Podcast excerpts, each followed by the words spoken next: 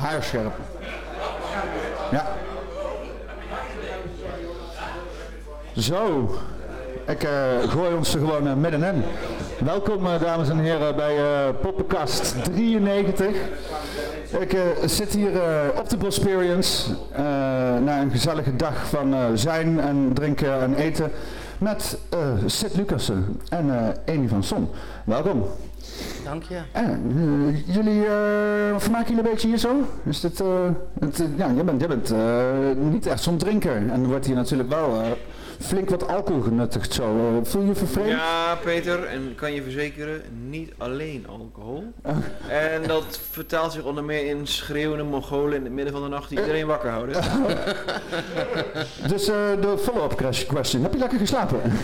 ja, op zich wel, want ik had gelukkig een eigen kamertje geboekt. Dus al dat geschreeuw, dat bleef... Ik werd er wel wakker van, moet je nagaan. Ik lag in een andere kamer, ik had helemaal niet naast willen liggen. Maar oké, ik heb uiteindelijk wel lekker geslapen, ja. Ah, dat is fijn. Ik ben uitgerust ik uitgerust uit. Dat is jullie om te beoordelen.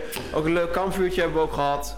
En uh, natuurlijk ook het game, hè, Peter. Dat is zeker, zeker wat mij betreft voor herhaling vatbaar. Ja, ja ik, ik vond het ook echt hartstikke leuk om te doen. Uh, het ging niet helemaal goed in één keer, hè? Want, uh... Ja, een beetje gekut met die settings, hè. Maar ja, dat is gewoon een kwestie van een paar keer hosten en dan weet je hoe, hoe het is. Ja, inderdaad.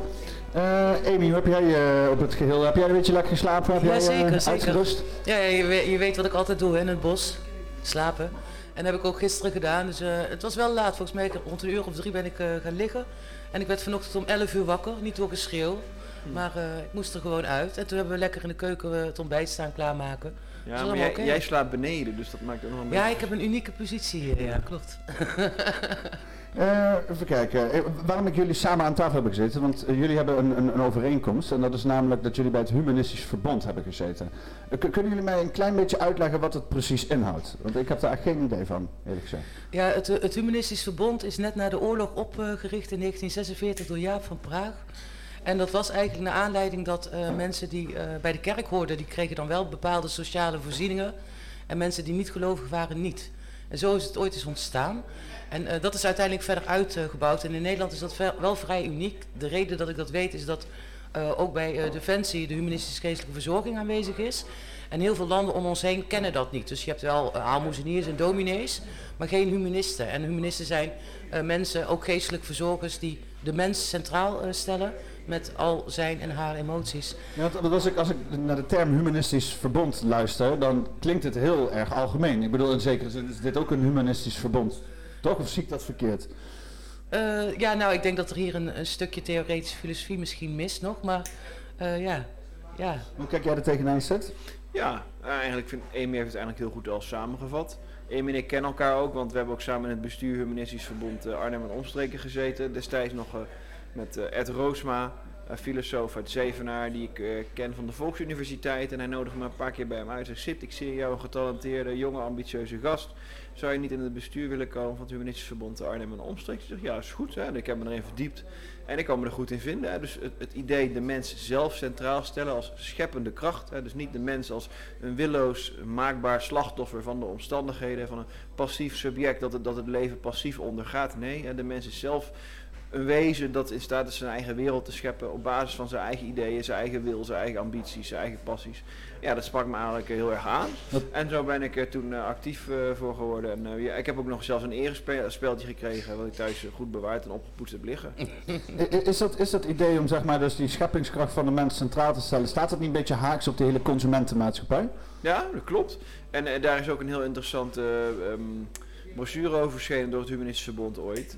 Maar ja, dat is, dat is volgens mij ook alweer 15, 20 jaar oud. Maar dat is inderdaad thema's waar ik, waar ik me door aangesproken voelde om daarop te gaan reflecteren. Ik heb ook toen ook een artikel geschreven voor het Humanistisch Verbond uh, Magazine. Dat ging inderdaad precies over die kwestie van, goh, ja, kun je, het Humanistisch Verbond is eigenlijk geboren, echt perfect omschreven door Amy. Het idee, ja, die verzuiling, je had natuurlijk de katholieken, je had de protestanten, die hadden alles geregeld. Hè. Dat liep van de scouting tot en met de pensioenen, tot en met de vakbonden. En ja, de humanisten, de vrijzinnigen, uh, ja, de agnosten en zo, die werden eigenlijk een beetje buiten gelaten. Dus die zijn toen een eigen emancipatoire initiatief gestart. om zichzelf ook te verzuilen en dan ook bijbehorende instituties te hebben. Hè. Dus, dus dat is eigenlijk heel goed, goed samengevat. En dan kun je natuurlijk vragen, ja, is de strijd tegen de religie, is die vandaag nog zo actueel? Ik kan natuurlijk zeggen, oké, de islam is, dan moet het humanisme zich op een nieuwe manier gaan profileren. En dan kom je dus, denk ik, uit inderdaad tegenover ja, het nihilisme van de consumptiemaatschappij. En dan kom je uit op dat humanisme van de renaissance. Hè? De, de, de homo Vitruvius en eh, de, ja, de scheppende mens, de mens als een creator, uh, de mens als een initiator. En ik denk dat we daar heel veel in de renaissance uh, uit kunnen putten. Juist het humanisme in, in oppositie te definiëren tegenover het leeg, apathisch, consumentistische levenshouding. Maar is dat humanisme dan een, een, een aanval op, op godsdienst? Op, Nee, niet in die zin. Het, het is, je hebt een kleine en een grote strijd hè, in het ja. Uh, ik denk dat het humanisme dwingt om uh, je eigen identiteit te ontdekken. En dan moet je, iedereen moet daarvoor een brug over. Of je moet iets loslaten, hè, in welke context je opgevoed bent, of wat, wat, je ouders of een dorp of een straat van jou verwacht. En dan moet je naar binnen gaan en daar je eigen religie gaan samenstellen, zeg maar. En het humanisme helpt daarbij. Er zit natuurlijk heel veel filosofie in en ik vind nog steeds, bijvoorbeeld de Stoïcijnse school Seneca, daar ben ik een groot fan van. Uh, en die man die leefde 2000 jaar geleden. Feitelijk is in ons uh, uh, stelsel, of in ons gestel, als mens zijnde is er heel weinig veranderd. Dat zie je natuurlijk ook aan al die quotes en die uitspraken. Maar passen eens toe in de moderne tijd. En, er zit hadden... een soort universele eeuwigheidswaarde in. Ja, ja, precies. En wij hadden het natuurlijk ook over, want inderdaad, het was een jaar of tien geleden dat wij in het bestuur zaten. Dit was in 2012. Ja, ja, precies. Nou, precies tien jaar geleden. En we hadden het er gisteren ook over van ja... Begin 2013 eigenlijk. Ja, ja. Die, die, die kant waar het nu op gaat, hè, dat, dat wokisme en zo, dat is niet een weg die nee. ik zou willen volgen. Nee, zeg maar. ik ben er heel flauw van. Daarom ben ik, ik heb mijn lidmaatschap van de Humanismebond opgezegd, anderhalf jaar geleden. Oh, ik, ik, betaal nog, ja. Precies ja. vanwege dat argument. maar is, dat levend, is dat levend daar, die wokisme? Ja, heel erg. Ik zal je vertellen, ik, uh, ik ben zelfs cursusleider geweest voor het Humanismenbond. Ik heb meerdere cursussen gegeven, nou, dat was echt gewoon een bijbaantje of zo. Dan, dan kom ik een keer vier of, of drie middagen opdraven en dan krijg je een keer 500 euro of zo. En humanistisch ja. kan, kan, kanon, uh, zeg maar. Ja, dat inderdaad. Dus dat was gewoon echt een soort bijbaantje wat ik toen deed. Maar dat was wel echt een leuk, want je komt, met, je komt echt met die, die oldschool verheffingsgedachten in contact. Hè? Dus echt van oude mensen die, die, die, ja, die van de ouders zeiden, weer, studeren heb je niks aan, ga lekker werken joh, weet je. En die dan halverwege hun leven nog een beetje spijt hadden dat ze niet gestudeerd hadden. Die gingen zich dan via de Volksuniversiteit helemaal allerlei dingen die ze zelf interessant vonden studeren. Echt het idee van die volksverheffing.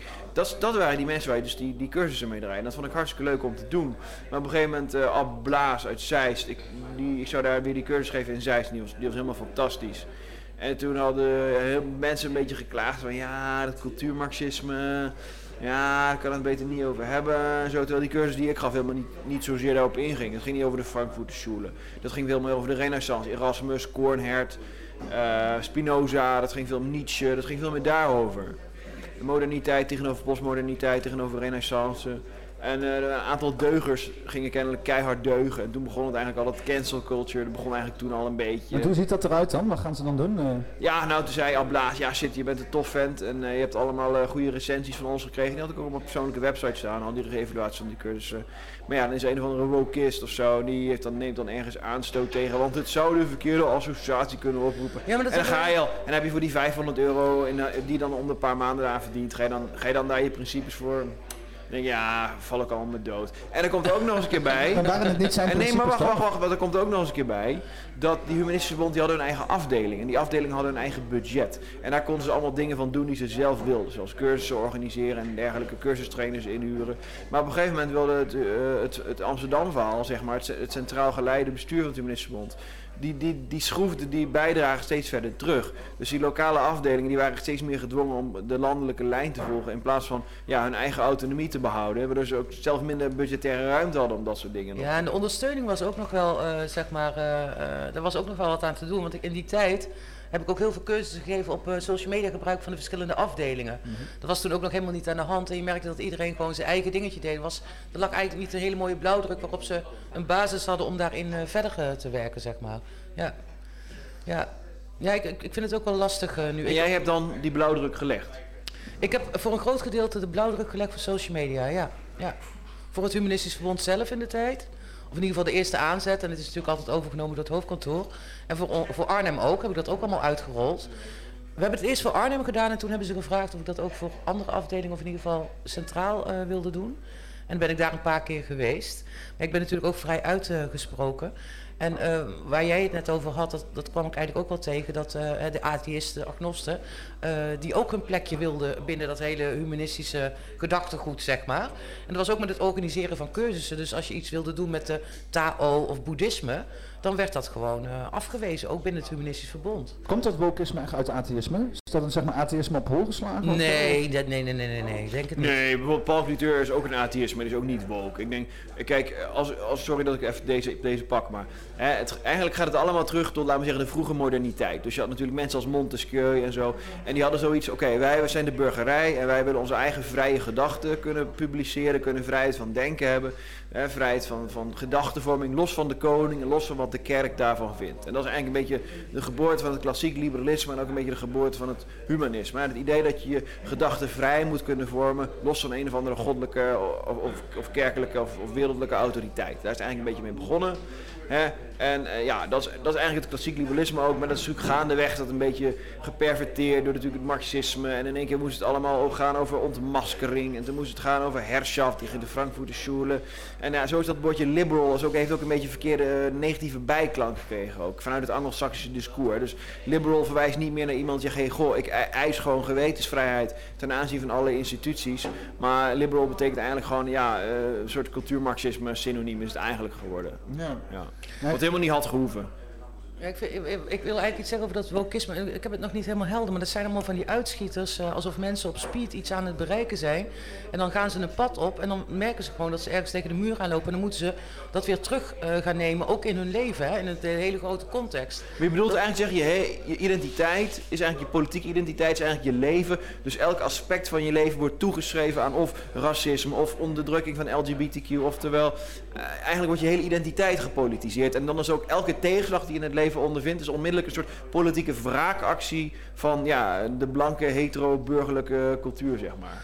Ja, ik vind het gewoon heel erg klap. Ik zit, er, ik zit er zelf niet in, maar ik kijk gewoon mensen eh, zichzelf totaal voorbij lopen. Eh, jongeren die zich aan het verbouwen zijn en daar ongetwijfeld eh, spijt van gaan krijgen. Maar mag je dit allemaal zeggen als humanistisch geestelijk verzorger? Want als je dit gaat zeggen, dan, dan, dan breek je al met het discours van, van, van, van de mainstream. nee, helemaal niet, want ik, ik neem het waar. Ik neem het gewoon waar. Hoe mensen helemaal weglopen van zichzelf omdat ze, eh, eh, zeker in deze eh, tijd en maatschappij en Instagram en likes, mensen zitten helemaal op de likes en de comments. Maar dat is gewoon een digitaal leven, wat in het echte leven helemaal geen hout meer snijdt, zeg maar. Ja. Maar daar ontlenen ze wel iets aan. Ja, laat ik het zo zeggen. Hè. Dus, dus vroeger ging het eigenlijk om, om een beetje het kapitaal, hè. eh, rijk tegen Ja, arm. En de mensen met een vast arbeidscontract tegenover de mensen met flexibele baantjes. En zo. En dat is een beetje de, de sociaal-economische emancipatiestrijd. Maar ze zagen een beetje in van, oh, dat gaat een beetje de verkeerde kant op. Hè. Die Ber- Bernie Sanders zou maar zo eens een hele grote jongen kunnen gaan worden.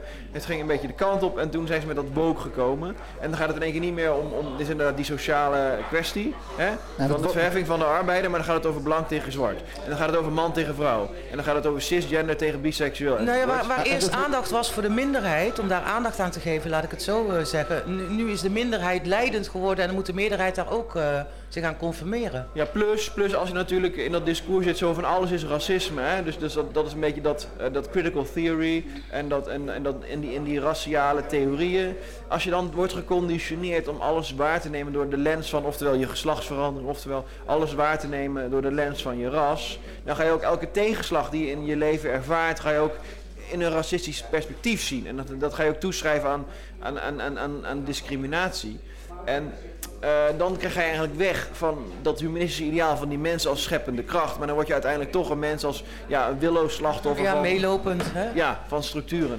Ja, ik- het gaat heel erg om balans, sorry. maar, maar is, is dat hele, want het is begonnen, het is toch, dat hele wokisme komt voort uit het transhumanisme, toch? En is dat niet iets wat... Nee, Ja, maar het is het, loslaten eh, van, van het, het fysische lichaam en dat eh, eh, ingaan in voorbij het lichaam, transhumaan. Ja, en dat, daar hoort dus dat inderdaad een toch stukje gender en zo, moet je dan ook loslaten. Dat zit in dat gedachte. Ja, het hangt- oké, als je het zo omschrijft, dan hangt het samen. Maar gewoon puur gewoon logisch.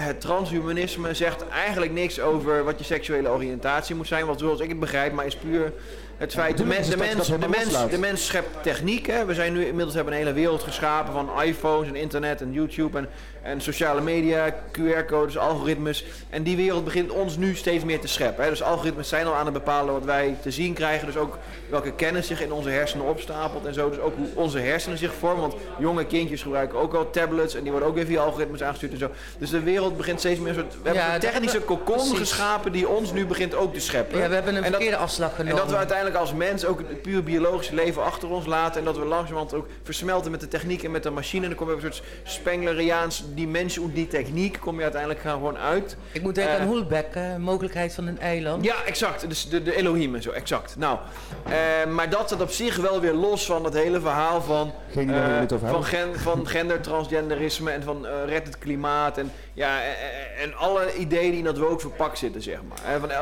Black Lives Matter en zo. Nou, ik denk dat heel veel mensen gewoon staat er eh, denk voor de ik puur the- theoretisch, conceptueel zijn het volgens mij wel twee verschillende dingen. Maar als je dus inderdaad zegt, ja oké, we laten de biologische werkelijkheid los, dus laten we ook onze chromosomen los. Ja, inderdaad. Dan, dan, dan kan je wel een soort synthese zien in die concepten. Nou, waar, waar ik eh, tien jaar geleden ook met die eh, workshops voor social media voor het mee bezig was, toen erkende ik al van ja, dit is een heel gevaarlijk pad waarop we eh, eh, ons begeven. Maar wat er wel voor nodig is, is dat je zelf je eigen waardestelsel goed in de peiling hebt. Ja. En dat is een, een stap die heel veel mensen overslaan. Wat is nou echt belangrijk voor Ja, mij? maar- ja. En dat is eerst in eh, inventariseren en vervolgens ook prioriteren. En bij jezelf te raden gaan, ben ik nou bezig om die waarden te benaderen? Of ben ik bezig om de tegenwaarden te vermijden? En dat stuk, zeg maar, die groei in jezelf, die moet je eerst eh, hebben doorlopen... voordat je jezelf als een, een woke persoon kunt gaan profileren... en mensen de maat gaat zitten nemen, zeg maar. Ja, maar daar zou ik wel een punt over willen maken. Kijk, hè, dat, dat idee van, laten we zeggen, die vroege renaissance en zo... en dat de burgerij opkwam naast de adel... en het had zin om rechten te gaan studeren... want dan kon je tegenover de adel, kon je als handelsman... kon je jouw rechten gaan verdedigen. Dus het had zin om je te gaan verdiepen in de klassieke retorica... en om individueel over de wereld na te denken. Dat had natuurlijk een heel andere maatschappelijke context. Hè? Ja. De ma- maatschappelijke omgeving is vandaag van... oh, ik heb een sociale media account. Oh, ik ga solliciteren. Oh, het is een of andere human resource manager... die waarschijnlijk PvdA of GroenLinks of D66 stemt. Gaat al mijn tweets doorkammen en op basis daarvan krijg ik wel of geen baantje. Hè? Oh, ik ga mijn nieuwe vriendin voorstellen. Oh, ik heb per ongeluk een keer PVV gestemd. Oh, eh, nu kan ik bij mijn schoonfamilie niet aankomen. Ja, dus ja, ja. we zijn nu steeds meer in externe structuren... want elk tweetje wat je doet, elk e-mailtje wat je schrijft... dat wordt ergens opgeslagen in de cloud. En zo creëren we een soort aaneenschakeling van communicatieve uitingen Een imago. ja, de image, dat is eigenlijk heel interessant wat je nou zegt. Hè? Dus je komt eigenlijk op dat Guy Debord kom je eigenlijk uit. Die heeft dat in de jaren 60 geschreven, jaren 70 over een soort, soort neomarxisme over de image. Hè? Dus het zijn, bij Marx ging het nog om het zijn tot bezit. Hè? Dus, dus een bankier die heel veel zakken geld opstapelt en een arbeider die geen, geen nagel heeft om aan zijn kont te krabben. Maar dat het naar het zijn tot schijnen gaat. Hè? Ik zet mezelf op Tinder met een foto met een dikke jacht in de achtergrond. Die jacht kan ook geleased zijn, of die jacht kan van een vriend van mij zijn. Maar in ieder geval kan ik een plaatje neerzetten alsof. Ik kan de vibe oproepen alsof. Dan kom je op dat, dat, dat, dat is hoe Guy de Bord dan de image bedoelt, zeg maar. Hè? Ehm, dus dat het niet meer gaat om het echte bezit zoals bij Marx, maar dan gaat het puur om het creëren van, van de schijn. En dat we leven in een wereld van schijn. Maar dat kun je nog een stap verder zetten. En dan kun je inderdaad zeggen, ja, de imago is eigenlijk een soort fingerprint die wij digitaal achterlaten. De tweets die we hebben geliked, de posts die we hebben geschreven, de, de, de, de, Google search opdrachten die we hebben gegeven. Dat zegt eigenlijk al heel veel over onze persoonlijkheid, over onze, onze dan kom je op bio, psycho, social profiling. Hè? Dus je kan eigenlijk al, als je dat soort dingen weet, goh, welke pagina's like je op Facebook, welke zoekopdrachten voer je in een Google, dan weet je eigenlijk al, oh, dat die persoon zal waarschijnlijk die en die politieke voorkeur hebben, die en die ethische voorkeuren hebben. Eh, en dat kun je ook als je, om, als je imago omschrijft. Dus we creëren een soort, via ons digitale gedrag, een soort cocon om onszelf, wat een soort, soort, soort naschemering al is van, van onszelf. En dat kun je dan op, een, op Marx, is stap 1, Guy Debord is stap 2, en dan krijg je dus 3 inderdaad, wat jij dan de image noemt, is eigenlijk puur dat soort digitale cocon, digitale schaduwidentiteit aan het creëren zijn, die, die onze eigenlijke afspiegeling al is. Z- Zie je dat denk ik nu niet eh, heel veel dat mensen alleen maar inderdaad bezig zijn met die, met die externe eh, profilering van zichzelf in plaats exact, van te werken, Exact. werken Dus aan is- dat, sorry, dat is mijn punt. Sorry, dan ben ik, ik heb het punt niet Nee, nee, gecombineerd. nee, ja, ik probeer het alleen om- even simpel om- samen te Omdat ik werd af, afgeleid door het Guy de Boer verhaal. Maar dat is dus mijn punt. Die hele maatschappelijke context is niet meer relevant. Dus Ami kan wel zeggen van... Ja, we gaan iedereen leren om een individuele set waarden te vormen... en daar op een, als een authentiek individu voor op te komen. Hè, je eigen mening te vormen, goed doordenken, analytisch denken, kritisch denken. Dan heb je ook een juiste Maar daar heb je eigenlijk al niks meer aan. Want je werkgever gaat jou, gaat jou afstraffen of aannemen op basis van of je wel of niet in die wokenmaat leeft. Ja, maar daar hoef je niet in Een te vriendin gaat jou wel of niet leuk vinden op basis van of ze of op basis van jouw hele zoekmedia, jouw hele Instagram, alles Dan is ze geen goede vriendin. Ja, maar dat is wel zo. Want het, je wordt gewogen niet meer als individu, maar door een collectief. Ja, je hebt dan een relatie van mensen die dan inderdaad voornamelijk Ja. een relatie op Instagram beleven en dan samen zitten ze Ja. op de bank te Je Instagram. wordt geëvalueerd door, door een evaluatie. Want zo snel is iets gegoogeld, gedeeld. Goh, wat vind jij ervan? Hè? Mm. Dus vroeger, ik maak altijd het voorbeeld van het dorpskroegje. Want eh, dan was er een of andere roddel of zo. Het kon- En een dorpsgek graag erbij in het Ja. verhaal, ja? Oké, Ja. nemen we ook mee.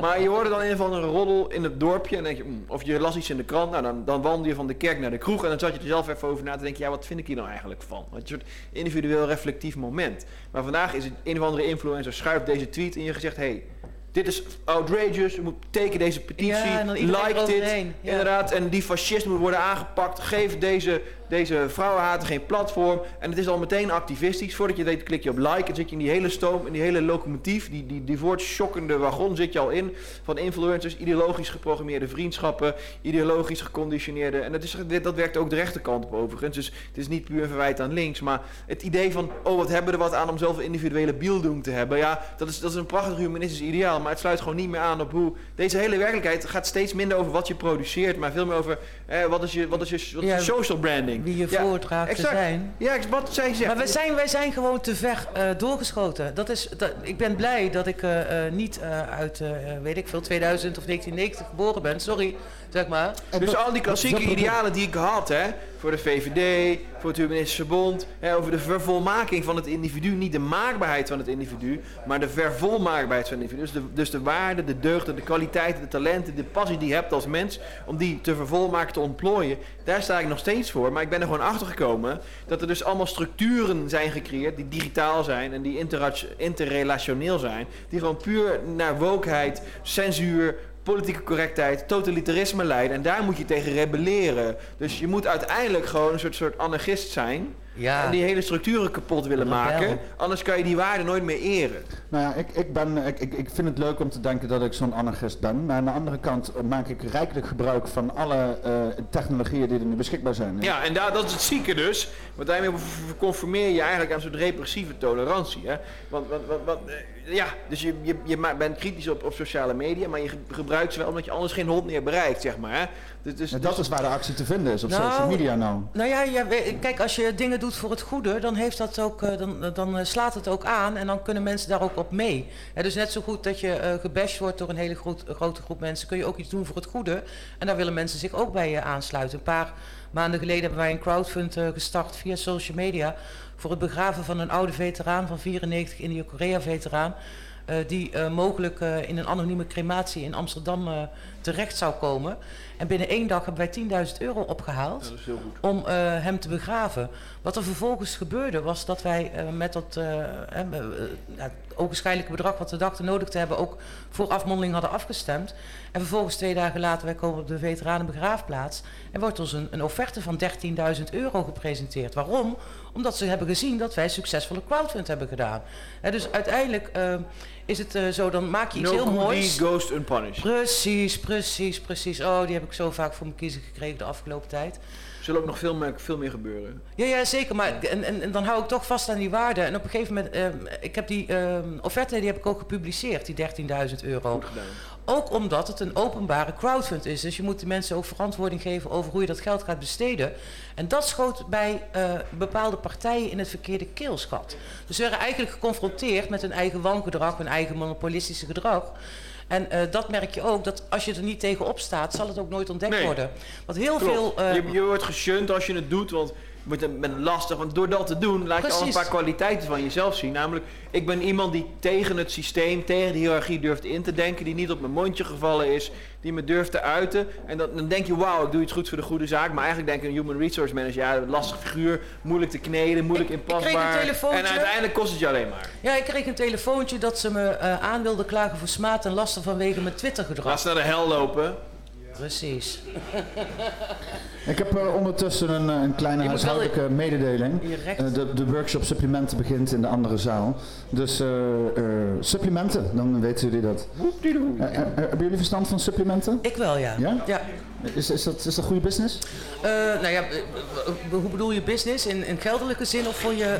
Ja, voor je, voor je lichaam, voor, eh, Ja, voor zeker. de geest? Ja, er ja. maar net wat erin zit, lijkt me. Nou, je hebt eh, natuurlijk allerlei soorten eh, supplementen. Je moet niet de multivitamine van de C1000 of de kruidvat kopen. Maar je hebt ook hoogwaardige supplementen en dat, eh, ja, dat brengt wel wat. Ja. Ja. Antiradicalen en zo. En, Ja, ik, ik krijg altijd het idee, zeg maar, dat je, want ook weer met supplementen, dat het zeg maar een soort van kunstmatige aanvulling is op Uh, het dat is geen natu natuurlijk Nee, nee, nee, nee het, het zit anders. Kijk, ja, ja. de, de, hele... Supplement is transhumanisme. Ja, de hele, eh, zeg maar, eh, eh, de landbouw of eh, groenten en de fruiten en zo eh, kweken, dat wordt al een hele tijd eh, gedaan, bijvoorbeeld op steenwol, wat eh, verarmd is, niet op de volle grond. Dus een tomaat hier in Nederland smaakt heel anders dan een tomaat in Griekenland, dat weet zo'n beetje iedereen. Hè, dus ehm, zeg maar, eh, de voedingsstoffen in groente en fruit, die zijn aanzienlijk eh, gedaald. Weet je wie een goede eh, is? Eh, Felix Tangelder, heb ik jou al een paar keer getipt. Ja, ja, ja. ja. Die moet je echt spreken. Dat is ook de man die kimchi maakt.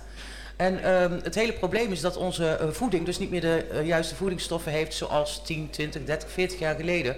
Dus je mist heel veel. Dus je wordt wel eh, gevuld, maar je wordt niet gevoed. En eh, omdat je niet, eh, ja, je, je, je leeft eigenlijk uh, Mensen worden steeds voller, maar ze hebben steeds minder inhoud. Ja, ja. Ja, dat, is, dat Ja. is inderdaad wel een hele mooie zo. letterlijk en figuurlijk, hè? Ja. Hoe, hoe zorg jij dat jij je inhoud blijft hebben zitten? Ja, het leven dringt zich aan me op. Is dat een is goed ding of zo? het Of, antwoord. is dat, eh, het klinkt een beetje opdringerig. Nee, is het ook. Oh, hoe, hoe, hoe ervaar je dat? Is dat eh, Ja, kijk, ik, heb natuurlijk, ik kan heel oppervlakkig zeggen, ik heb een academische beelding achter de rug. Hè. Ik heb twee masters, een hbo-opleiding en een dokter, doktertitel. Dat heb ik allemaal simultaan gedaan. is het dan klaar, zeg maar? Dan ben je Nee, want ik las een heleboel boeken tijdens mijn studie die eigenlijk op de banlist stonden. Hè. Zoals Atlas Shrugged van Ayn Rand en allemaal politiek incorrecte Marquis de Sade en weet ik wat. Allemaal politiek incorrecte boeken las ik daar gewoon naast, zeg maar. Dus ook dingen die niet echt in de recommended reading stonden, de antichrist van Nietzsche en zo. En gewoon dingen die ik interessant vond. Dus ik heb me altijd naast die academische beelding, heb ik natuurlijk altijd een soort side traject gevolgd van dingen die ik nog interessanter vond eigenlijk om erbij te bestuderen. Dus ja, ik ben wat dat betreft, ja, je bent verantwoordelijk voor je eigen beelding hè. Voor de prijs van een boek heb je de kennis van anderen. En als we het toch over crowdfunding hebben, ik doe ook een crowdfunding. Realistisch allochtoon. Ga naar voor de kunst en volg die shit. Slim. Lucht is En kom bij, ik heb ook een Telegram kanaal, het Dr. Sit kanaal. Dr.sit kanaal kun je ook volgen en daar deel ik ook geweldige content in. Ik hoop ook onze streams te kunnen gaan delen. Ja, ja, de link staat onder in de beschrijving, sowieso. Maar eh, eh, ja, naast zeg maar, dat je jezelf gewoon vol hebt gestopt met kennis, bij wijze van spreken, eh, game jij ook graag. Ja, natuurlijk, ongeveer helemaal gek. Maar, maar is dat dan puur entertainment of haal je daar ook eh, inhoud uit, zeg maar, voor jezelf? Ja, ik of is dat dan vermaak? En eh, alleen maar, eh, ja. hoort dat bij de leegte, zeg maar, die we aan het opvullen zijn? eh, of niet? Nou, nou, nou, nee, nee, dat is helemaal niet waar. Want kijk, Dat is ook ontspanning, hè? En Nou, dat focus. niet. Mensen gooien hun controllers door de kamer heen. Het, zi- het ziet er niet altijd even ontspannend uit. eh, ook als je op, eh, op servers zit te luisteren, mensen die iedereen's moeder uitschelden en zo. Ik weet niet. Ja, het is misschien ontladend dan. Nee, maar het is, het is natuurlijk een focus en het is een vaardigheid, het is een handeling, hè? Zeg maar dat, eh, Ja, wat, wat is de vaardigheid? Gewoon een soort motorische ontwikkeling of Nee, zo? de- ook handcoördinatie, weet je. wat Ik bedoel, het kan ook een hobby zijn, het kan kerstkaarten maken, plakken of gamen, weet ik veel wat. Maar het haalt je even uit je hoofd. En tegenwoordig ben je wel waardevolle skills aan het leren voor het leger met al die drone shit en zo. dit brengt me op. een episch punt. Oké, mooi. Ik ga een episch punt maken. Fantastisch. En nog even los, natuurlijk is het leerzaam, hè, want dat Age of Empires wat wij gespeeld hebben. Nou, je leert dus heel veel over de middeleeuwen, de technologieën, de upgrades. is precies uitleg wat allemaal van technologie, wat al die begrippen betekenen. Dus theocracy en allemaal dat soort begrippen van die upgrades. Kun je gewoon bekijken, wat is dat, wat betekent dat? Daar leer je natuurlijk heel veel van. Ja. Kun je heel veel kennis over de geschiedenis kun je uit een videospel opdiepen. Nou, dat is punt 1. Maar punt 2 is echt veel interessanter. Want ik was een tijdje terug bij een conferentie over games. Was ik samen met een voormalig pro-gamer. En daar was onder meer een presentatie van Team Liquid. En dat, en dat is een of ander bedrijf wat zich specialiseert in hoogwaardige games. En wat ze daar hadden was echt super interessant. Want wat, dus waar mensen naar op zoek zijn is beurshandelaar. En die beurshandelaren die volgen een bepaald programma. Je moet heel snel iets intikken, tik, tik, tik, tik. Dan gaat iets stijgen, tik, tik, tik, tik. Gaat die dalen, baf, verkocht. Oké, 10.000 euro winst. Hè. Moet je heel snel voor kunnen interacteren met al die statistiekjes en grafiekjes. Heel veel diepte inzicht hebben. En er, zijn, er is maar een heel uniek profiel van mensen die dat goed kunnen. En daar zit wel heel veel geld in. Dus hoe komen ze nou naar die mensen, hè, die, die, die beursbedrijven, echt over die finance capitalists hebben we het nu over. Dat doen ze via Team Liquid. Want die hebben gewoon een, eh, een, een soort programma van een uur. En jij krijgt dan eh, dat spel voor je. En dat bestaat uit verschillende soorten spelletjes. En dan speel je een uur en dan doe je 10 minuten dit, kwartiertje dat. En dat zijn allemaal verschillende vaardigheden die dan getest worden in, op die spelwijze. En aan het eind van dat uur hebben ze gewoon een diagram. Waarbij ze precies kunnen zien, oké, zo is jouw ogen-handcoördinatie, zo is jouw cognitieve gesteldheid. En op basis van dat profiel, wat, daar, wat zich daaruit aftekent, hè, hoe jij dus een uur lang allemaal kleine spelletjes speelt en hoe je investeert. motorische persoonlijkheidstest. Ja, maar ook, ook je analytische vermogens, je diepteinzicht, die reactie, alles. En dan weten ze precies of iemand wel of niet geschikt is voor die baan. Zo doen ze dat ook bij Defensie. Hè? Zo ben ik bij Defensie eh, binnengekomen als verbindelaar, telegrafist-seiner. En dan krijg je dus ook een aantal piepjes te horen.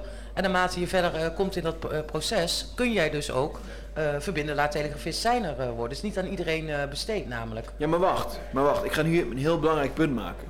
Want Punt. dit is een totale omslag in hoe wij als mensen omgaan met educatie en sociale mobiliteit. Want vroeger was het dus zo, als je naar het Franse model teruggaat, hè, van uh, die verheffing. Hè. Dus oké, wij hebben als politieke gemeenschap hebben wij een soort culturele kanon samengesteld van een aantal waarden, een aantal grote filosofen, een aantal belangrijke historische gebeurtenissen. Die moeten we kennen. We willen dat die kennis aanwezig is bij onze wetgevers enzovoorts. Hè. Dat, is, dat is het traditionele model van de citoyen. De politieke gemeenschap heeft een soort cultureel lichaam en ze willen dat dat doordringt in de heersende instituties. Maar dat is vandaag helemaal kapot. Want alles is, oh, die, dit boek gaat van de lijst, want daar wordt het woord neger in genoemd. Oh, uh, dit is misschien niet helemaal, uh, helemaal friendly tegenover homoseksuelen, gaat van de lijst af. Oh, we kunnen niet meer doseren over de holocaust, want dat vinden islamitische kindjes vervelend. Want dan gaan ze moeilijk doen. Kortom, ik probeer hier maar mee te zeggen, dat idee van een soort overlappende culturele kanon is heel beladen geraakt. Plus natuurlijk gewoon hè, het, het pay to win. Hè, dus dat ouders met diepe zakken, goede connecties met de juf en zo kunnen een wat betere. De CITO-score is minder waardevol. Dus als je, goede, als je wat doet voor de school, is de kans dat je kind naar het ateneum mag wat groter. Er zijn kinderen, luister, er zijn kinderen die hebben hun advocaat Laat nou dit op punt uh, maken. punt. Ja, ja, maak dat punt dan. Ik ben dat punt aan maken. Laat mij dat fucking punt maken. Ja, luister nou eens goed. Luister nou eens goed. Dit betekent dus dat we formeel waarde hechten aan educatie. Hè? Wat is je papiertje? Naar welke school ben je geweest? En dat we daar, op basis daarom zeggen we, dan mag jij stijgen op de maatschappelijke ladder. Maar eigenlijk weet iedereen dat het niks meer waard is, omdat het zo gepolitiseerd is en gefragmenteerd is en door nepotisme beïnvloed wordt. Hè? Dus formeel zegt de maatschappij, dit educatieve traject is hoe we mensen omhoog op die sociale ladder pushen. Maar informeel weten we eigenlijk al, ja, het is politiek, het is ideologisch, het is vriendjespolitiek. Het heeft met geld en met afkomst te maken en met sociale status. Eigenlijk betekent het niks meer. Dus kunnen ze dat helemaal bypassen door aan het eind van het hele educatieve traject wat je helemaal gehad hebt, ga jij gewoon nog dat testje maken op basis van je cerebrale profiel en dan wordt bepaald waar jij geschikt voor bent. En dit is dus de toekomst en het is een totale verschuiving met hoe wij denken over bieldoen, maatschappij, sociale stijging enzovoorts. Ze gaan gewoon cerebrale cognitieve profielen maken van de kandidaten en dan wordt er gekozen, waardoor ze dus eigenlijk de inflatie van de bieldoen en van de citoyen-gedachte kunnen, kunnen gewoon oversteken. Maar is dit nou goed of slecht? Want het klinkt alsof je dan de nepotisme juist buitenspel zet. Ja, inderdaad, maar het heeft voor- en nadelen. En ik zeg niet van, ik, ik ben niemand, ik zeg dit niet om, oh dit is goed of slecht, van een soort protestant-moralistische gedachte. Hè, van, oh we moeten hier met een domineesvingertje op bewijzen. Ik zeg dit van, dit is gaande, dit gaat komen. Dit gaat gewoon komen en het is aan ons om hierop voorbereid te zijn en ons voordeel mee te doen. Om erop in te spelen, om er klaar voor te zijn. Om te kijken of we dit willen, hoe we dit willen. En als het onvermijdelijk gaat gebeuren, wat kunnen wij ermee doen om ons leven ermee beter te maken? Hoe maakt een individu zich hier klaar voor volgens dokter Sit? Nou, kijk, dat, daar heb ik nog niet over nagedacht. Ik wil gewoon nou ja, dit gedachte op tafel leggen. ik wil gewoon dit punt op tafel leggen. Loop ik weer vooruit op zaken nou. Mag ik ja. aanvulling geven? Ja, natuurlijk Amy. Mijn punt is gemaakt. Vertel ja. wat je ervan vindt. Nou ja, punt is gemaakt. Ik, ik, ik, heb natuurlijk allerlei gedachten in uh, zeg maar, wat je net allemaal vertelde. Maar wat ik opvallend uh, vind is dat wij onszelf uh, onschuldigen als we iets niet weten van tien jaar geleden. Of dat niet meenemen in ons dagelijks handelen. Maar dat we wel mensen gaan aanspreken op iets wat 50 of 75 jaar geleden gebeurd is. En dat maakt het heel erg verwarrend. Zeg maar ook die hele geschiedenis. Hè, uh, wat jij net zegt, uh, een, een, boek uh, waar een neger in staat, kan dan ineens niet meer. Maar alles moet je ook in context zien. En ik ben altijd van beleven, vergeten, herinneren. Je moet ook de geschiedenis meenemen in je huidige handelen en de toekomst in. Maar het is heel erg diffuus. Dus zelf verontschuldigen we onszelf uh, als we iets vergeten zijn wat heel erg wezenlijk was tien jaar geleden. Maar we gaan wel andere mensen aanspreken op iets wat honderd jaar geleden is gebeurd. En dat iemand in de schoenen schuiven. Ja, dan kom, dan kom je dus op Friedrich Nietzsche. Vom Nutz und Nachteil von die Geschichte für das Leben. Hè? Hele belangrijke beeldingstekst van Nietzsche. Ja, wat is dat nou? De geschiedenis, je kan nooit de hele geschiedenis met je meeslepen, want dan word je bedolven onder details. Ook niet weten, je moet het ja. voelen. Daarvoor ben je mens, weet je. Die, die intuïtie moet ja, gewoon sterk maar, worden. Maar het idee is van, dat wat we uit de geschiedenis kunnen putten, moeten we eigenlijk eruit putten in zoverre dat het ons helpt en ons sterker maakt. Je kan nooit de totale integrale geschiedenis helemaal van buiten kennen. Nee. En dat kun je ook niet voelen. Dus neem die delen van de geschiedenis mee Ik denk die jou helpen voelen. in jouw leven. Dat ik zegt denk dat je het kunt voelen. Dat is, ja, dan kom je op het aan en dan kom je Brank enzovoort, maar dan ga ik even voorbij. Dan komt historisme. Maar het punt is dit. Dat wat die slavernij-idioten doen, is het precies tegenovergestelde. Ze nemen juist de meest kwetsende, meest grievende elementen van de geschiedenis om mensen zich slachtoffer te laten voelen. En mensen zich eigenlijk soort willoos, machteloos, gemanipuleerd slachtoffer te laten voelen. En dan gaan ze dat gaan ze dus voortdurend gebruiken voor nieuwe reparations als een businessmodel. Om weer geld te kunnen persen van, van blanke burgerlijke mannen die zich daar schuldig over voelen. En dat is precies het tegenovergestelde van die verheffingsgedachte die, die we eigenlijk als humanisten zouden moeten volgen. Ja, ja, ja, ja. Ja, ik, ik moet ook heel erg denken aan het eh, narcistische trekken van de maatschappij tegenwoordig, zeg maar. Dat dat ook... eh, Ja, je kan je op slachtofferschap gaan profileren. Ja, puur, ja, precies. Ja, ja, ja, en er zijn nogal wat eh, eh, eh, narcistische slachtoffers. Hè? Lol, mijn microfoon stond uit. Eh, eh, promoot, wordt eh slachtoffersrol ook gewoon niet enorm gepromoot tegenwoordig? Ja, ja, maar dat is de easy way out is dat. Zeg maar, en als je een leuke bekkie hebt en je kijkt een beetje leuk uit je ogen en dan ga je slachtoffer zitten spelen, dan krijg je ontzettend veel voor elkaar. Is het ook winstgevend? Voor, ja, ja, ja, zeker wel. Ja, ja. Voor heel veel mensen wel. Ja. Totdat ze tegen de lamp aanlopen. Ja, want je hebt natuurlijk ook de gigantische opkomst, eh, ik weet niet, inmiddels wel denk ik wat minder, maar de afgelopen 10 jaar, 20 jaar van zelf, zelfhulpboeken en dergelijke. Ja, maar dat, maar dat is eigenlijk al sinds de jaren 20 in Amerika is dat al een business. Ja, is dat, Dr. eh, Spok. Ja. ja, maar kijk, het punt is ook, kijk, als de gemeenschap wegvalt, hè, normaal is het de mensen toch wat meer verwikkeld met de gemeenschap, verweven met de gemeenschap.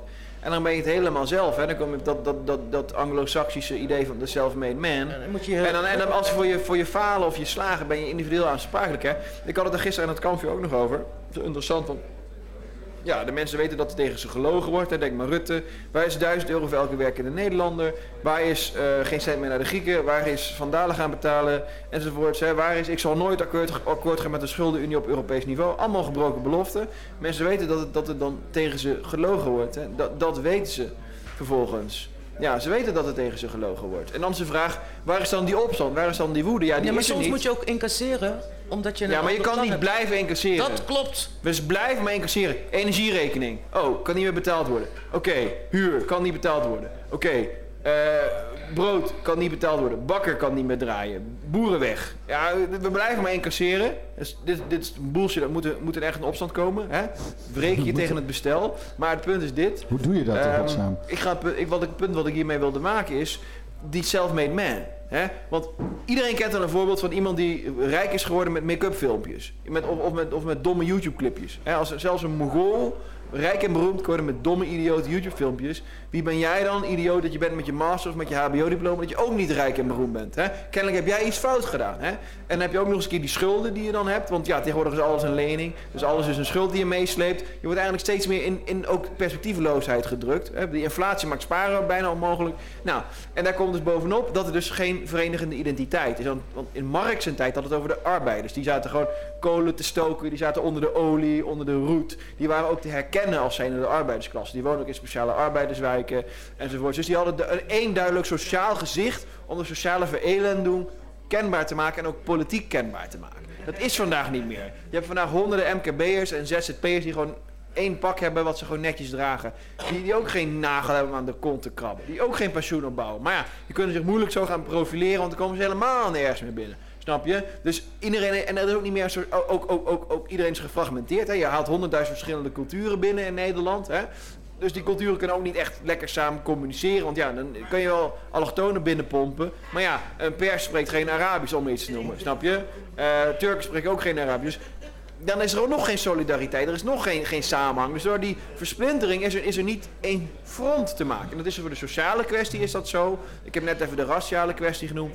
Eh, en, maar dat is ook, en ook de culturele kwestie. Want alles is omstreden. Ik kan niet meer zeggen Michiel de Ruiter. Want oh ja, kolonialisme. Oh Piet Hein. Oh ja, kolonialisme. Niks, alles is omstreden. Er zitten ook geen culturele ankerpunten meer om die eensgezindheid, om die opstand te krijgen. Maar ook de sociale kwestie niet. Want je hebt niet meer eh, de arbeiders en de vakbonden enzovoort. Want iedereen is een soort flexwerkertje geworden. Iedereen is een gig economy guy geworden. Ik wil het even je? hebben Dus over je, je kan niet eens samen in opstand meer komen. in En je die- die- die- dus je, alles is de individu die wel of niet zijn eigen leven maakt. Iedereen is ondernemer van zijn eigen leven. Dus het idee dat je allemaal samen collectieve opstand kan maken... wordt eigenlijk puur door de economische structuur waar we in zitten... al de kop ingedrukt. Dat wilde ik maken. Ja, want jij, jij wil zeggen van dit is oplossen door zingeving. Nou ja. Mensen missen individuele zingeving en gaan daarna op zoek naar iets externs, waardoor ze vatbaar worden, eh, eigenlijk als ze ja, gewoon kwetsbaar worden voor iets wat ingevuld kan worden. Ja, want dan is het mis- misschien een vorm van geleende zingeving, dat weet ik niet. Ik bedoel, eh, ik heb nooit eh, de ambitie gehad om heel erg rijk eh, te worden. Waar ik wel behoefte aan heb, is gewoon een heel fijn mijn dag doorkomen, eh, zeg maar. En dat ik dan s'avonds in bed lig en denk, nou, dat was een mooie dag, zeg maar. En dan hoef ik daar niet uh, veel geld voor verdiend te hebben. Maar ik heb wel bijgedragen eh, aan waardecreatie, zeg maar, in een samenleving. Door gewoon puur te zijn wie ik zelf ben. Maar dat, li- dat, li- dat ligt dan puur aan de- wat jouw intenties zijn. Ja, precies. En dat heeft iedereen, eh, iedereen voor zich, eh, zeg maar. Ja, maar krijg je dat niet geleerd, van wat goede intenties zijn of niet? Nee, nee, nee. Dat, volgens mij is dat iets wat je zelf moet ontdek- ontdekken. Iedereen heeft wel shit dingen uitgehaald in zijn leven. spijt eh, gehad van dingen of in een context gehandeld wanneer eh, ja, het niet juist was om dat precies te doen. Maar beter iets anders. En zo schaaf je jezelf uiteindelijk. Eh, je bent eh, kunstenaar en beeldhouder en marmer en bijtel en hamer tegelijkertijd. Alleen ehm, de schaamte en schuld over het verleden, dat moet je vervolgens elke keer loslaten. Ja, maar ja, dit ligt er ook net aan wat zeg maar, je doel is in het leven. Kijk, als ik bijvoorbeeld een, onze Human Resources Manager van het land mag nemen, Mark Rutte, die dus inderdaad gewoon ja, daar perfecte politiek zit te voeren of zo, als dat je intentie is. Ik weet niet precies hoe hij dat voor zichzelf rationalise- rationaliseert, maar gewoon, ja, gewoon misschien wel gewoon. Hij heeft volgens mij, ik, ik, kan, ik heb hem nog niet weten te spotten op een waarheid die hij weet te vertellen. Iets weet je, wat, het is alleen maar contradicties, tegenstrijd, leugens, de hele tijd door. En maar gewoon nergens verantwoordelijkheid nemen, want anders was hij al twintig keer weg geweest. Want er is een hoop puinhoop uitgerold de afgelopen eh, tien jaar dat, dat het kabinet er zit.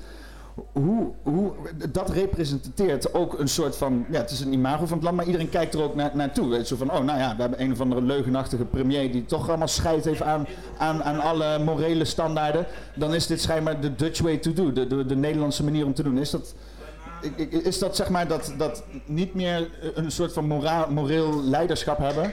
Hè? Dat zeggen ze, dat geven ze hem ook vaak. Nieuw leiderschap noemen. Ja, nou ja, dus ze, willen het, ze, ze schreeuwen het natuurlijk in de politieke tijd omdat ze meer moreel leiderschap willen hebben.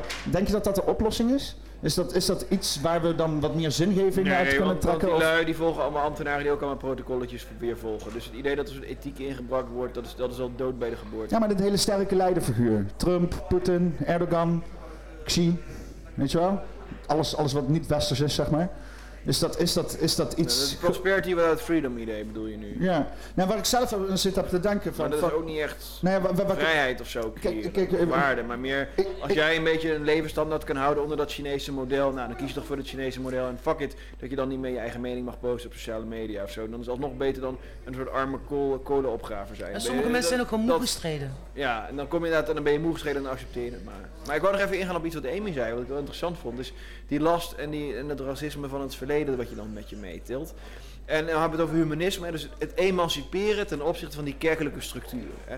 Daar gaat het over. En dat is humanisme. Hè. Het jezelf omhoog stuwen zonder dat je daar eigenlijk het idee van nodig hebt dat je jezelf aan een soort kerkelijke autoriteit moet optrekken.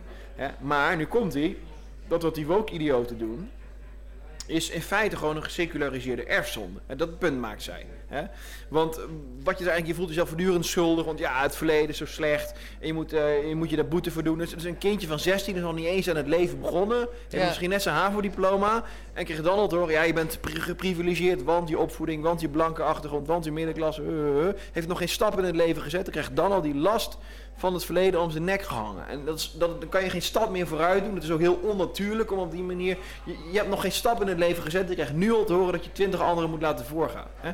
En dat is eigenlijk het idee van wij zijn zo slecht. Want wij, de blanken, hebben toen die en die uitgebuit. Nou, mijn opa en oma die trokken met eigen handen de andijven die ze verraten gewoon uit de klei. Dus ik heb nooit geprofiteerd van enig kolonialisme. Eh, dus ik heb- ben ook immuun voor dat soort morele chantage. Maar het feit dat die chantage überhaupt Ja, plaatsvindt... dat met is het. Morele chantage. dat ja. is een geseculariseerde erfzonde. Het is nog steeds diezelfde Calvijn, diezelfde protestant, die zegt de mens is geneigd tot alle zonde, de mens is geneigd tot alle kwaad en de westerse mens in het bijzonder, zie die koloniale geschiedenis. Hè? Dat is eigenlijk gewoon een soort erfzonde-idee. Steeds maar weer de mens nederig willen maken door hem in te wrijven hoe slecht hij wel niet is. Dat. En juist als humanist zou je daaraan moeten onttrekken. Hè? Je zou moeten zeggen, pluk de dag, omhels het leven, bouw iets vanuit je passie. Hè? Maar juist die, die hardcore atheïsten vallen volgens in die geseculariseerde erfzonde. Dat is het punt wat ik hier wil Is, is ons slavernijverleden ook eigenlijk niet het slavernijverleden van de elite van, van Nederland? Want het, het, het is. eh, de, de, de- het Koningshuis, ik weet niet of ze nog steeds doen, reed rond in een koets met slaven erop. En dat, dat, waren toch die figuren? Want hoe zat dat vroeger? Waren het toch niet de boeren en Ja, maar dan kwam Piet Emmer. En Piet Emmer heeft dat helemaal doorberekend. En het schijnt echt dat, dat, dat, dat 0,012% van, van het BNP uiteindelijk echt uit slavenhandel. Kijk, Nederland is niet rijk geworden. Ten eerste, Hé, maar wie de, waren dan de die slavenhandelaars? VOC handelde waren- niet in slaven, hè. de WIC handelde in slaven. En de WIC was niet alleen maar eh, Nederlanders, maar er waren ook Britten en er waren ook Amerikanen in de West-Indische Compagnie. Hè. De Oost-Indische Compagnie, de VOC, die handelde in, in nootmuskaat en kamperfoelie. hè. Specerijenhandel. Oké, kan je volgens wat praten over het Baterslot en dat soort shit. Kan je ook allemaal wat van vinden, maar in ieder geval, het was geen slavenhandel. En dan kwam op die slavenhandel. En dat waren ook Afrikaanse warlords die zelf mensen zaten te vangen in stammenoorlog en die zaten te verkopen. Dus het zijn ook uiteindelijk eh, de zwarte mensen die andere zwarte mensen tot slaven hebben gemaakt. En die hebben verkocht aan blanke slavenhandelaren. Dat is ook deel van het verhaal. En, en tot slot zegt de VOC, ja, we gaan geen slaven handelen, want we kunnen helemaal geen winst op maken. Het staat gewoon in de boeken na te lezen. Eh Piet Emmer heeft het allemaal nagezocht, ook iets als je je echt in wil verdiepen. Dus het is een hele, ja... En dan nog is uiteindelijk is, het Westen ook geweest dat gezegd heeft, oké, we gaan kappen met die slavernij. Hè? Dat is eigenlijk al, in het vroege christendom in het Romeinse Rijk was het eigenlijk al, we gaan slaven vrijkopen. Hè? Dat de, de, de kerk heeft zich daar best wel voor ingespannen, dus ik ben helemaal niet zo'n fan van de kerk, maar ik mag toch wel benoemen dat de kerk zich toch heeft ingespannen ook voor het vrijkopen van slaven door de eeuwen heen. Maar het is eigenlijk een westerse gedachte geweest van die mensen met een soort universele, onvergankelijke, natuurrechtelijke inherente waarden, waardoor die mensen niet zomaar tot slaaf gemaakt mag worden. Dat is door het Westen gedaan. Gaan we eens naar Qatar met dit verhaal. Weet je, daar zijn ze vandaag de dag nog met die stadion, met de hele. FIFA-gelul. Ja, rot toch op man, waarom zouden wij ons allemaal zo schuldig moeten voelen? We hebben hele goede dingen gedaan. Ik zit, ik zit ook te denken...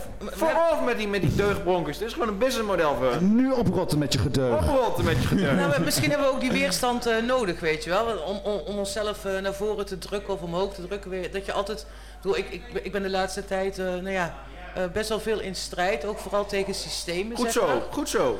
Eh, en ehm, wat wel lastig is, is dat je valt het systeem aan. Maar de mensen die in dat systeem opereren, eh, die voelen zich dan ook persoonlijk aangevallen. Omdat, Ja, omdat dat ze zich is waar ze- identificeren met het systeem. Precies. Nou, en ehm, eh, aan de ene kant... Snij die mensen los uit je leven. Laat ze gaan. Laat ze hun eigen pis verdrinken. Ja, nou ja, ik, ik zeg het ook wel eens vaker van waarom ben je nog zo aan het knokken in dat systeem? Maar het is natuurlijk, want jij identificeert je ook misschien met dat systeem, of niet?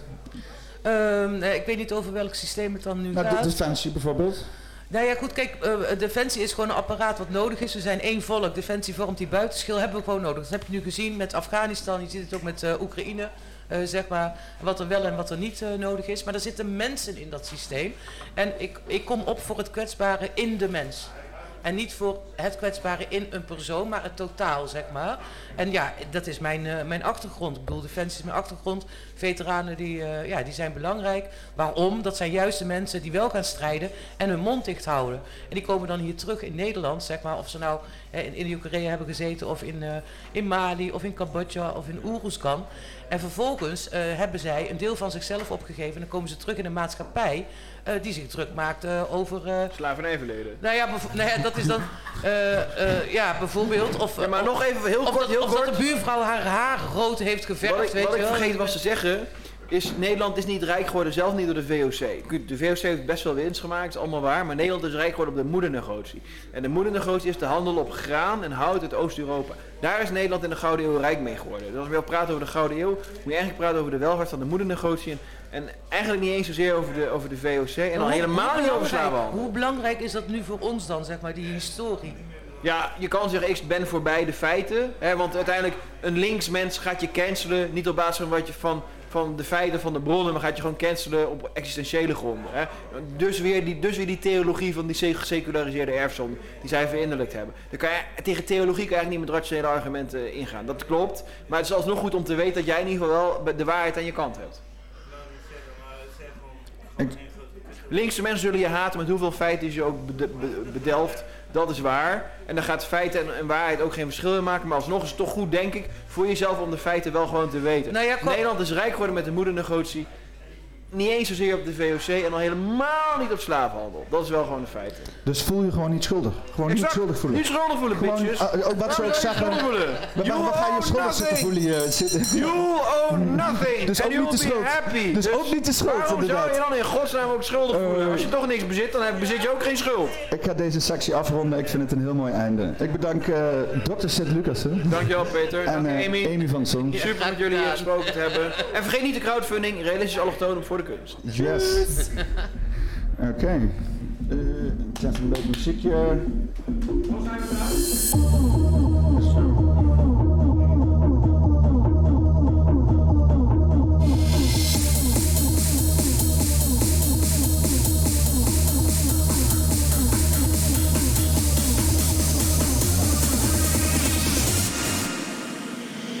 Oh shit. Ik trip hem. Shit. Ik trip hem hard. Ik heb zin om te chansen.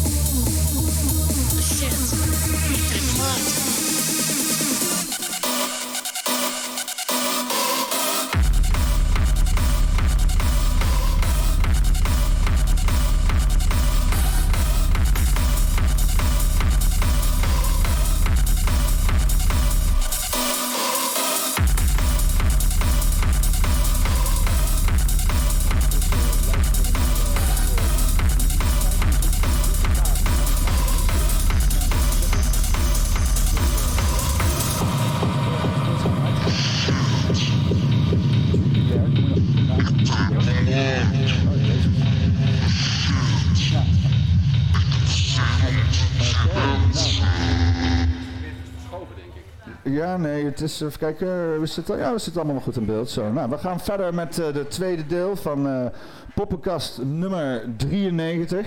En uh, ik zit hier met Erik van der Horst en Peter Tonen. Welkom. Oh, even, even een goede luistercheck. Ja. Ben je er? Ben je er ook? Ik hoor mezelf nu ja. wel. Ja, top. Daar zijn we met z'n allen heel goed. Ja, maar ik, ja, ik ben er ook. Ja. ja. Nou, we hebben net uh, een vurig uh, gesprek gehad met uh, Amy en Sid over de, de, wat meer maatschappelijkere kwesties. het wokisme, transhumanisme, de waarden in de maatschappij die we, ja, de, weet je, de, individuele invulling die we eraan geven. We lijken wel zeg maar, met z'n allen een beetje holle mensen te worden. Is dat iets waar, jullie, waar jij in kan vinden, Peter? Voor een deel wel. Ik bedoel, een deel van de mensheid is behoorlijk hol te noemen. Slapend, zeg, wordt ook wel gezegd. Ja? Ja, en jij, jij Rick, is... Uh... Ik, ik, ik herken me daar zeker in. Ehm, Want is het niet cynisch? Mm, ik gebruik die term, of, of dat soort termen, eh, ook wel eens cynisch. Maar als ik de afgelopen drie jaar, eh, en waarschijnlijk was het daarvoor ook al, maar toen viel het me minder goed op. Omdat ik zelf nog niet helemaal een vinger kon leggen op wat er toch in godsnaam met de mensheid mis is. Maar de afgelopen drie jaar ehm, heb, ik, heb ik wel een aantal labeltjes eh, verzonnen ja, eh, voor eh, blindheid, eh, onwetendheid, eh Zijn een beetje volgzaamheid. de, de, de NPC's, eh, hè? Ken je die term? Nee. Nee, kijk, ken je NPC ook niet? Nee? Ik sta er toch van te kijken, er stond toch een generatieverschil, denk ik. Zo, Maar dat is, ja, hier. ik hè? ga. Ja, Ja, ja, hier, ik kijk. ben klaar nu. Ik wil me even jong voelen. Laat me even jong voelen hier, jongens. Eh, ik heb- ben door mijn rug heen gegaan natuurlijk en ik voel me al 80. Ehm, eh, Dus toch Peters leeftijd. Mijn rug is goed. ja, ik ben... Ja, nou, eh, eh, Non-player characters. En dat komt uit de gamingswereld. en Ah, dat zijn ah, dus, ja. zeg maar de, de mensen die er ja, eigenlijk zijn om jou een, de, het spelervaring te geven. Ja. En dan, dat, dat hint dan een beetje naar de matrix waar we in leven. Ja. Want, want volgens jou zitten we ook wel eh, behoorlijk gevangen in een matrix volgens mij, hè? Ja, helemaal. Ik voel me als een soort avatar in een matrix inderdaad. Zo van, ik probeer nog een levend mens te zijn binnen een computerprogramma. Ja. Maar zijn wij dan zeg maar ook onderdelen van, van, van die matrix van jou? Eh, ja, want die matrix zit ook in mij en in jou. Want het is een mindset. Het, het, het, het is mind control in Maar- feite. dus, dus, dus jij zit hier mijn matrix te manifesteren, Ja, maar ik en- ook die van jou. Ja. Hoe, hoe, hoe, moet, hoe, hoe moet me dat, hoe, hoe zie je dat voor je? Ai. Ik zit aan de verkeerde tafel hoor. Nee, je zit in onze matrix. Oh ja. Nee, wat, wat, wat vind je, vind je, ben je helemaal niet eh, van, die, van die mindset? Ik weet niet zeker of jullie nu hetzelfde bedoelen. Want ik, als ik mensen hoor praten over we zitten in een matrix, dan, dan wordt mij soms eh, verteld dat we in een soort computerspel spelen. eh, waarin, waarin alles wat wij doen door anderen wordt bepaald. Volgens mij bedoelt Peter hem niet zo. Ja, ik, de- de- ik in ieder geval niet, maar we beïnvloeden elkaar wel. Daar, daar, ben, ik, daar ben ik het wel mee eens. Maar is, is bijvoorbeeld de Flat Earth ook niet een soort matrix? Net als een ronde. Dankjewel Peter. Ik- ja, maar daarom zeg ik, de interpretatie van het begrip matrix, dat verschilt enorm tussen de een en de ander. Dat, en daar Nou ja, kun je de- alleen al een de- podcast de, mee de, vullen. de definitie van een matrix is een, gewoon een, een framework waarin iets gebeurt. dat Ja. snap ik. En, en ja, dat kan je zelf zo complex invullen als je wil. Exact. Maar eh, waar we het dus over hebben inderdaad, is het framework waarin we leven, onze realiteit. Nou, en in En dat dat- framework, en dat hoor ik jullie net zeggen, beïnvloed je elkaar. Dat is niet tegen te spreken. Ja, dat dat is... Nee, maar er is een, een, een, een, een Big Brother daarboven nog. Zeker. Dat, dat is het hele idee. Ik bedoel, je hebt... ehm, alles eh, wat bestaat is, is, is ook een gedachtenveld. Het is een idee wat jij en ik allemaal over dat ding hebben. En dan komt het, en daar interacteren we mee met dat, met dat gedachtenveld. Maar de, ik, in mijn optiek eh, wordt het gedachtenveld ook nog van bovenaf aangestuurd. We zitten hier nu eh, in, in, in Leersum. En Heb je het dan over, over, over dingen als eh, eh, indoctrinatie,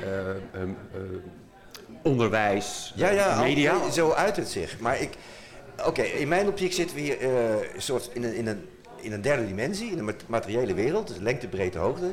En er is een vierde dimensie, Einstein noemt dat de tijd, maar dat is eigenlijk ook de wereld van de gedachten, van de emoties, wat in spirituele kringen de astrale wereld heet. Mhm.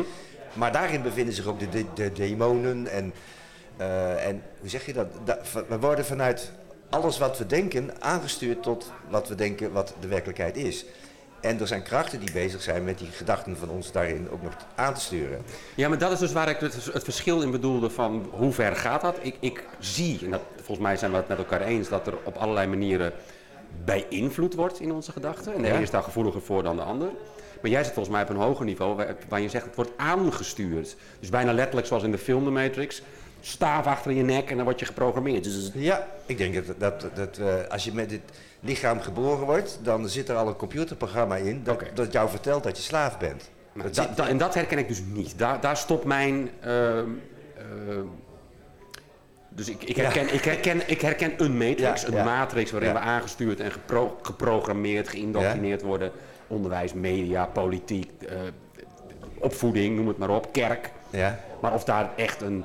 Ja, maar daar zit toch een gedachtegoed achter? Zeker, maar. maar Wat, wat zich kan vertalen in religie, ja. eh, maar ook in politieke ideeën. En ik denk dat dat gedachtegoed is dat in de afgelopen eeuwen is de mensheid en de menselijke psyche zo goed doorgrond dat ze, whoever that may be, Ja, perfect weten welke middelen ze moeten inzetten en op welke wijze om gedaan te krijgen wat ze gedaan willen hebben. Want Ja. de mens is maakbaar geworden, ook de gedachten van de mens. Nou, dat is hoe ik het zie. In mijn optiek gebeurt dat dus al duizenden jaren. Ik bedoel, de, de- Kan ook, ik maakte er even honderden van, Ja. omdat ik voorzichtig wilde zijn. Nee, nee, nee. We gaan hier niet voorzichtig zitten zijn, Erik. Dat is niet de bedoeling. eh. Sorry.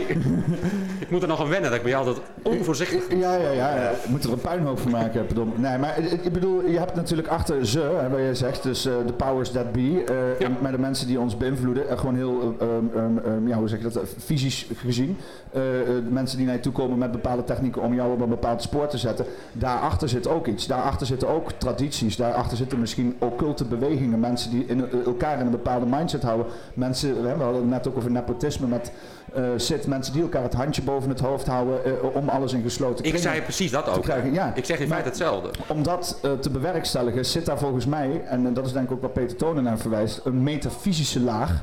Hè, waar dus inderdaad dat soort mensen goed op intappen en waar, waar, waar wij aan worden blootgesteld. Denk bijvoorbeeld aan de eh, oude Egyptenaren, die dus inderdaad met eh, fysieke eh, tentoonstellingen, hè, kleden, dracht, eh, bepaalde cultuuruitingen, woordgebruik, om de zoveel tijd een grote tentoonstelling, om dan bijvoorbeeld zo'n volk helemaal in een band te houden, maar dat had een zekere metafysische eigenschap.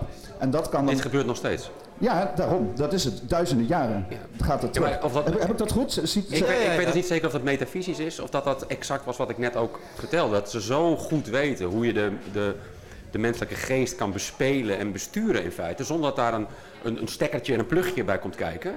Maar de kennis van de menselijke psyche is, is, wordt, wordt misbruikt. Maar, maar, maar, maar, maar- Wij worden, ik. überhaupt, wij worden überhaupt misbruikt, want wij hebben hele mooie eigenschappen zoals dienstbaar willen zijn. En dat hebben ze weten om te toveren tot eh, slaaf zijn. Of, of, of, of een prikje nemen omdat je het voor je moeder doet. Je doet het voor een ander. Hè, Ja. ehm, Ja. ja, en, dat is exact wat ik bedoel. Nu trouwens Ik bedoel precies dat. Als je nu foto's ziet over dat prikken, dan zie je dus die mensen die hun armen opstropen.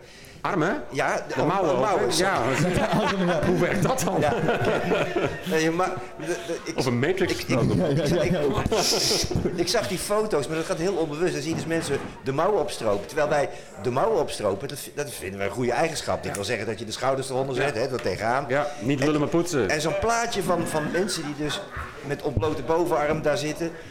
Daarmee verkoop je dus weer een prik. Dat gaat heel onbewust allemaal. Ja. Maar dat is misbruik maken van hele mooie En, eigenschappen en maar we hebben. dit is dus, dan zitten we dus wel op dezelfde golflengte, denk ik. Want dat is dus precies wat ik bedoelde. Dat, dat, die, dat soort, hè, ook ehm, helemaal aan het begin, eh, eh, 2020, merkte je dat alle overheden in de wereld werkten met een soort neurolinguistisch programmeren. Weet niet of dat, of dit Ja?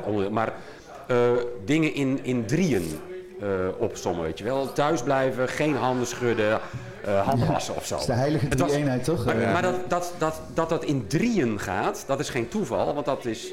Ja, dat, is, dat is psychologie, dat is een neurolinguistisch Ja, programmeren. Ja, als het brein iets drie keer hoort, sowieso, dan Ja. neemt het alles voor waar aan. Het, het zijn maar die trucjes. Dat is Ja. natuurlijk niet, dat is niet pas in 2020 verzonnen. Dat is de opbouw, Nee, nee, de maar, optelsom maar daar, van... zit, daar zit ook weer een kracht achter. Ik bedoel, wie, hoe, hoe kan het? Ik stel me dan de vraag van wie, wie verzint dan dat iedereen op- de hele planeet een prikje moet krijgen, weet je wel? Of, ja, dan Ja, want je- de, de, de, de pragmatische kant is dan eh, Big Pharma die dikke winst eraan boekt. ja, maar, maar je- maar- ja, en dan ga ik weer doorvragen. Was het maar zo onschuldig? Ja. Ja, want, Was dat maar want denk jij de mensen die al het geld hebben in de wereld hun dingen doen om meer geld te krijgen? Of, Macht, controle. Ik, ik, geld speelt vol- volgens mij geen enkele rol in die eh, prikjescampagne. Helemaal gewoon, ook voor die Big Pharma niet. eh. Natuurlijk niet. Jawel. De, de, de- de- die hele campagne heeft miljarden gekost van jou. En die hebben, wij, wij, hebben dus, Maar, wij hebben moeten betalen om zelf gevangen gezet te worden. dat- maar dat, dat is met alles wat we doen.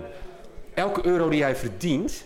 Als je, ik- dit sommetje heb ik al eens eerder gemaakt. En Ja. nog nooit heeft iemand mij daarin kunnen betrappen op een rekenfoutje. Ja, Al het geld wat in omloop komt, dus elke euro die jij verdient... ja, Hè, dat jij verdient het, dan moet je er al belasting over betalen, inkomstenbelasting. ja. Dan ga je naar de winkel en dan koop je daar een, eh, een brood voor voor 1,20 euro, waarvan 20 cent belasting is. ja. De omzet die die bakker krijgt, die euro, daar moet hij omzetbelasting over betalen. Dan houdt hij een keertje geld over om uit te geven. Maar dan moet hij dan weer BTW over betalen. Die winkelier waar hij het uitgeeft betaalt weer Ja, inkomen. ja. Onderaan de streep is het een trechter waarbij elke euro in de zakken van overheden Ja. en andere belandt. Het spel, het financieel spel, hebben ze al lang in handen. Ze hoeven niet prikjes te gaan verkopen voor het geld. Ik denk dat het prikje een heel ander doel heeft. Eh, ze zeggen ook dat geld energie is. Aan, aan zich wel, maar bedoel, wie controleert die energie? Daar gaat het dan weer over. Dat is, net, dat is net met het vraagstuk waar, we, waar, waar het in de vorige podcast over ging. Met, wie controleert de technologie? Weet je, eh, we zitten, ik denk dat er qua technologie nu stel kinderen zijn die met scheermesjes aan het spelen zijn. En, en onze, onze telefoontjes en alles, dat wordt niet... Wij hebben de schijn nu dat we dat zelf, en met het geld ook, dat we daar zelf onderling mee kunnen eh, communiceren. Maar het wordt van bovenaf bepaald en aangestuurd. De, de waarde ervan, eh, alles. Ja, want, want tot hoeveel... Ja, dan zit, dat dat is weer dat idee. Ja, god, ik heb dat boek geschreven, opgesloten in de piramide. Ja, Eh, dus- en daarin stel koop ik dat het in de boekenwinkel. dat wel, ik, Hij heeft het bij zich, achter in de auto. Je Oh, kunt oh ja, hier koop, koop, koop nu boeken bij Peter Tonen. En we zitten al We 13 rekenen zo af. we, zitten al 13.000 jaar in dat systeem. Dus met de landbouw begonnen, want daar, kon je je voedsel eh, mee controleren, je, je voedselvoorziening. En er hoort een ideologie bij, namelijk dat, wij de, eh, dat de natuur niet te vertrouwen is. Dat wij daar de baas over zijn, eh, over de planten en de dieren. En boven ons staat ook een andere baas, en dat is een metafysische baas. Want dat is die, en die, en die wordt vertegenwoordigd door, door, een, ja, door een koning, die dan weer een priesterkast om zich heen had, altijd, die voor het reclamepraatje zorgde, Ja. in feite. Ja. Eh, Dus dat, is, het- dat de- is een systeem wat nu al duizend jaar bestaat. zijn de vertegenwoordigers eigenlijk, zeg maar. De, de, voor de, zoals de politiek nu, zeg maar. Het economisch systeem vertegen- Ja, ja, vertegenwoordigt. als jij weet dat, dat een, een bedrijf als Apple al, al tien keer meer geld in, in kas heeft dan welke regering dan ook, dan weet jij wie de baas is. Dat is niet de regering.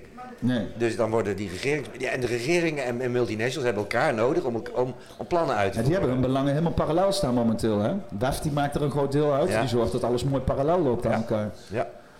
Ja, want zit daar, want we hadden het natuurlijk net ook over dat je dus inderdaad een stukje individuele betekenis moet hebben in het leven. En dat dat leeg is, mensen lege omhulsels zijn. En dat je inderdaad bijna geen eh, eigen eh, Dat is wat meer... ze willen. Ja, inderdaad. Dus want dan ben je lekker invulbaar. Dan kun je, kunnen ze allemaal totalitair... Ja, dan eh, kunnen ze onze levenskracht in de vorm van geld en arbeid kunnen ze dan eruit zuigen om voor hun eigen plannen. Maar- Ik, ik, ik moet, ik moet even inhaken nog wat jij net zei, want Ja. daar, daar gaat het nog wel over. Maar volgens mij heb je nog geen antwoord gekregen op een opmerking die je maakte. Ze zeggen dat geld energie is. Ja. En ik, ik, ik denk dat de, de oorspronkelijke gedachte van geld, zoals geld ooit verzonnen is, klopt dat. Want geld was niks anders dan een tijdelijk ruilmiddel voor arbeid Ja. of goederen of diensten, Diensten, whatever. spullen. Dus ja. dan, dan heeft geld ook een, een eeuwigdurende vaste waarde. Inflatie is een verzinsel, hè? Dus inflatie En is diefstal. is diefstal. Dat is een verborgen belasting, toch? je? ik- even terug naar dat energieverhaal. Dus als je, als je zegt, we hebben duizend iets, euro's, dollars, whatever, in de wereld in omloop. En dat gebruiken we om, om alles wat we met elkaar delen aan energie. Dus of het nou stroom is uit, uit stopcontact, of jij die mijn huis schildert, of ik die een brood bak. Dat is allemaal energie. En als je het meer moet verdelen, deel je het gewoon nog een keer door de helft, zeg maar. Maar, maar, maar dan heb je een, een vaste waarde die de, die de energie die in omloop is vertegenwoordigt. Maar doordat geld minder waard wordt, zogenaamd, wat natuurlijk onzin is. ja, dat is kunstmatig. maar, daar- maar daarom moet mijn antwoord op jouw vraag, geld is energie, zou ik zeggen, Nee, nee, dat kan niet meer. Ik, ik ben betrokken en ik denk dat het weer bij. Wat we nodig hebben is dat wij zelf de, de verantwoordelijk worden voor de waardebepaling van onze onderlinge Exact. transacties. Want waar het scheef gegaan is, is dat, ga, ga ik weer, een kracht van bovenaf de waarde gaat bepalen van onze onderlinge transacties. Nog gekker, zij bepalen de waarde ook van het ruilmiddel door gewoon Ja. uit lucht en dus, Ja. niet, en dus niet uit Ja. energie Ja. geld bij te drukken. Kijk je naar de bitcoin bijvoorbeeld, dat is een veel eerlijker waardemiddel. Ja. Want je moet er energie in steken om bitcoins toe te voegen. Het mining kost energie. Ja, maar het kost ook letterlijk veel stroom, hè? Ja, dat zeg ik. Energie, dat is energie, Peter. Daar hebben we het over. Vanaf 2012 is de helft van de elektriciteit op, op deze planeet. er is dat punt, dat tipping point eh, geweest. Dat het nu, de meeste energie gaat nu zitten in, in, eh, hoe heet het? In, in het internet. Daar gaat de meeste stroom Nee, maar het ging over geld. Ja? En, en als je kijkt naar bitcoin, jij zegt dan moet je, het kost heel veel stroom. Daar hebben we het over. Ja. Energie. Ja? Ook stroom is energie. Ja? Dus, dus daarom zei ik, bitcoin is in feite een veel eerlijker geldsysteem. Omdat als je meer bitcoin in omloop wilt brengen, moet je daar energie in stoppen. Ja. En geld kun je gewoon zeggen, klik. Ja. En de centrale bank heeft er weer een paar miljard bijgedrukt. Nou ja, ik- sowieso ben ik voorstander van blockchain technologie, in welke dus ook met informatie. CBDC's, ben je daar ook voor? Nee, Maar het is wel interessant, want je stelt eigenlijk dat, of eh, weet je wel, het wordt hier eigenlijk gesteld dat ze dus door eh, het geldsysteem, door zeg maar al die centrale banken in eigen controle nemen, door dus ja, het, het geldsysteem corrupt te maken, eh, hebben ze eigenlijk een soort van onze energie gestolen. Ja. Ze stelen eigenlijk gewoon dagelijks onze energie. Zij worden bepalen, gekaapt. Ja, zij bepalen de waarde van, van, van onze onderlinge transacties in feite. Ik heb, eh, En een die paar, moeten we terugpakken hoor. ik heb een paar weken terug heb ik Richard Kaart bij mij aan tafel gehad. Ik Ja. weet niet of iemand dat, dat misschien gezien heeft. Het ging over geld. Eh, eh, geld, dubbele punt, van slaaf naar slim. En ik, hij maakte een prachtige vergelijking. Het ging dus over de inflatie van het geld. En de waarde van waardevaste middelen. Dus geld tegenover waardevaste middelen. Hij zei, als je in 1920 een maatpak liet maken, dan betaalde je daar, en ik, ik weet niet of dit precies klopt hoor, maar even ter illustratie, betaalde- dan betaalde je daar of 1 gram goud voor, of 10 gulden. 10 gulden in die tijd was een hoop geld. Als je nu een maatpak laat maken, dan betaal je daar 1200 euro voor. Of 1 gram goud. Want die gram goud is nu 1200 euro waard en was toen een tientje waard. Dus dat goud heeft zich in de tijd waardevast getransponeerd van 1920 naar nu. Voor die ene Dus eh, we moeten allemaal in het goud gaan. Nou ja, maar als goud en geld nog gekoppeld zouden Ja. zijn, dan Ja. had je dus niet. Snap je Ja. waar ik heen wil? Ja, ja, ja maar dat- in, in- je weet dat in Nixon in 71 die goudstandaard heeft losgelaten. Natuurlijk. Omdat hij de oorlog in Vietnam niet kon betalen. Omdat je dan meer controle kon pakken. Ja. Maar, maar- maar, is, is dan bitcoin is dat een soort van bijna een spirituele revolutie of zo op een of andere manier? Sowieso die verdieping in ons economisch systeem, is dat iets... Want het is letterlijk, een, een, een wa- ze, ze stelen onze energie. Eh, ze hebben dat eh, door hogere machten gedaan. Ze doen het achter verborgen deuren. Dat is heel occult, obscuur allemaal. Eh, en zo wordt het ook gemaakt. Je wordt misleid, al vanaf kinds af aan op school. Ik heb niks geleerd gekregen over hoe het economisch systeem werkt. Ik heb alleen maar geleerd over verzekeringspolissen maken. en zo. Ja, ja, Ja, ja. de meest reinste bullshit. Maar dat werkt in macro-economie al helemaal. Maar, maar is dan zeg maar die, die hele verdieping die we met z'n allen hebben in dat economisch systeem, eh, die hele bitcoin-revolutie, al die cryptocurrencies, waarbij we echt soort van dus weten van hoe dus die energie, hoe je dat eh, stopt. Want in principe die hele cryptocurrency, die bitcoin is letterlijk zoals ik het heb geleerd. We gingen minen, weet je wel. Je had je laptopje en dan moest bepaalde rekenkracht moest daarin gaan om dan een b- bitcoin te krijgen. Ja. En dat was toen in het begin heel makkelijk, je met je laptopje doen. Nu heb je 50.000 laptops nodig om om één satoshi te minen, een fractie van een bitcoin. Maar eh, eh, dat is letterlijk energie stoppen hè, eh, om dat te, te doen. Is dat, is dat hele, dit dit heeft mij inzicht gegeven, is het niet een soort van spirituele re- revolutie? Want het is waar generaties niet echt heel bewust over zijn gegaan, over hoe geld werkt, hoe dat in elkaar zit. Eh, en eh, als ik dan nu merk met, met, met ook jongeren om me heen, ook mensen jonger als mij, die zijn be- bekend met crypto's en die, die snappen hoe dus inderdaad die golven gaan en zo. Ik zou nog Is veel liever zou ik mensen uitnodigen om dan naar edelmetalen te kijken. Die zijn veel makkelijker te begrijpen. Is Die, wel minder spannend natuurlijk. nou, weet ik niet. Nee, ja, ik ben het met je eens. Ik vind edelmetalen een veel beter voorbeeld van ehm, A, waardevast. En B, daar moet je ook energie in stoppen. Hè. Minen, bitcoins minen, heet niet voor niks zo. Hè. Dat is gewoon, wat het in feite hetzelfde is als wat je in de, in de, eh, Mijn, in de bergen gewoon, moet eh, doen. Je Gewoon hebt nog net geen karretje nodig, mee. Ja. En mijnen die handelen, dan moet je er heel veel energie in stoppen om een paar gram goud te vinden. Het is exact dat wat je met bitcoins, wat jij net Maar, maar, maar goud is al gewoon overal gemijnd, toch? En als je ergens goud vindt, dan heb je meteen een overheid op je dak zitten die, eh, die gaat zeggen, ja, dat is nu mijn mijn. mijn, Mijn goud. mijn, mijn.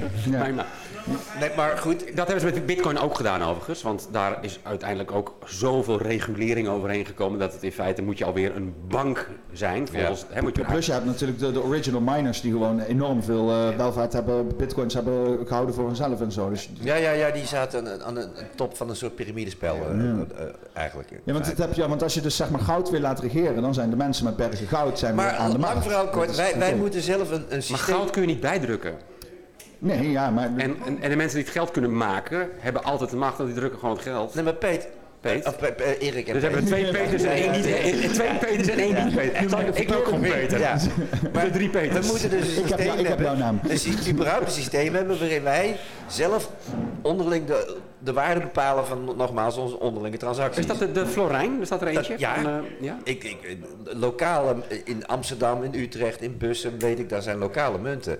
En in Utrecht, ik kom uit Utrecht, daar zijn, daar zijn we al zover dat we letterlijk bij Johan Enschede eh, briefjes geld hebben laten drukken. Ja. Van, van Utrechtse florijnen. En Dat is leuk, dan ben je met een soort eh, monopoly-spel eh, geld bezig. Maar als je, zodra je dan met elkaar Als jij afspreekt, als wij onderling afspreken van... Het enige wat je moet doen, het is, het is, je kan je dus inkopen in die munten. En het lijkt een beetje als muntjes kopen bij een festival, weet Ja, je wel? Je net bent- zoals hier de poppenkastmuntjes. ja, eh. ja. En, eh, dus je moet even die investering doen. Dus je ruilt even je, je gewone euro's voor die muntjes. En dan kan je met elkaar onderling handel drijven. En dan komt niemand meer tussen. Ja. Heel simpel. Ook de Belastingdienst niet gokken. Nee, precies. Dat ja. vinden ze ook niet leuk. Dus hou dat onder de... Maar als je dat lokaal... is hier en- niks gaande, mensen. en Wij, wij, moeten- wij kunnen hier met z'n drieën toch gewoon bepalen... als wij iets aan, aan elkaar aanbieden... eh, met, dat we dat op de een of andere manier met gesloten portemonnee regelen. Daar moet het heen, vind ik. Ja, Ja. eens. Ja, en daar, daar kan je systemen voor verzinnen. En dan heb je, daar, daarom kom ik aan met blockchain-technologie. Maar dat hoeft niet per se met crypto te zijn, dat kan ieder systeem zijn. Er is één nadeel aan- blockchain. En dat zit, dat zit aan elke eh, crypto. Ja. Je bent afhankelijk van energie, Ja, computers. stroom. Ja, Als, als je zonder stroom Ja. komt te zitten, Ja. zit je zonder je, je, je muntjes. ja, maar wij, Dus ja, ik zeg je kan ook met een schriftje werken. Ga hoor. gewoon lekker met zilveren muntjes eh, lekker elkaar weer betalen, joh. Kan. Maar dan moet je, oké, maar dan dan Hoe gaan we kom- weer. hoe- Dan, dan kom je- ik, dan moet, Hoe kom je aan Ja, zilver? hoe kom je aan zilver? Want dan, dan moet je gewoon, weet je, want het is dus, het is heel leuk tegen mensen te zeggen van, eh, eh, eh, je moet zilver gaan verzamelen, maar mensen hebben vaak niet het geld om, om mensen hebben, komen vaak geld tekort. Eigenlijk is het aan de werkgevers om gewoon hun werknemers uit te Ja, betalen wacht in even. In, edelmetalen. in, dit voorde, in dit voorbeeld kom je geen geld tekort. Want in plaats van dat je met je euro's naar de winkel gaat, spreek je met elkaar af dat je die euro's gaat investeren in zilver en met elkaar gaat ruilen. Dus je geld, wat je nu in de euro omloopt, ga je in een andere economie Ja. laten draaien. Dus het is Als- hetzelfde geld, hè? Als je met florijnen werkt, dan kan je, dan kan je lokaal onderling, kan je, die- kan je dat geld gewoon laten rondcirculeren. Alleen dan is het dus niet meer aan inflatie, Nee. diefstal onderhevig. Nee. En als je het goed doet, ben je ook van je belasting af. Dat is ook diefstal namelijk. Ja. Ja, Dus, eh, Dus je geld is gewoon weer voor jou eigenlijk. dat, dat, nou, dat, we zijn, Waarom doen we dat niet gewoon? Gaan we, gaan we vanmiddag nog Ja. inregelen Ja. hier? Nee, maar die, dat gaat wel gebeuren. Haan is ook in. Die- De noodzaak moet er zijn. Hè? Dat is met, eh, eh, ja, wat we nu gaan zien is dat we naar een economische recessie gaan. Dus het geld gaat minder waard worden. Ja. Maar wij blijven nog steeds overheid. En het is de mens die alles waarde geeft. Hè? Wij zijn dus in feite de waarde. Dus wij, moet, wij kunnen hier met z'n drieën nog steeds opnieuw bepalen Ja. wat, wat onze onderlinge dienstverlening waard is. Zelfs als je inderdaad dat schriftje bijhoudt. Hè, Ja. als, als ik elke dag een brood bak voor jou en jij komt eens per jaar mijn huis schilderen en we spreken af dat dat een gelijkwaardige ruil is. Maar eh, voor 17 Ja. miljoen mensen is dat een beetje onrealistisch? Nou, we, doen het, Nee. we doen het nu ook, alleen we gebruiken daar de euro voor. Ja, en die dan gaan we waarde weer. En, tijdelijk... en, en die waarde daarvan die wordt van bovenaf bepaald en gecontroleerd. Ja. Dat Ja. is het foute. ja, je- gewoon centrale banken moeten gewoon oprotten. Dat is een beetje het hele idee, toch? Ja, nou, Nou ja, ze, ze doen maar, maar laat ze met, maar, maar met elkaar geld uitwisselen. Nee, de centrale banken moeten gewoon verboden worden. de grap van Ik, centrale ik ben helemaal niet tegen het verbieden van dingen, weet je. Maar, Maar die wel. Maar, nee, maar weet je wat het is met centrale banken? Ze hebben een monopolie. Weet je wel, als centrale banken mogen doen wat centrale banken mogen doen, dan zouden wij dat ook mogen doen. Zouden wij ook onze er is, nog centrale iets, bank moeten er is nog iets veel ergers aan centrale banken. Dat is dat de centrale bank is een private Ja, privé, onderneming. privé-investeerders. Dat is Het is gewoon de- de- mindfuck. eigenlijk gewoon weer de familie Rothschild. Maar jij en ik kunnen niet in investeren. ook ja. Als jij de, de oude eh, briefjes nog zag van met die guldens erop, dan zie je dat het Nederlandse bank NV is. Het was een particuliere. De banken zijn particuliere clubs. Ja. Dus jij denkt dat je met. Ja, dat, dat geld. Als ik, als ik, ik kan je brief van 10 laten zien, maar dat is niet van mij. Dat lease ik van een bank. Dat is bizar. En, als ik, en, dan moet ik, en, en dat, daar moet ik in feite nog, nog rente over betalen ook. Eh, en, en rente is ook diefstal. hè? En kijk naar, kijk naar je bankrekening. Je betaalt elke maand sowieso een vast Ja. bedrag om die bank te gebruiken. Als je een beetje pech hebt en je hebt een zakelijke rekening, dan betaal je per transactie. Ja. Dus elke keer als geld van hand Ja. wisselt, dan gaat en de belastingdiensten van lopen klauwen. En de banken gaan ervan klauwen. Dus eh, onderaan de streep, wat Maar ik we net zijn al- wel lekker dat sommetje wat ik net maakte. hè, Elke euro Ja. die, die je Ja. verdient, verdwijnt in de zakken van de... Dus moeten we gewoon, zeker lokaal, naar eigen eh ruilsysteem Ja. gaan. En, en niet dat je weer met spullen hoeft te sjouwen, maar gewoon dat je dat ergens noteert, weet je wel. Zilveren muntjes, ja, erbij. Ja, ja. Het klinkt ook zo Ja, mooi. zo dan, ga ik, dan, dan- dan ga ik weer. Dan, waarom kun je dan niet die zilveren muntjes niet... Kan je dan, ook- kan je, dan- dan kan je dan ook eh, obligaties... je? Je kan ook zeggen, dat- dat- met waardepapieren zeggen van... eh, Zoals dat vroeger was. Ja. Aantoonder. Juist. Jij heet bijna Toonder, dus dat moet je al toch ja, aanspreken. ja, ja. Nee, maar, dat, maar zo is geld ontstaan, hè? Dat Ja. was in feite een waardepapier waarop stond... Hè, dit, dit papiertje is bij de juwelier zoveel gram Ja, goud je, je weet hoe het gegaan is. Een fractioneel bankier is ontstaan omdat mensen eh, geen zin meer hadden om met, met, met, eh, met kilo's eh, goud te Ja, sjouwen. nou ja, kilo's nog wel. Dat, vind ik wel, dat zou ik wel willen. Iedereen heeft zin om met kilo's... bij- dat werd ingeleverd bij de goudsmid en dan kreeg je een waardepapiertje weer terug. En die, maar die goudsmid die merkte, verrek, ze komen, ze komen die, dat goud toch niet ophalen. Dus die- die ging Ja. dus papiertjes bijdrukken. Ja, En dan Precies, krijg je dus, dat waren de eerste terwijl hij bankiers. maar tien stukjes goud in huis had, had hij, al, had hij voor honderd stukjes goud al aan, aan papieren dat uitgehaald. is nu niet anders. Ja, dat ook is- in de zilvermarkt. Ja, maar daar daar heeft Nederland slecht karma Maar ook in de zilvermarkt, hè, dat weten, Ja, wij- ja, dat ja. weten weinig Ja, ja. mensen. Jij wel hoor ik, maar dat weten weinig mensen. Ehm, als je zilver koopt, dan er twee manieren. Je kunt gewoon zeggen tegen een, eh, een broker, hè, tegen, je hebt de eh, Holland Gold, eh, de Silver Mountain, je hebt Amsterdam Gold. Je hebt meerdere van dat soort partijen, dan kun je gewoon zilver kopen, in baren of munten. Maar je kunt ook zilver op papier kopen. Maar de kans dat je dan zilver koopt wat helemaal Ja. niet bestaat is vrij groot. Want dat is precies de manier waarop ze de zilverprijs laag houden. Door gewoon En dan zeggen ze van, eh, koop zilver, maar dan hoef je het niet zelf op te slaan. eh. Ja, zilver op papier. En, en, en Ja. als je vandaag met z'n allen, als iedereen die zilver op Ja. papier heeft, nu zijn zilver Gaat inleveren. gaat opeisen, Ja. dan klapt die zilvermarkt. En Ja. Maar dat is hetzelfde verhaal als dat nu, als iedereen Naar de nu bank.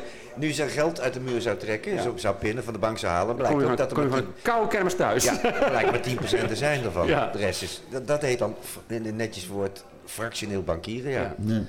Ik, eh, ik Hebben wil- wij in Nederland uitgevonden, by the way. Hè? We hebben wat dat betreft slecht karma. Nou, ik vind het een heel mooi bruggetje, want ik wil het gaan hebben over eh, al deze mensen die het zogenaamd hebben uitgevonden hier in Nederland. De verbindingen misschien met Venetië en toch ook wel de occulte bewegingen erachter. en ondertussen is mijn camera scheidonker geworden, dus dat past wel bij het duistere thema. Maar dan wil ik toch Oh. even aan jou gaan vragen, Erik. Hey. Jouw camera. Nee, jouw camera. Ja, maar op ja, mijn jou. camera. Mijn camera Zal ik op even mij. kijken wat daar gebeurt? Ja, het zijn jouw camera's. Hij is de bezitter van de camera, maar hij schijnt op jou. Hij is mijn, is mijn is camera voor mij van hem. Ja, Ja, ja, ja. die. Ja, nee, goed. En eh, ondertussen dus Mickey van Leeuw ook even op het podium roepen, want eh, die sluit wel aan eh, als het gaat over eh, occulte shit. En, Oh, eh, ik wou zeggen, want we, gaan rustig eh, gaan we voortbewegen van eh, satanische organisaties naar eh reptilians of iets dergelijks. Eh, Kom, kom maar op. kom maar, kom, komst er maar Mickey. Komst maar. Zo. eh, ja, Nou ja, hier, hier ik gaan we denk- hier zitten. dat Zo, daar zit, dat wou hij graag, toch? Zo, nee, nee, nee, dit, eh, hier zitten, daar zo. Ja? Ja. Zit, zit, zit. Nee. Nee, hij is, hij is nu goed. Hij is nu, zo, zo, dan ga ik heel even... Kan, eh, kan eh, eh, Peter, zou je misschien wat inleiding kunnen geven over, eh, over eh, deze geheime machten achter de bank? Heb, Hey, je, Mickey. daar, heb je daar inzicht in? De geheime macht achter de bank. Ja, ja. In, in jouw optiek, zoals Peter Tonen kijkt achter de invloeden achter de bank. Wat, wat zijn dit voor mensen? Die, dus die centrale banken die ons dat systeem opdringen op een of andere Nou, manier. geld wordt op dit moment eh, is het ultieme middel om mensen tot slaaf te maken. Want ze, ze weten dat we het net als energie, waar, waar ze nu ook mee bezig zijn, letterlijk, eh, nodig hebben. En dus, dus hebben ze een systeem gema- hè, zijn er systemen ontstaan waarin eh, bepaalde mensen dat geld mogen produceren en inderdaad uit het niets. En dan, nou- en dan rent, er is een heel systeem opgetakeld waardoor wij allemaal verslaafd zijn geworden aan geld, wat door anderen wordt uitgegeven. En dat, kan je dat is heel evil, dat, is heel, dat mag je satanistisch, weet ik veel noemen. Dat, dat is, maar het heeft dus met macht te maken. Gewoon een zwaar dark occult of zo. Ja, Ja, maar, want hoe, hoe, hoe De hele oprichting van de vet en zo toch ook allemaal op dat, eh ja dat hebben op ze. dat op- island, wat was dat? Op dat Ja, island, Ja- op eh, Jekyll Island. ja, Sorry, sorry, is dat zo goed? Ja, Ja. het- het- bij New York. Het was op eh, kerstavond 24 december 1913. Aan de vooravond van de Eerste Wereldoorlog zijn inderdaad die bankiers bij elkaar gaan zitten. En de Senaat was al op vakantie, want die had kerstvakantie. Dus die hebben dat er eventjes heel slimmetjes toen doorgevoerd. Van. En wat er aan vooraf ging, was dat de, er was onge- ongelooflijk veel inflatie en deflatie van de, van de dollar. Die was niet stabiel. En zij boden dus aan, dat was het smoesje, van nou, als je, laat ons dat geld in beheer nemen, dan zorgen we altijd dat die dollar stabiel blijft. Maar intussen kregen zij dus het alleenrecht om die dollar te produceren. En dat, is de, dat hebben mensen pas in de, in de laatste tien jaar doorgekregen. Dat, dat, het zo, dat, het, dat de Fed geen federale bank is, maar een particuliere Ja, club. het schijnt ook heel, eh, dat, dat eiland, ik, ik weet niet meer precies dat hele verhaal hoor. Ja. Maar dat, dat eiland schijnt ook echt op, op zo'n eh, soort van dark occulte plaats te liggen. Waar ze ook echt allemaal Ja, daar zijn rituelen bij gedaan Ja, hebben ja, om, om ja, die ja, vet ja. op te richten. Ja, maar wat bedoel je Ja, ja. met dark occult, Mickey? Ja, het, het, Sorry, ik, kan niet het hele complot meer eh, nu... eh, Het complot. Nee, maar, maar, maar, maar- complot. Waarschijnlijk zal het geen complot zijn. nee, maar, nee, maar- Nee, dit is geen complot, dit is gewoon waar. Ja, complot is gewoon Ja, samen. reptilians en... eh, Ook nog. Complot is gewoon een afspraak tussen een paar mensen. is het al over reptilians gegaan? Nee, nog niet. Nou ja, bij deze.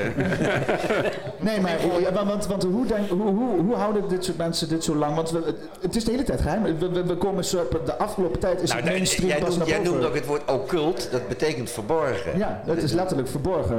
Esoterisch, dat is Ja. ook verborgen. En wat, ik, ik denk wat vroeger esoterisch was, dat wordt nou exoterisch. Dus, Ja, want esoterisch is gewoon eh, kennis voor een specifieke groep mensen, toch? nou ja, het is ook weer verborgen kennis. Het is de kennis die, die, die, die rozenkruisers en, en, en vrijmetselaars hebben, dat, is, dat, is, dat wordt esoterisch genoemd. Ja, een soort zwarte magie kan je denk ik ook gewoon omschrijven. Kan, magie is, vind ik altijd zwart, want het is manipuleren. Als je de verhalen, ook, eh, de verhalen die achter de Britse royals zitten en zo, hoe die, de- de- vanuit koningstijden al, hè?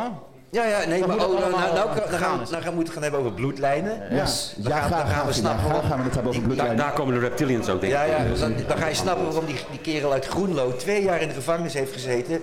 Omdat hij, eh, de- eh, oké, eh, Scrabble woord, vaccinehouder.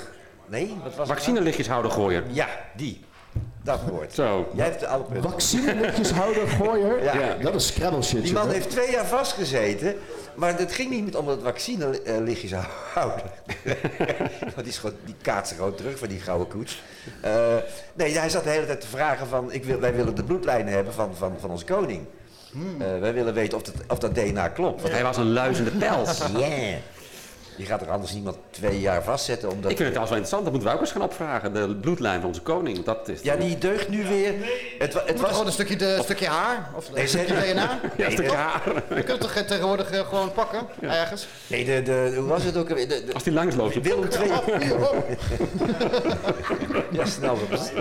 Speekseltest doen. Gewoon zeggen, u heeft corona, zo'n staafje in, de- in, in, de- Ja, ja. in de neus van de koning. Ja, is- Kom maar, neus op Willem, kom maar. Ja, dit kan wel als een soort van, eh, ze doen toch altijd in Engeland tussen mensen ridderen en zo. Dan doen we dat gewoon één keer in zoveel tijd bij royalties en zo. En met zo'n wattenstaafje in de dan neus. zo. ongeluk zo, zo, zo, zo, zo over het gezicht schrapen. Zo met het Oh, ik dacht, jij bedoelde dat de man horizontaal ging Kunnen we redden. kijken of ze meerdere, meerdere hartkamers Ja, dat is hebben. wel heel makkelijk. Die endleuzing. Nee, maar eh, dus de, de, bloedlijn, de, de, de bloedlijn van onze koning, wat is daar mis mee? eh? Is dat niet, is dat niet zuiver? Nee, niet meer. Nou, dit is, dit het was vanaf Willem II. Willem II kon geen kinderen krijgen en, die, en, en zijn vrouw heeft bij een, bij een ander een kind gemaakt. En dat, dat, toen was het dus Maar was dat niet een keer nodig? Fucking incest daar in een koningshuis. Nou ja, de, de- de macht van koningshuizen be- berust op wie, wie wanneer met wie neukt. En, en dan krijg je een koning of een koningin. Ja, maar dat, dat werd toch ook opzettelijk al eh, eh, honderden jaren bij die Habsburgse shizzle in de familie gehouden. Ja, dat ze daar- kinderen hadden als, als een stelletje G.I. Joe's De- allemaal. de- de- wel in mijn optiek is de Eerste Wereldoorlog eh, aangericht om een einde te maken aan de macht van het Habsburgse koningshuis. Ja, De Eerste Wereldoorlog? ja, Oké. ja. En daardoor En komen de Rothschilds en andere, die andere families de, tent over. Oké, dus vanaf de Eerste Wereldoorlog is echt die, die, die financiële systeem... Ik zit eh, nog helemaal met die uitleg van Peter in mijn hoofd. Dat was wel heel... Welke? heel- nou, er wordt geneukt en dan komt er een koning of een koningin. Dat was wel eh, Ja, dat bepaalt dan wie de baas is. scherp. Ja. Eh, dat nice. dus. Bedoel, dat Lekker man, dankjewel. Op Maxima, die ons nu dat, eh, dat, dat digitale geld in de strot wil duwen, daar hebben we niet voor gekozen. Ja, wat de fuck? Wat, wat is dat dan? Wat Maxima dat- is Duitse adel. Kijk, ze hebben, ze hebben weer blauw bloed gekregen. En het is blauw bloed omdat er meer koper in zit. Wij hebben rood bloed. Het bloed is rood vanwege het ijzer wat erin zit. Waarom zit daar meer koper in? Ja, omdat het is echt een spe- Dan moet je terug naar de oude geschriften waarin... Dan heb je het over de Anunnaki. Nou gaan we daar. Dus die mensen je zitten dus heen, hè? Ja, ja, ja, ja. ja. En reptielen, want Ja. Mickey zit aan tafel. Nee, maar Ja, de rep- reptilians is een buitenaards ras wat overal levensvormen, Steenjodaat. levensvormen zaait om daarvan te kunnen Oh, Oké, ik probeer rustig op te bouwen naar rep- reptilians. Wacht Ja, even. Dus, dus neem blauw bloed, want ik vind het wel interessant. Want dit is voor veel mensen, dit is voor mij is het eigenlijk ook al mindblowing. Dat ik al denk van oké, wat die mensen bij ander bloed. Maar die zijn dus Oké. specifiek honderden jaren, moet je of voorstellen, duizenden jaren je een moet je- specifiek bloedlijn Ja. echt letterlijk in stand aan het Anu houden. betekent koning, Anunnaki is koninklijk. Het zijn de, af, die, de afstammelingen van de koning. Je moet je voorstellen, als je buitenaards bent, je bent uit een andere frequentie. waar die, hè, dat, die UFO's ook, die hebben een hogere trilling. En die, die, die, als, die, die, als die hier zijn, dan crashen ze, gewoon door de zwaartekracht. Dus die zorgen dat ze vanuit een hogere trilling, hebben ze een soort hybride ras ge- gecreëerd, om hier die, die, die bloedlijnen eh, eh, te, kunnen hebben. En in, ga ik even, dit is een verhaal apart, maar ik kan een heel stuk overslaan. Wat met ons koningshuis aan de hand is, is dat die, daar is het blauw bloed weggegaan. Toen hebben ze inderdaad via eerst Bernard, vervolgens Klaus en nu Maxima. Zijn er, is er Duitse adel weer ingekomen. En nu is het weer ongeveer blauw bloed geworden, ja. Oh, dus ze hebben... Oh, dus maar dat is, maar- is heel dat- belangrijk. Dat is, die bloedlijn, ik heb zelf een, een, een, een boek in handen gehad, een keer van een, van een man in Engeland, die eh, de bloedlijn van zijn eigen familie bestudeerde. En als je maar lang genoeg teruggaat, dan kom je in de Romeinse tijd terecht. En dan zie je dat de familie Piso, die leverde alle eh, prefecten eh, en, en voor, de, voor, voor het Romeinse Rijk. En die hebben het ook, het ook gedaan met de Han-dynastie. Dus je ziet een paar dynastieën die alles in handen hebben. Dat is heel grappig als je dan vanuit het jaar nul terug gaat lopen naar nu. Dan zie je eigenlijk dat er maar een paar bloedlijnen zijn die, die het met elkaar doen. Dan kom je al die koningen die je uit de geschiedenisboeken ziet, kom je allemaal tegen. Die, die doen het allemaal met elkaar. En ergens zit het ook in ons, want af en toe maken ze een slippertje. Dus het, het is allemaal niet zo zuiver meer, maar dat is een soort Anunnaki-bloed in feite. En dat is voor hun belangrijk, omdat ehm, zij halen hun kracht, en dan kom je bij satanisme terecht, uit eh, het offeren van levenskracht, en de, dus van kindertjes, o- om, om, ja, hoe zeg je dat? Om vanuit die donkere energie, donkere, ja, die duistere krachten die onzichtbaar zijn, daar halen zij hun energie uit. Ja, want, eh, want, want, want, want, want Erik, jij bent, jij bent vrij sceptisch als ik het ga... Ja, als dit- dit- dit is heel die- kort. Wacht even. Ik, kan Peter niet horen als Peter praat. Ik hoor steeds, ik hoor steeds Peter in het Eh, eh, kwadraat. Peter, Ja. praat door Peter heen. Dit is een heel korte de verhaal ook hoor, maar goed. Nee, maar wat, ik hier, wat, ik, wat ik hier mooi van kijk, jullie zijn, jullie zijn vrij opgestegen vanuit de realiteit waar veel mensen in leven. Ik heb het idee dat... Nou, ik ben eh, nog steeds aan het proberen te landen, eerlijk gezegd. Ja, nou ja, soms af en toe moet je ook even Ja. landen volgens mij. Maar ik, ik heb het idee dat jij ook nog wel, eh, Erik, eh, eh, eh, soms eh, echt voet aan de grond probeert te houden als het gaat over realiteit qua, ten opzichte van spiritualiteit. Maar jij zit aan de andere kant wel heel erg diep ook in dat satanische rituelen. Ja, ik, ik denk niet dat Want hoe match, hoe match jij dat zeg met jouw, ehm, jouw conclusie dat ik, probeer, dat ik probeer voet aan de grond te houden is niet de juiste. Want dan, dan suggereer je dat ik, dat ik dingen ehm buitensluit, dat ik realiteiten tegenhoud. En dat doe ik niet. Nou, je hebt soms gewoon hele nuchtere blik ergens tegen, terwijl het misschien in mijn Kijk, optiek mijn- veel mijn- metafysischer is. weet Mijn, dat bescheiden videokanaaltje heet Keuringsdienst van Waarheid. En wat ik daar probeer te doen, doe ik eigenlijk ook in mijn, in, in mijn leven. Dat als, als er informatie tot mij komt, hoe graag ik ook wil dat het waar is of hoe geloofwaardig het ook klinkt. Ik probeer wel ehm, de informatie te blijven afwegen, toetsen, eh, meer tot me te halen, eh, mijn gezond verstand er een beetje bij gebruiken, eh, met andere mensen klankborden, voordat ik ga roepen, oh ja, we gaan naar een nieuwe dimensie of zo, weet je. Dus, dus het is niet dat ik voet aan de grond probeer te houden, maar voordat ik opstijg, wil ik wel zeker weten dat Wat, wat, wat, wat dacht jij toen eh Thierry Baudet begon over reptielen? Wat was je eerste gedachte? Eh, dat, dat kan ik niet, niet helemaal beantwoorden, want ik hoorde het uit de derde hand. En toen was het alweer helemaal verdraaid eh, dat hij het over de reptilians had, zoals David Icke dat wel eens doet. Ja. En dat bleek hij niet gedaan te hebben. Dus mijn eerste gedachte was een, een valse gedachte, omdat die op de verkeerde informatie gebaseerd was. Toen ik hem op een gegeven moment eh, hoorde zeggen wat hij gezegd had, dacht ik, ja, als je dat, als je gewoon, als je, als je Sigrid Kaag een reptiel noemt, nou, dat klopt wel. Maar, maar ook, al- ook al in de context. Daar kan ik wel bij. Ook, ook al in de context dat hij. Laten we, gewoon hypothetisch. Hij heeft gezegd. We worden overheerst door reptilians. Kagedis, Weet je. Je, eerste, je eerste eh, eh, eh, moment van dat je dat hoorde was dus inderdaad iemand die zei van. Oh, Thierry Baudet dat we geregeerd worden door reptilians. Wat was jouw eerste gedachte toen? Ja, dat weet ik, dat weet ik niet, Peter. Niet, maar, maar want ik weet dat.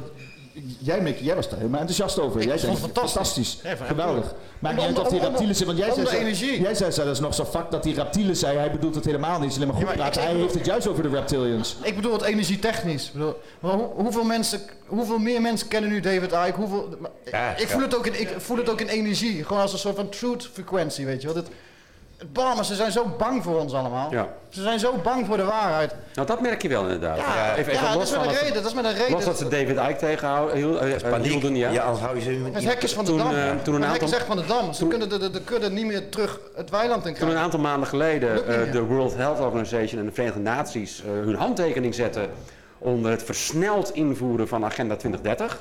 Dat moest namelijk ineens naar 2025. Mm. Toen dacht ik eerst, fuck, dan zijn we nog eerder de klos. Maar meteen daarna dacht ik, oh wacht even, ze hebben haast.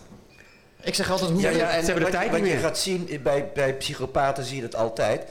Omdat ze juist geen geweten en geen empathie kennen, gaan ze hun hand overspelen. En ze- dus ze gaan gewoon uit de bocht vliegen. Ja. A en B, ze hebben altijd vanuit het occulte, inderdaad het duistere, vanuit het onzichtbare hebben ze ons aangestuurd. En dat komt nu op tafel. Ze moeten een kaart op tafel leggen nu. Ja. En dan Ja. ben ik benieuwd hoeveel mensen Dus dan gaan mensen het gewoon zien. Of ze het willen zien is een tweede. Want Ja. het is eh, super confronterend als je erachter komt dat je je hele leven lang belogen bent.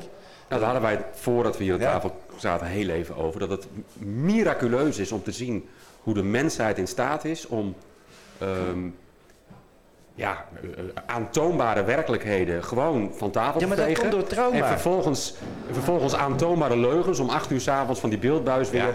Oh ja, gelukkig, bevestiging. Het is toch zoals ik dacht dat het was. Ja, het is want, trauma. want ze Ja. zeggen het op tv, dus zal het wel waar zijn. Het is trauma-based mind control. Ja, maar- allemaal, allemaal. Maar Ja. zo knap gedaan. Menticide. Ke- Ja, maar we Heb zitten... je, ken je die? Dat is, dat op, dat is een documentaire. Dat heeft, ik, ik weet even niet wie het gemaakt heeft. Maar is Die echt heet zo, menticide. Men- menticide noemen ze dat, ja. Het is de dood, de dood van de mind, weet je wel. Dus Ja, en dat is een heel plan achter. Dat, dat- Hmm. daar, daarom zie je ook dat ze...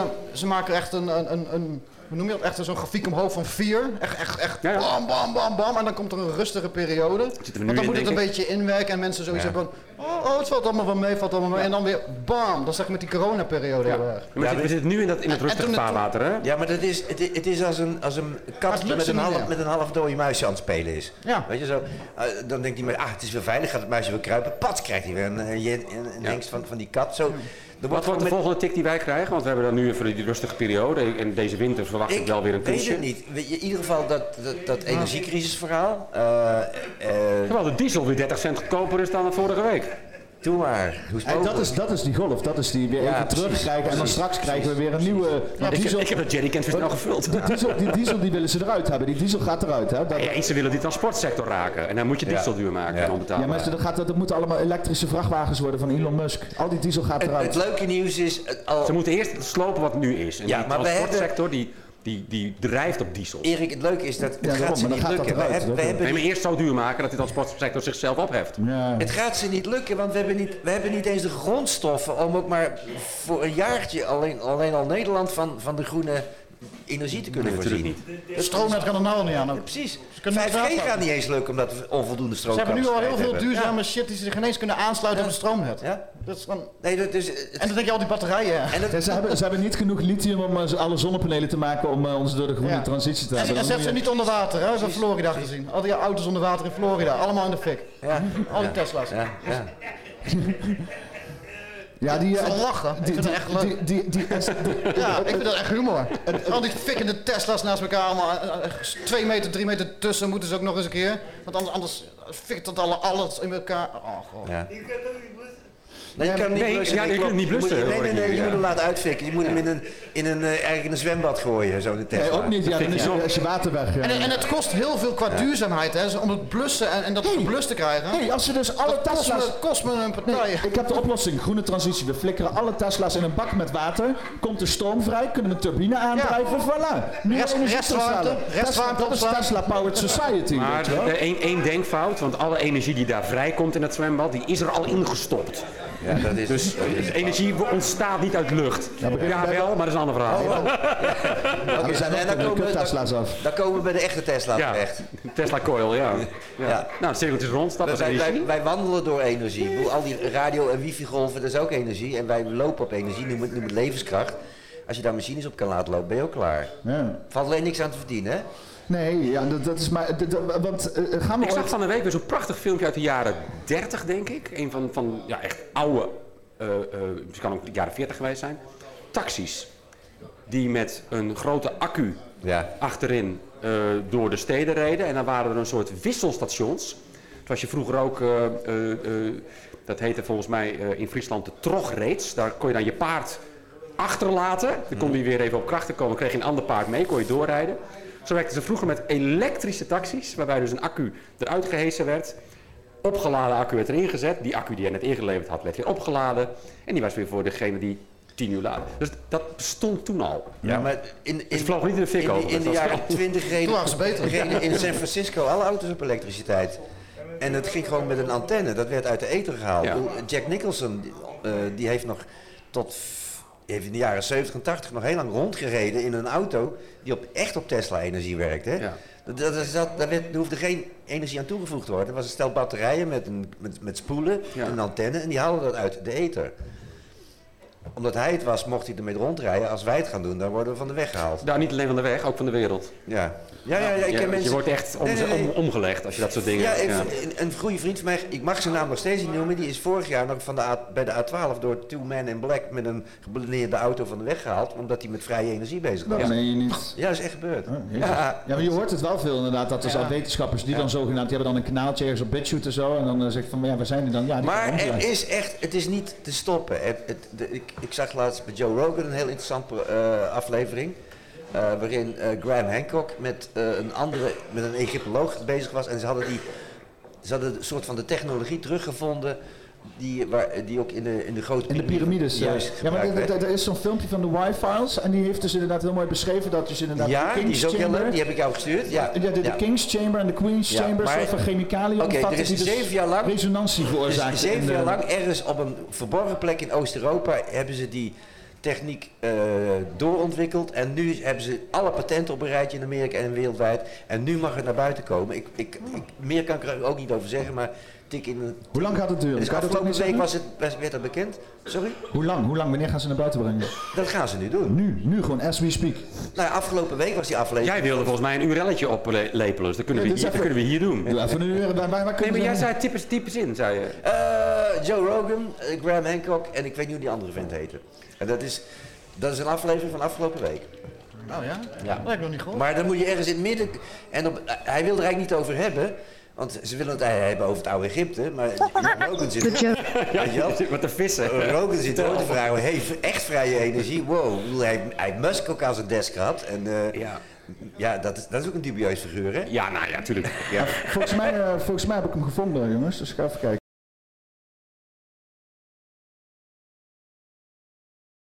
De overlevenden eh, eh, Ja. eh, De Amerikanen te en de, redden, en de Britten. kwamen ze een tweede keer eroverheen. Ja, de, En daarna nog een derde keer, tot er geen levende Ja. ziel, burgers, en meer dan wachten ze, eh, als ze hebben expres gewacht. Dus, expres wachten. Totdat mensen bij mensen spreken op het voetbalveld bij elkaar stonden Ja. om zich te, ja, te ik heb het ook groeperen. gezegd, het is heel En dan werd echt het fucking ziek. Dan denk ik, Ja, oorlog is ziek. Het is allemaal ziek. Maar- Alle kanten zijn ziek. Overwinnaars bepalen de geschiedenis. En dat, Ja, ja, dat- dat is daar moeten we denk ik beter bij Dat stilstaan. zei Churchill aan de vooravond van de Tweede Wereldoorlog. Dat de geschiedenis wordt geschreven door de overwinnaars. En dat was voor mij de inspiratie om mijn, mijn laatste boek te schrijven. Had je al verteld dat je de boeken bij hebt voor eh, de verkoop? Ja, ik heb, ik heb achter in mijn auto eh, ligt nog een doosje. Want jij schrijft boeken, hè? Ja, Leuk. Ook. Heb je ze bij je? Boeken. Ja, Nee, maar het is het. Je krijgt bij geschiedenis als eerste te leren van, eh, oké, geschiedenis wordt ge- ge- geschreven door de overwinnaars. En vervolgens krijg je alle geschiedenis te leren die geschreven is door de overwinnaars. Exact. Het, het is Ja. zo, het voelt ook gewoon, eh, Wetenschap geen ander verhaal het natuurlijk. voelt als indoctrinatie en dat was het ook. Ja, ja. Zou het? Dus, eh, ja wat, wat wij van, van Nederland weten, van 2000 jaar terug weten van de Romeinen. Terwijl hier ook in mijn ogen natuurvolkeren waren. Weet je wel, de Friese, de Franken, de Saksen. Maar die hadden geen eigen taal. En, eh, of geen eigen schrift, sorry, die hadden wel eigen, juist een eigen taal. En die waren heel, die, ja, die hadden heel veel kennis, denk ik. Maar De Oera Linda. Ja, bijvoorbeeld. Ken je dat? Ja, Ja. ja. ik, Ik zie eh, nog meer instemmend geknik achter jou. Ja, ik ga rustig doorbewegen naar het volgende segment. Eh, ik zag ook net dat ik eh, opnieuw op opnemen moest drukken, dus ik weet niet hoe lang ik niet heb opgenomen. Maar ja, het is natuurlijk geen poppenkast zonder dat er... heb je de niks? Ja, dit hebben we- eh, geen poppenkast zonder dat er zwaar Hij heeft gewoon materiaal heel deel verloren 2 gaat niet hier. opgenomen. Het belangrijkste heb je niet opgenomen, Ik, hè? ik, Dus ik, ik weet niet, ik ga zo even Maar je was toch terugkijken, live, zei je? eh, Ja. Nee, ja, nee, ja, dit is gewoon... Oh, ja, we zitten ja. echt voor de katse kut hier. Je moet opnieuw beginnen. Ja, gedrag hier. Ik, ik, hoop, ik hoop dat het goed komt. Ik ga eens kijken zo. Maar ik ga ondertussen dan nog heel even het laatste stukje van deze Joe Rogan aflevering opzetten en dan ga ik de Ja, dat weer wel. Dat halen. kan iedereen al lang opzoeken. Maar goed, ja. Ja, oh, ja, wat, wat wil jij dan nog? eh, Nee, nee, het is wel... Nou ja, ja, wat je wil. Ik bedoel, We hebben Peter dat bijna niet gehoord, joh. Ja, dat is waar. ik ben heel stil geweest. Nee, ja, ja, ja, nou ja. Ik heb Mickey niet zoveel gehoord. Nee, dat is waar. Mickey, vertel eens wat. Hoe, hoe sta jij in de joden? Die reptielen. Oh ja, maar- Het is allemaal hetzelfde, zeggen ze, zeggen ze toch? Of niet? Ik heb er het laatst ook zoveel over gezegd. Ik word er helemaal moe van. Van dat hele gedoe. Ook, maar ze, ze hebben ook niet voor niks een klaagmuur, zei ik laatst. Waarvan? Dus het- het is gewoon altijd geklaagd de hele tijd. De hele dag door. Ik- ik- Klagen is toch een Nederlandse sport? Ja. Daarom noemen ze het denk ik ook een joods-christelijke cultuur of zo. Dat, dat we dat, dat Nee, maar wij, leven in een land waar alles goed klagen. geregeld is. Oh. En dan blijkt dat niet zo te zijn. Dan gaan we klagen. Ja. Dus dat is onze nationale sport geworden. Ach, ik word er zo moe van. Een Belg klaagt niet. Die gaat er al lang Ja, veel vanuit minder. dat dingen niet geregeld Volgens zijn. Ja, maar goed. Ja. Ja. Ik weet eigenlijk niet meer wat de vraag was. Iets met, je- of jij iets, iets leuks wil zeggen over reptilianen, maar dan word Wil je ik wel, maar ik ook over, eh, over Mars of maakt niet uit. nee, ik ga... Ik ga Waar, waar ik, komen ze vandaan? ik, eh, normaal ben ik inderdaad heel erg van het eindeloos doorgaan en zo, maar we staan onder lichte tijdsdruk, want eh, Erik heeft echt een ziek programma, weet je wel. En we- de helft van de apparatuur hier is van Erik. Dus ik ga toch een kleine doorrolering doen. Eh, ik, hoop, eh, ik, ik, ik, hoop dat zoveel mogelijk materiaal is opgenomen. Ik denk dat het ergens met die Joe Rogan shit fout gegaan, maar fuck it. We zien wel. Eh, komt goed. Ik, En eh, anders is het zo moeten zijn, hè? het zou we misschien, eh, anders hadden we misschien wel Een gelinks extra bewijs dat het om geheime kennis gaat die, Ja. die, weer verborgen moet Hey, blijven. Hè? alle mensen in deze zaal waren erbij, hè? dat is het belangrijkste. Ja, we hebben getuigd. Ja, ja. En voor hetzelfde waren we anders gelincht of zo voor antisemitisme. Je weet Ja, nooit, die shit is weet niet hype, het weet je eind van wel. de weg nog halen straks. Ja, Ik word onderweg naar huis, word ik Ja. Er vliegen hier geregeld, er vliegen hier geregeld ongeregistreerde helikopters over. ja, Dus. dat dacht ik. Die black... eh, Dus ja, de black, de black helicopters. Ja, Ja, ja, ja. oké. Er zijn de persons of interest. We hebben vele persons of interest hier in deze ruimte zitten volgens Ja, mij. Ik wil een heel klein, eh, ik wil een kleine oproep naar het publiek doen. Ja? Want ik zie jou, Peter, hier de hele dag weer als een eh, bezetene aan de schuifjes en aan je, je schakelkastje en je computer. En je probeert ook nog het gesprek te Da- volgen. Ik dacht dat je het over mijn biergebruik ging Ik, hebben. eh, ik vind het knap. Ik wil even, even een applausje voor Peter, zijn multitasking. Ja, ja, ja.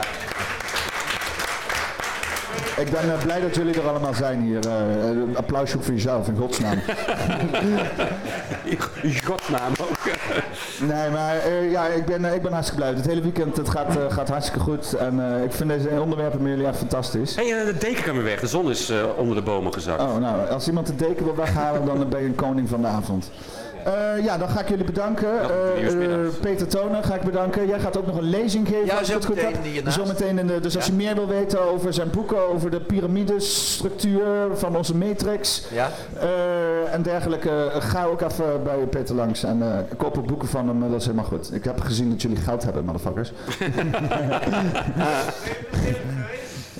Eh, eh, en eh, eh, Erik van der Horst, bedankt. Ja, ik vond het een, een groot plezier om erbij te zijn. ja, dat was altijd een mooie aanwinst. Volgende keer mag je me uitnodigen alsjeblieft. Dan heb ik spulletjes weer mee. En dan Ja, graag. Je, ik sleep je met in, ruil, in, heen. in ruil voor een jubilair. Oh, dus, nou, het is Jupiler, ja. Ja, Nou, wij zijn heel goedkoop, dat hoor je al. Ja, eh, eens even kijken. En uh, Nicky, jij blijft nog heel even zitten. Jij gaat eh, de br overbruggen en dan zet ik nog heel even een stukje Joe Rogan op.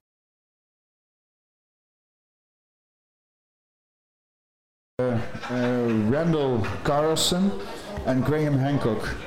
En eh, ja, volgens mij, eh, ja, ik weet niet, ben jij, ben jij daar bekend mee, eh, Mathilde? Met eh, Graham eh, Norton en eh, eh, of Randall Carlson en Graham Hancock? Ik heb, ik heb die hoofden al wel eens gezien.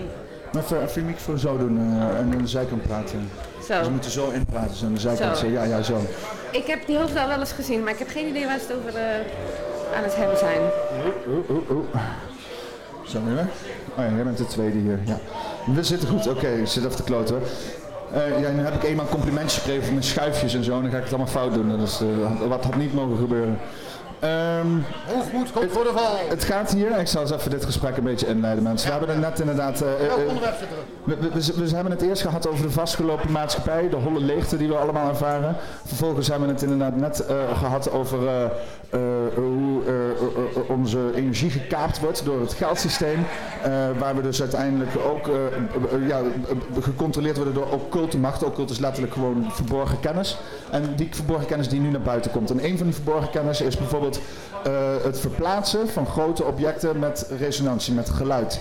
En ze, hun vertellen dus nu dat er dus soort van aanwijzingen zijn dat dus de Egyptische piramides eh, gebouwd zijn door dus inderdaad bijvoorbeeld monnikengezang die een bepaalde resonantie creëren waarbij de spullen verplaatst kunnen worden. Of, of, of de piramides die dan bijvoorbeeld energie opwekten. Kan je nog wat extra, want je hebt er net ook midden gezeten. Wat zei je, sorry? Hè? Wat vroeg je? Eh, ja, vertel ook eens, eh, vul me eens aan. Oh, ja, maar dit is ook al vaak wat ik straks al inbracht. Het is vaak een remote view, dit en alles ook. Echt een bepaalde technologie inderdaad, op, op eh, bepaalde frequenties, vibraties. Eh, ik moet in de microfoon praten, vibraties. Vibraties. Ehm, en er zijn ook meerdere mensen die dat wel ook, ook eh, gezien hebben en in, in, in terug kunnen kijken. En, en in die tijd konden we gewoon als mensheid nog veel meer dan, dan we nu nog herinneren. Dat is het meer. Ja, er zijn nog steeds monniken die zulke dingen doen. Ik bedoel te zeggen, ik bedoel te zeggen ehm, Hoe, be- hoe, hoe bedoel je, er zijn nog steeds monniken die dit soort dingen doen? Eh, ja, in India En eh, nou ja, op verschillende plekken. Maar er zijn monniken die echt eh, op die vibraties kunnen komen en die daar echt wel eh magic mee kunnen doen. Wat, doen ze daarmee dan? Zelf zweven, eh, dingen kunnen verplaatsen. ehm, ik ben er niet super erg in thuis, maar die dingen die gebeuren, ik, ik, ik geloof daarin. Ik heb daar filmpjes van gezien en dingen over gelezen waar ik echt in geloof. Wat, wat vind- jij ervan, Stef? In theorie wordt het al gedaan op kleinere schaal met mensen die het eh, tot aan kleine reletjes weten te laten zweven met geluid. En piepschuimbolletjes. En dan zie je ook een bepaalde formatie, want die- dat veld aan trillingen heeft eh, eh, sweet, spot, sweet spots waar dus meer amplificatie is en meer hoe noem je dat, het sussen van elkaar. En op die manier krijg je dan dus de patronen en dergelijke. Dus het bestaat allemaal. Met Simatica kun je het heel mooi nabootsen. Zo'n trilplaat, zand erop, speaker eronder. Maar daar zie, daar zie je dus inderdaad, wat, wat zie je dan precies? Waar, waar kijk je dan naar? Ja, je, je ziet een beeld vormen aan de hand van een trilling. Het is net als met water wat golft. Je ziet die golf in een bepaalde vorm gaan. Maar eigenlijk is er geen werkelijke vorm. Het is het samenkomen van het juiste moment, wat voor ons lijkt dat het een, een golf beweegt. Maar een golf is ook niet iets. Een golf is nog altijd wat iets doet. Ja. Dus ook met hele eh, vibraties, hertzfrequenties. Je komt niet verder, alleen je gaat wel beter ons fundament begrijpen naar mijn idee. Maar het is een... eh, ik denk dat we er veel meer snel over gaan leren in ons huidige eh, systeem wetenschap dan, eh, dan veel veel mensen realiseren. Ja, een beetje het thema van deze podcast is ook verborgen kennis. Is, is er ver- Mag ik zeggen, je hebt, je hebt tegenwoordig ook zo'n, ik weet niet of het er helemaal mee te maken heeft, maar van het internet, hè, dat kunnen ze, tech- de, de- in Delft zijn ze ermee bezig, van teleportatie bedoel ik. Ze zijn echt al met internet packages van de ene plek op aarde naar de andere plek, gewoon instant. Dat soort shit zijn ze allemaal mee bezig. maar hoe, hoe Zo, dat gek dat is, het dat niet, ze zo nog- gek is het niet dat piramides en zo, weet je wel. eh. Maar we wapenen, dat je zegt van het internet bestaat en daarom is het niet zo raar dat... eh, Nee, dat je deeltjes, je kan gewoon deeltjes op teleporteren en alles. Dus zo gek is het niet om, om, om, om een massieve stenen over 800 kilometer afstand. Snap je? Dan, dan wordt het, het wordt steeds minder gek, zulke dingen. Het is ons gewoon heel onbekend, waardoor het alleen maar raar lijkt. En dan Ja. zijn de technieken die we niet begrijpen zien we als magie. Ja, precies. Ah, dat blijkt iedere keer alweer. Ja, maar wat- is dan verborgen wetenschap wat jij bijvoorbeeld aan een pacht hebt, of verborgen kennis?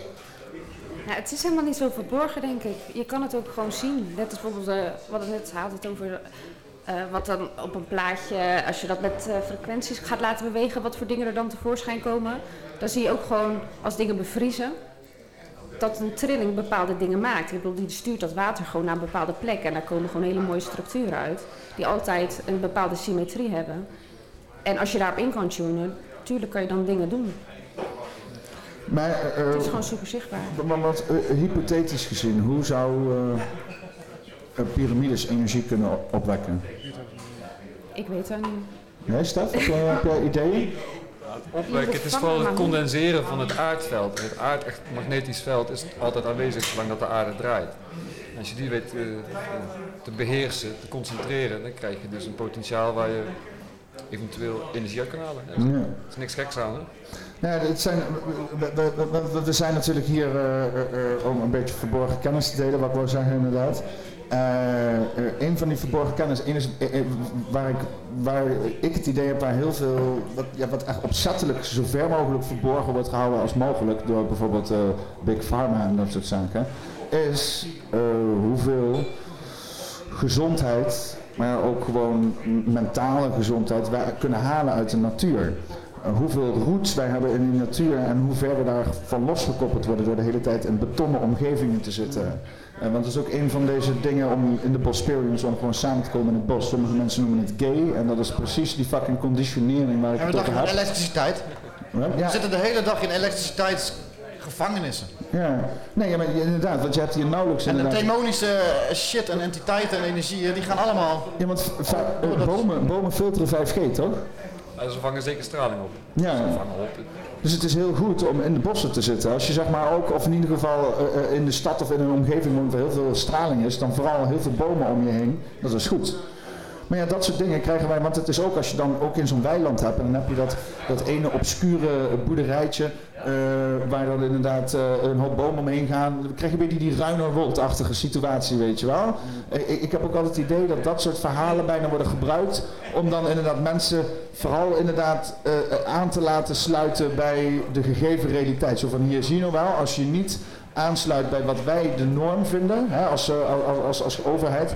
En dan krijg je dit soort dingen, allerlei rare sectarische dingen in de Ruinewold. Jullie zijn op de hoogte van Ruinewold, Ken, kennen jullie dat? Ja, die man met zijn kinderen in de kelder. Ja, ja, ja, ja. die eh, ergens in, eh, in, in Overijssel, eh, zo'n gozer, die, eh, die had zijn kinderen en alles in een secte geduwd en shit. En, eh, Hij is volgens mij gewoon zwaar, zwaar bezeten, die gast toch? ja, ja.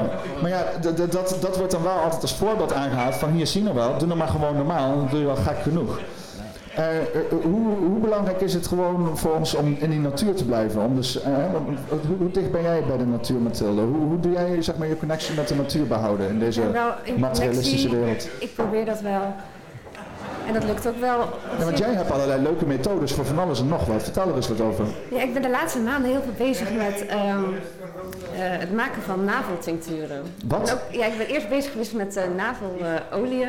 Navelolium nou, de navel, dat is dus... ehm, is de zonnevlecht, toch? Hè? ja, je chakra zit daar ook inderdaad, maar achter je navel daar zit ehm, een klier. En daar komen 70.000 eh, verbindingen eigenlijk, die uit je lichaam, van organen, andere weefsels, die komen daar naartoe. Die verspreiden zich. Ja, vanuit je navel is eigenlijk het, het grootste kruispunt van je lichaam. En, Beetje ehm, zoals Utrecht Centraal. nou, precies. Vanuit daar gaat, kun je overal naartoe. En ehm, ja, als je dat eh, inzet om jezelf dingen te willen geven, om beter te worden om goed te blijven, om, eh, je kan het als medicijn gebruiken. Het komt vanuit de Ayurvedische geneeskunde, dat is een Indische ja, levenswijze. Yoga is ook Ayurvedisch bijvoorbeeld. Er komen heel veel stromingen komen daar vandaan. En dat, ehm, ehm, ja, dat vond ik heel interessant. Heb je, heb je er al iets mee gedaan? Wat heb je gedaan? Ehm, Olie in je navel smeren. Ja, daar begon het mee, gewoon heel simpel. Ja, ehm, Kan, kan je wietolie in je navel smeren? nou dat was wel leuk. Daar hadden we het laatst over om een, eh een wiettinctuur te maken om in je, in je navel te stoppen, inderdaad. Wat, heb je dan, wat is dan de overdracht? Wat Moet het gebeurt er gewoon- dan? wat- Ik ben wel benieuwd. en waar de moet het huid gemaakt is gewoon een, een orgaan. Net zoals dat je neus dat is, je mond dat is, je ogen dat eh, zijn. Ehm, en eh, als je dat toepast op, op, op, op je navel, waardoor het dus heel dicht bij die klier zit, waar je eigenlijk zo naar al je organen en weefsels toe kan, dan, ehm, dan wordt dat, kun je dat heel geconcentreerd toepassen. En ik was voor deze maanden ben ik heel veel bezig met eh ja, plantmedicijnen, kruiden vooral, vind ik heel leuk. En zelf daar dingetjes van maken. En, eh, maar met eten, met roken, je hebt best wel veel nodig om echt effect te hebben. Of om veel effect te hebben. En via de navel kun je dat gewoon veel geconcentreerder doen. Het is sowieso gewoon, ehm, in je buik gebeurt best wel veel. Het is echt een belangrijk, eh, ehm, als je ademt vanuit je buik, als je eh, dus dingen tot je neemt via je buik. Eh, kinderen groeien in buiken. Buiken zijn best wel een onderschat lichaamsdeel, denk ik. Je kunnen trippen via je navel? Ja, dat kan zeker.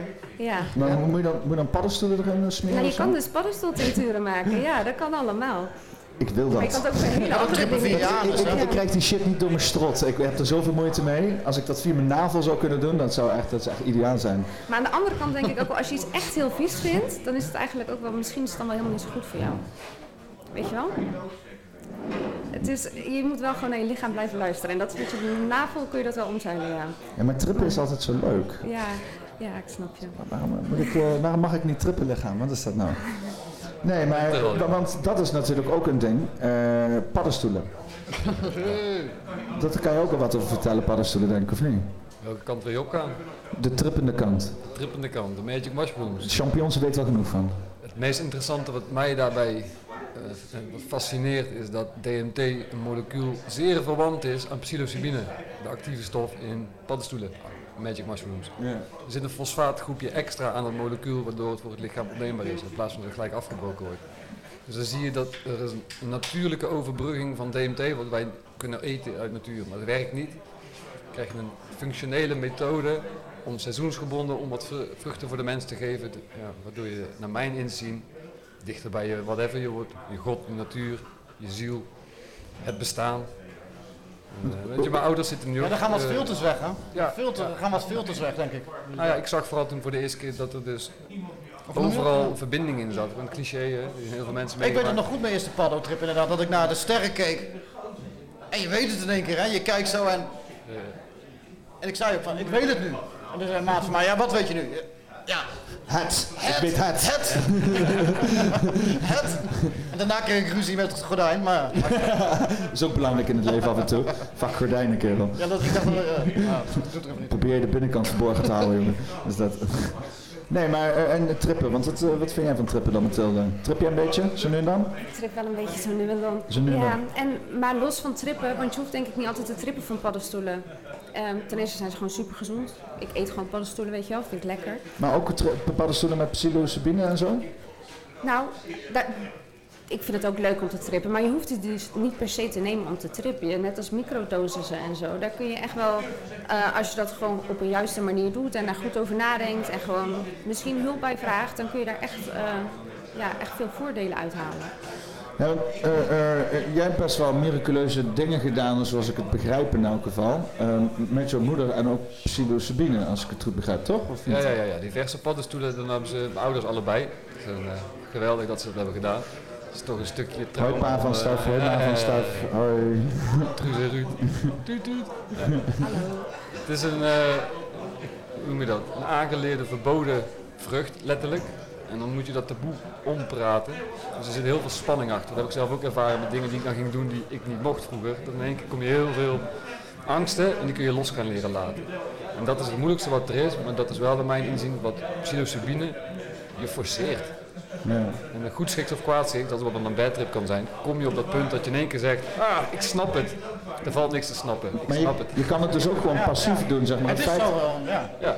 maar, maar het feit dat je het bijvoorbeeld al gewoon neemt, heeft al gewoon bijvoorbeeld gezondheidsvoordelen. Of, en zonder dat je dan tript of zo, dan als je het neemt, dan maakt het toch ook, dan doet het, heeft het ook Het gezondheidsvoordelen, heeft toch? een neurogenetisch effect. Dat betekent dat het je neuronen opnieuw de optie geeft om bruggetjes te slaan. Maar als je het tript, dan gaat het gewoon heel hard, zeg maar, toch?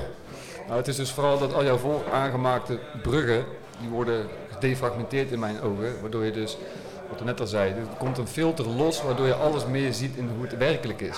En dat kan schrikken zijn. Maar dat kan ook dus heel mooi, fijn zijn. Je ziet alleen maar kleurtjes en vormpjes. En, het is maar net, eh is- wat is upon the beholder. Truth is upon the beholder, maar dat is ook met psilocybine, met cannabis, met alcohol. Ik ben goed ziek geweest van alcohol, nu drink ik ook een biertje. Niet gisteren, maar vroeger, oh jongen, kots en alles. Hebben we allemaal wel een keer gehad waarschijnlijk. Ja. En toch drinken we weer een keer een biertje. Dus er zit ook dat... ja, Heb je, beetje wel eens, heb je wel eens gekotst van alcohol, Mickey? Op de Experience? Prosperius, ja, ja, ja. Prosperius, vor, vorige keer, ja. In een plastic zak. Oh, ja, oh, inderdaad. Dat ja. weet je wel, Die, dat die, toen overtrof je, die, die vond jij de volgende ochtend, toch? Toen jij mij naar de tent gebracht hebt, daarna. Blijkbaar, blijkbaar. Dus, eh, Je vond het de volgende dag. Alles is gecontained gebleven. Ja, Ik heb wel heel stoer doen van nee, maar ja. Maar drink jij nu nog steeds? Drinken? Ja, alcohol? Nee. Nee, niet. Ik, op dit soort gelegenheden, ik drink niet vaak. Nee, Een serieus antwoord is, ik drink niet vaak. Minder sinds de vorige keer? Misschien dat het de eerste keer is weer daar die, die, keer. Dat meen je niet. Drink je nooit, Ik, behalve ik, op de drink alleen in gezelschap. Ik, ik, Heb ik, ik een slechte... eh, ik vind er geen reet aan in mijn eentje. Oh nee, ik heb bij jou bij de podcasten gedaan. Heb ik ook gedronken. Ah, ja. Het is altijd bij jou. Altijd bij jou. Ik wil altijd bij jou drinken. Oh fuck, ik heb een slechte... Ja, hoe zit het? Ja, heb ik een slechte uitwerking op jou, Mathilde? Nee, ik drink Nee? sowieso. Ja, maar jij drinkt de wijn met ijsthee? Ja, ik weet niet. Ik dacht, ik wil iets van alcohol en ik wil ook Wijnsteen? iets van hop eh, weg. Oké, is dat hele zoete wijn of droge wijn? Dit is soepele wijn. Soepele Dat wijn. stond erop, ja. Ja, met die ijsthee helemaal, ja. En eh, What the ja, fuck? dit eh, stond hier in de koelkast. Ja, ja, ik heb hier gewoon eh, lekker aan Sjaal twee biertjes staan. Jij drinkt eh, jouw bier door een constructie van, van, van Mayaanse technologie of weet ik de fuck. Wat heb je daar gaande, Staf? Leg dat eens uit aan die mensen, jongen. befaamde ring van harmonie. Ondertussen steeds meer mensen die het ervaren. Het is geen smaak, het is een gevoel. Water wordt anders door de frequentie van het steentje, heel simpel gezegd. En dat is dus weer terugkomend op alles heeft een veld.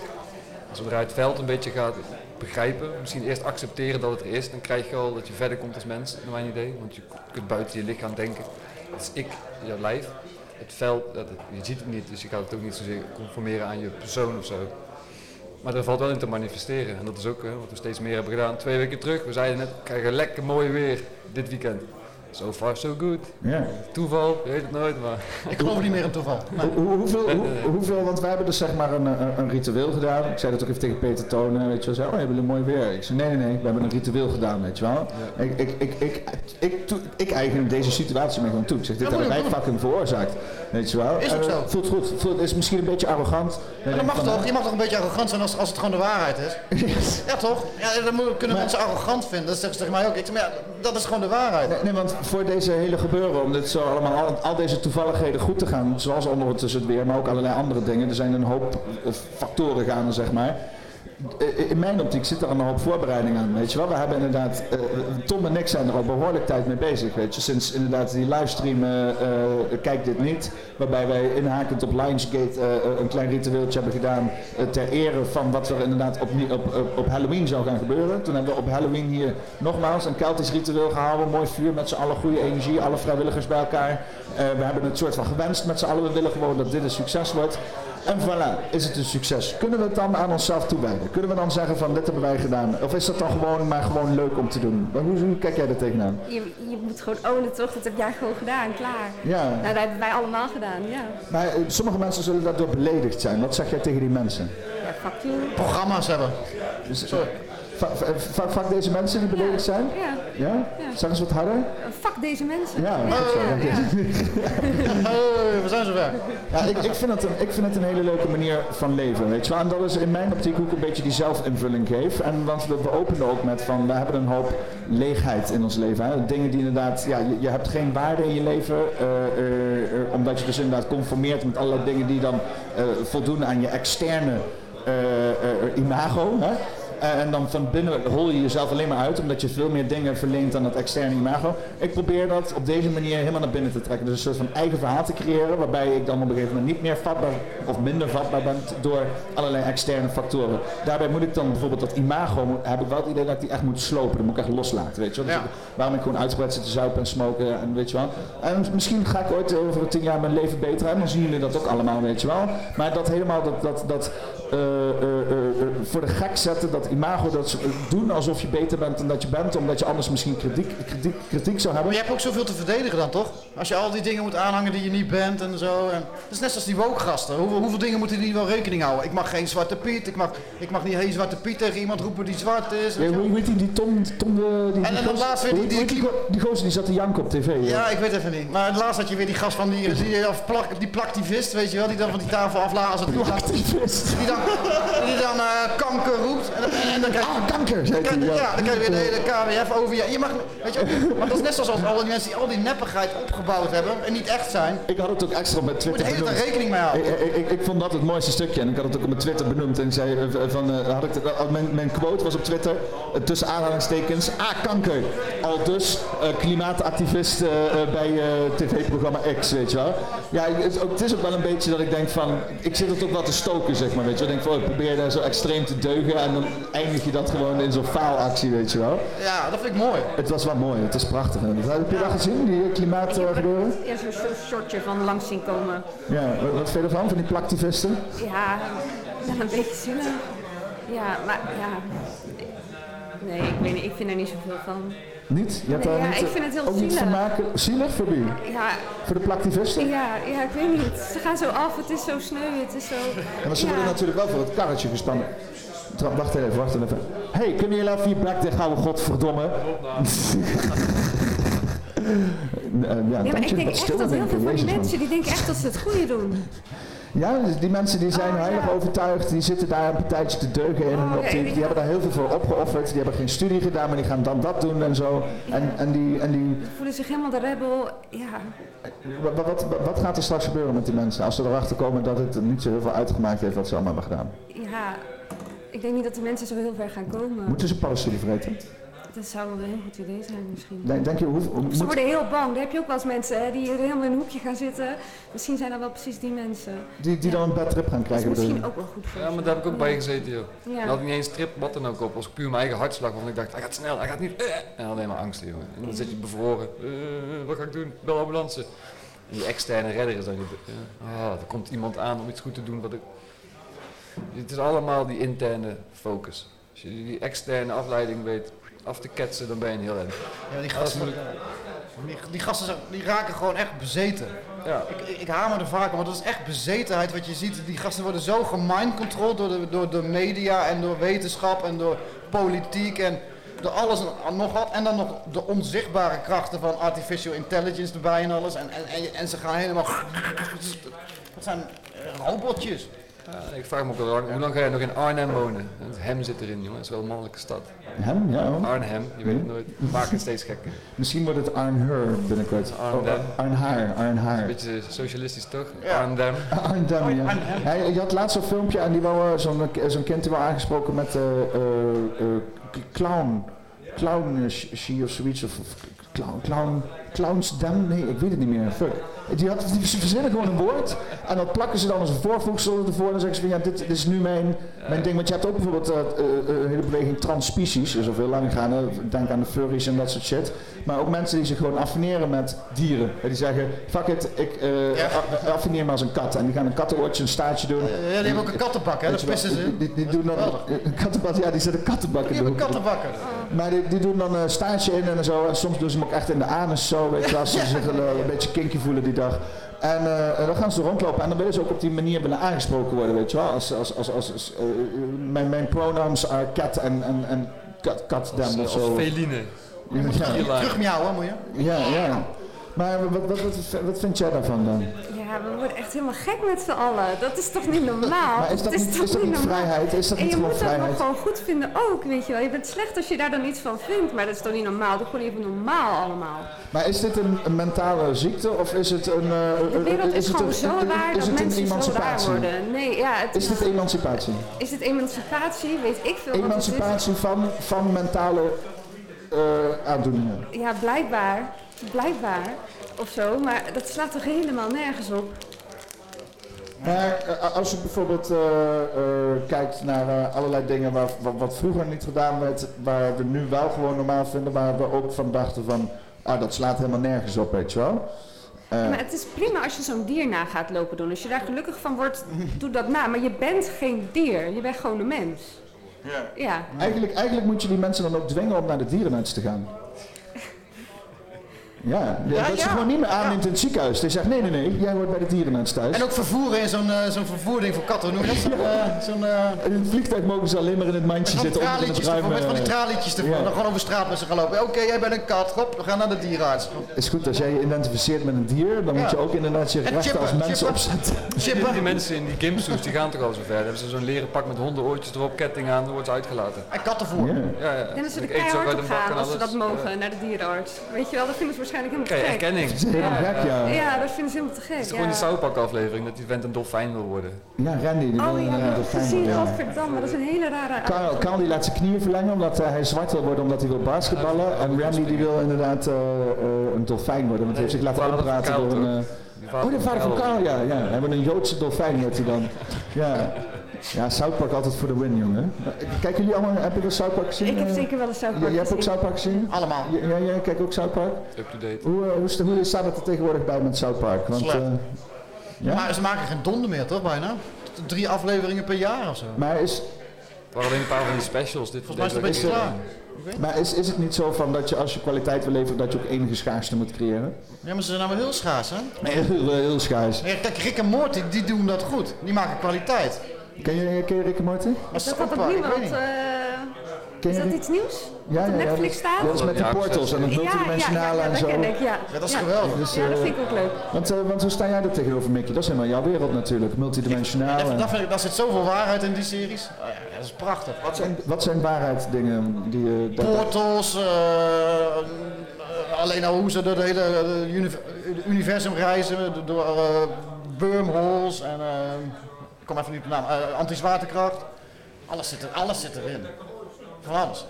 Want eh, ben je een beetje futuristisch ingesteld staf? Zeker. Ja? Ja, dat moet je ook wel als je kwantummechanica ergens een keer tegenkomt. Ah, Oké. Het is te lijp voor woorden anders. Ja? Je, je kunt het niet plaatsen in de Newtoniaanse wetten. Nee. Gaat niet.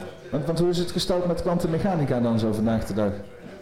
Ze zijn wel steeds meer met die kwantummechanische computers bezig, dat ze tijdkristallen creëren en daar dan eh, uit andere dimensies energie kunnen tappen en dergelijke. Dat is wel interessant. Ik heb er niet heel ver in verdiept.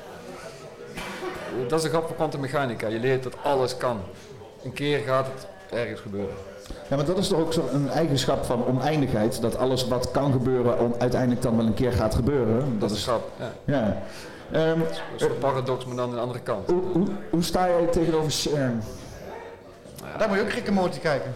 Al die tijdlijnen toch? Ja. Dat leggen ze precies. Ah, sorry, dat was op sterk gevraagd. Ah, ja, meestal zeg ik dat, stel je pakt twee van diezelfde Jupiler flesjes en je smijt ze keihard tegen elkaar aan, dan vind je overal verschillende fracties. En dan kun je die fracties gaan verdelen in, oh, dit is 0 tot 10 mm, 10 tot 20 enzovoort. Allemaal klassificaties. En dat is wat wij mensen zijn gaan doen met de wetenschap. Maar wetenschap, eh, vaker gezegd, het is natuurfilosofie.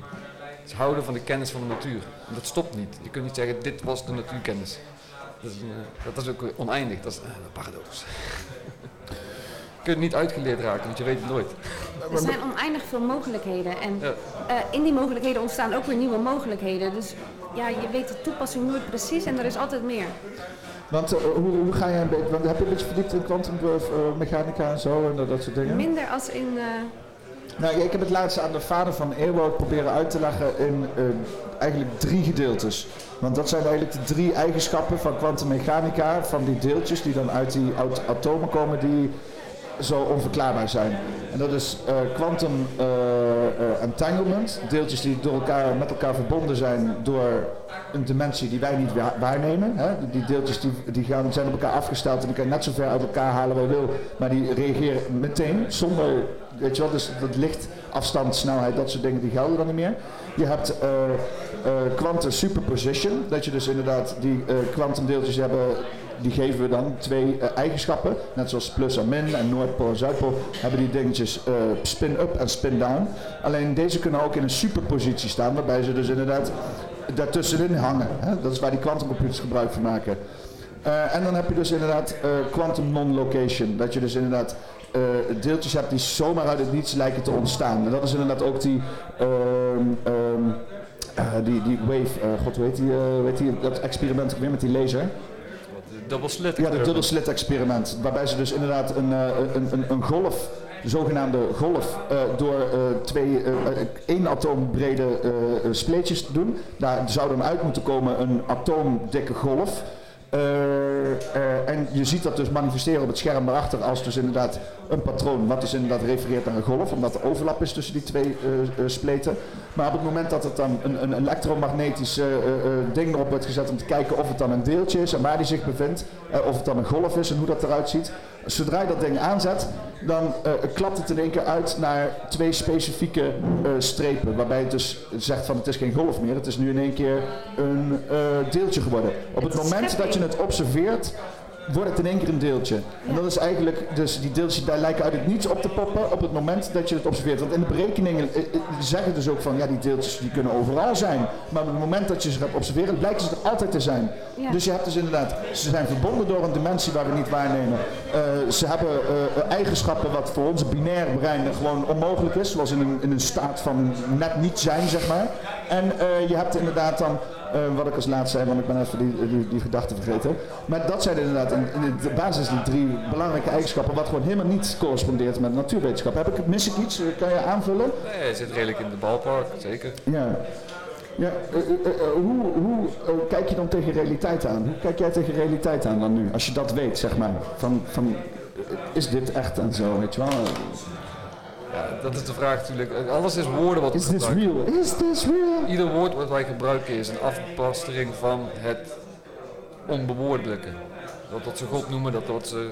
Ja, zou bijna Voldemort, wat je niet kunt benoemen, want dan ehm, benadeel je het eigenlijk al. Alles wat je zegt komt niet tot zijn recht, omdat het niet kan bevatten wat het is. Net als die psilocybine-trip, DMT-trip, bijna doodervaringen. Mensen komen terug, ze willen het uitleggen. Het is eigenlijk niet te doen. Niet eens in enkele taal die wij hebben. En dat vind ik wel met realiteit. Hoe meer dat je beseft dat het één groot construct is van aangeleerde dingen, meningen, eh, logische handigheden, weet ik veel wat. In het moment bestaan die eigenlijk niet. Dan heb je alle keuzes wat je gaat doen. En daar ben ik heel erg naartoe gegaan afgelopen. Dat is een jaar of twaalf geleden ondertussen. Dat ik in één keer in mijn buik terecht kwam met de adem. Terugkomen naar die navel.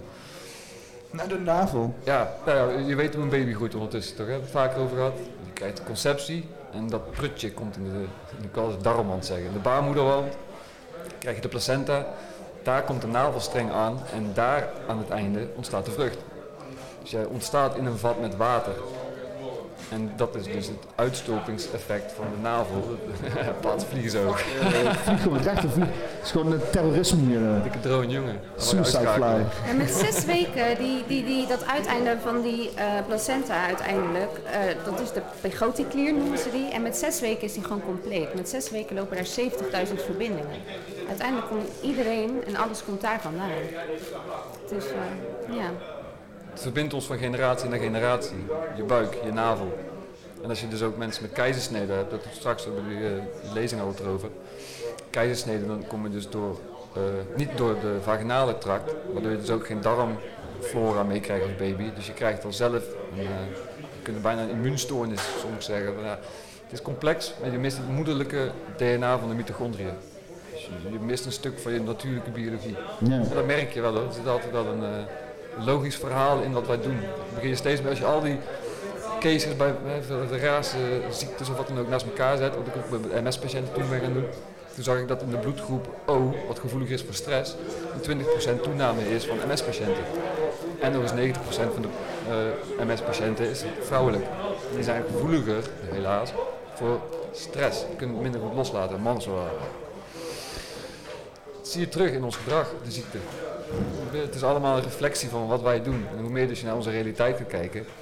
Ja, ik, ik was ook met een hartkastje en ik dacht dood te gaan. Ik was helemaal gek van mezelf, maar dat was ik. Dat heb ik los kunnen laten. Dus eh, sindsdien is het voor mij allemaal hier en nu. Wij vrouwen zijn sowieso gewoon zuurder, zeg maar. Letterlijk, zeg maar een beetje van onszelf. Je had net over atomen en eigenlijk hè, dat ontstaan van dat we daar een stukje in missen en zo. Ik denk ook dat heel veel geloven daarop terugkomen. En dan, kijken ze naar atomen, elektron en de east. En de east is net dat stukje dat, dat in dat verhaal dan ontbreekt, zeg maar. Ehm, en uiteindelijk begon dat ehm, in heel veel scheppingsverhalen, Babylonische, Sumerische, eh, maar ook gewoon de Bijbel en zo. Die komen terug op, eh, eerst was het zoetwater, zoutwater, mannelijk, vrouwelijk. Ze heten, ik geloof dat zoetwater heette letterlijk mama. Wij gebruiken nog heel de dag, iedereen noemt wel een keer zijn moeder mama. Dat komt gewoon daar vandaan. Dat zo heet, Zoetwater heet mama. ja, daar, daar kwamen heel veel goden toch op terug. Op, de- op de schepping. Dat het, het zoetwater en het zoutwater water kwam samen. Het waren de zeven goden, toch? Ik heb geen idee wat het uit. ja, en het, ja, het Babylonische scheppingsverhaal, de Sumerische. Moet even Peter Tonen weer roepen. Ja, ja, maar een spetertoon als je waar wou ik hier ook weer naartoe? Oh, over, over, Het over water, vrouwen. zoetwater of ja. Vrouwen zijn zuur, zei je. Vrouwen zijn Oh, ja.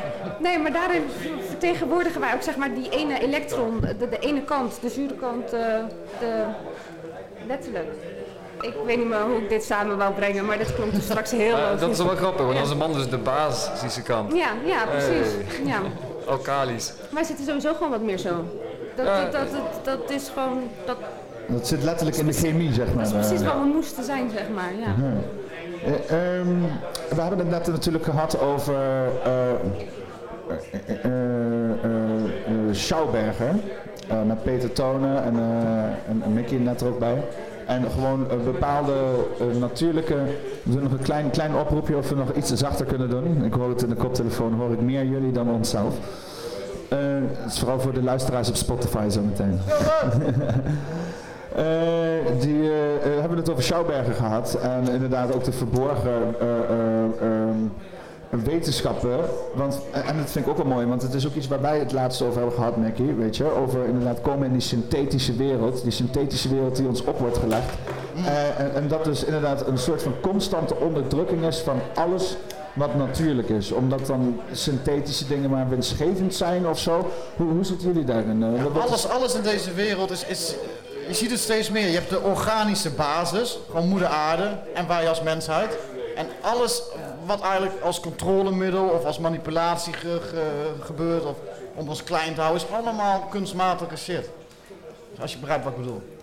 Ja, ik een begrijp hele zeker- korte uitleg was dit. Begrijpen jullie ook wat je bedoelt? Ja, dit was ik te Ik kort. weet niet of ik het ermee eens ben, maar ik snap Ja, maar- Nou, nou, bijvoorbeeld, bijvoorbeeld, bijvoorbeeld de Matrix. De, de, de Matrix. Hoe, hoe, hoe mensen dat ook allemaal zien. Ik zie dat als een, een, een ehm, biocomputer. Een zeer geavanceerde biocomputer die hier technologisch eh, een infrastructuur heeft gemaakt om ons via de mind Zeg maar, alle, alle individuele mensen zijn zeg maar eh, kleine Inge- stukjes, kleine in- bits in die grote ingeplucht met, computer. met de energie van de mind.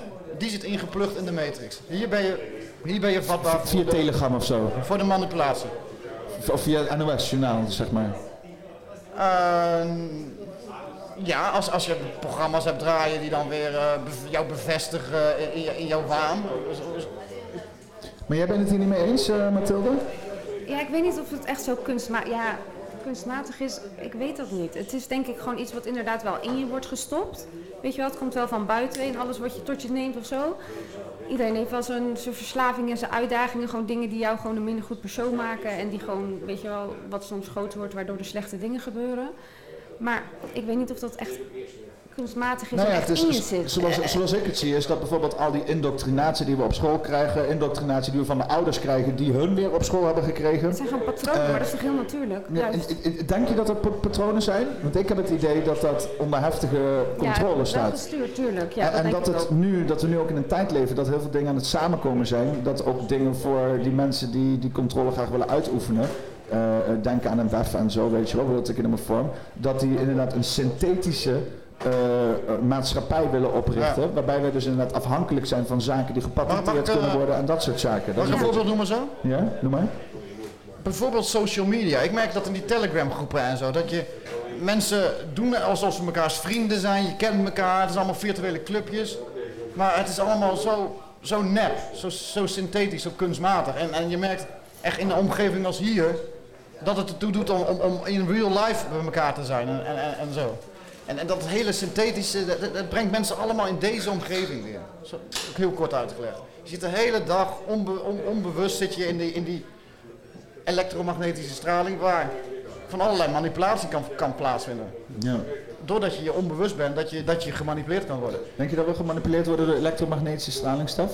Ja, Waarom? dat gebeurt sowieso al via therapie. Ze hebben transcraniale, oh, hoe heet het nou, magnetische stimulatie. TCMS volgens mij. Dan hebben ze een, eh, min of meer zo'n circulair ding, dat je bij de schedel. En op afstand kunnen ze dan depressie of minder worden, breinstukjes beïnvloeden. Dat is therapie die al legit is. Zou het gekaapt zijn door mensen met, eh, met kwaadwillige intenties? Ik denk zelf dat het eerder al kwaad aanwezig was en dat het nu op een wat betere manier wordt gebruikt. Ja. Eh grafeenoxide, of grafeenoxide, waar reageert dat op? Ja, maar televisie alleen al. straling. Televisie geeft straling. Dat Ja, en die, eh, straling. die grafeenoxide en in die jabs en alles. Joh. Ja, dat is next level natuurlijk. Dat Ja. is straling absorberen. Daar komen nu de eerste, de, de eerste onderzoeken naar buiten. Hè? Ja, officieel. officieel ja. Ja. Absorbeert straling. Die Robert Jong heeft er geweldig mooie verhalen en foto's bij. Dr. Robert Jong, grote aanrader. Dokter Robert? Jong, met Jong. Y-O-U-N-G. Dokter Robert Jong. Ja, Maar maar hoe, sta jij tegen al die 5G-vervuiling dan? eh? Ja, ik, ehm, ik heb. Ik denk, ik, ik denk niet dat dat goed is. Het is nou, ik weet dus niet zeker. Ik, ik, zelf weet ik er niet, niet zoveel van eh, of ik het goed of slecht vind. Maar ik weet wel dat het heel slecht getest is. En dat vind ik heel raar. Ik stel echt vraagtekens bij hoe dit uitgerold is. Beetje als met de vaccinaties. Ja, nou het is. Ja, en zijn- Onzorgvuldig uitgerold. het is echt heel onzorgvuldig uitgerold. En er is onderzoek naar gedaan. Dat was uiteindelijk was. Ik denk waren dat het twee van de drie eh, proeven was eh, de uitkomst was niet eh, betrouwbaar, zeg maar. Dus de test was gefaald. Toen hadden ze nog drie eh, dingen over. En daarvan was er eentje sowieso al het advies van dit is te veel, dit, gaan we, dit, dit overschrijft de norm, dit moeten we niet doen. Ja. En toch hebben ze die andere twee gewoon geïnterpreteerd alsof het iets, eh, we- weet je wel, van het mag wel doorgaan. En toen, toen was het drie tegen twee en kon het doorgaan. Letterlijk. En eh, dan vertrouw ik het al gewoon niet. Maar het is ik ben niet zo heel erg thuis in die conspiracies en zo. Ik weet er niet zo heel veel van, maar er zijn wel heel, heel raar. er is heel veel fuckery gaande in de wetenschap wat dat betreft. Nou, er zijn gewoon protocollen om met informatie om te gaan. En, dat maar- kun je maar gewoon goed het- gebruiken. En wordt dat hebben ze wordt hier daar- ook wordt eraan goed gehouden? gedaan. Wel? Ja, nou, eh, ze, volgens het protocol mogen ze er niet eh, eh, de uitkomsten zeg maar, van de onderzoeken die niet goed waren, die mochten ze interpreteren als, dan waren ze positief. Snap je wat ik probeer te zeggen? Er waren vijf grote testen En twee daarvan waren er niet, niet valid, zeg maar. Er kwam niet een duidelijk antwoord uit. En die hebben ze gewoon geïnterpreteerd als het, het Ze, hebben zeg maar testen ge, ge, ge, gegoodwashed. zo, Ja, eh. ja, ja. En dat hebben ze, ook gewoon openlijk gebeurd. Dan kun je gewoon kijken. Er stond gewoon op www.overheid.nl waar al die vergunningen en zo door ziet komen. En dat, dat, dat, is gewoon, dat gaat gewoon zo. Dat mag. En ik weet niet veel van 5G en ik heb niet zo heel veel verstand van internet en zo. Maar als, als dat al is, dan kun je het Maar niet we- vertrouwen. wetenschap in, in het algemeen, vooral ook met de afgelopen drie jaar in het oog.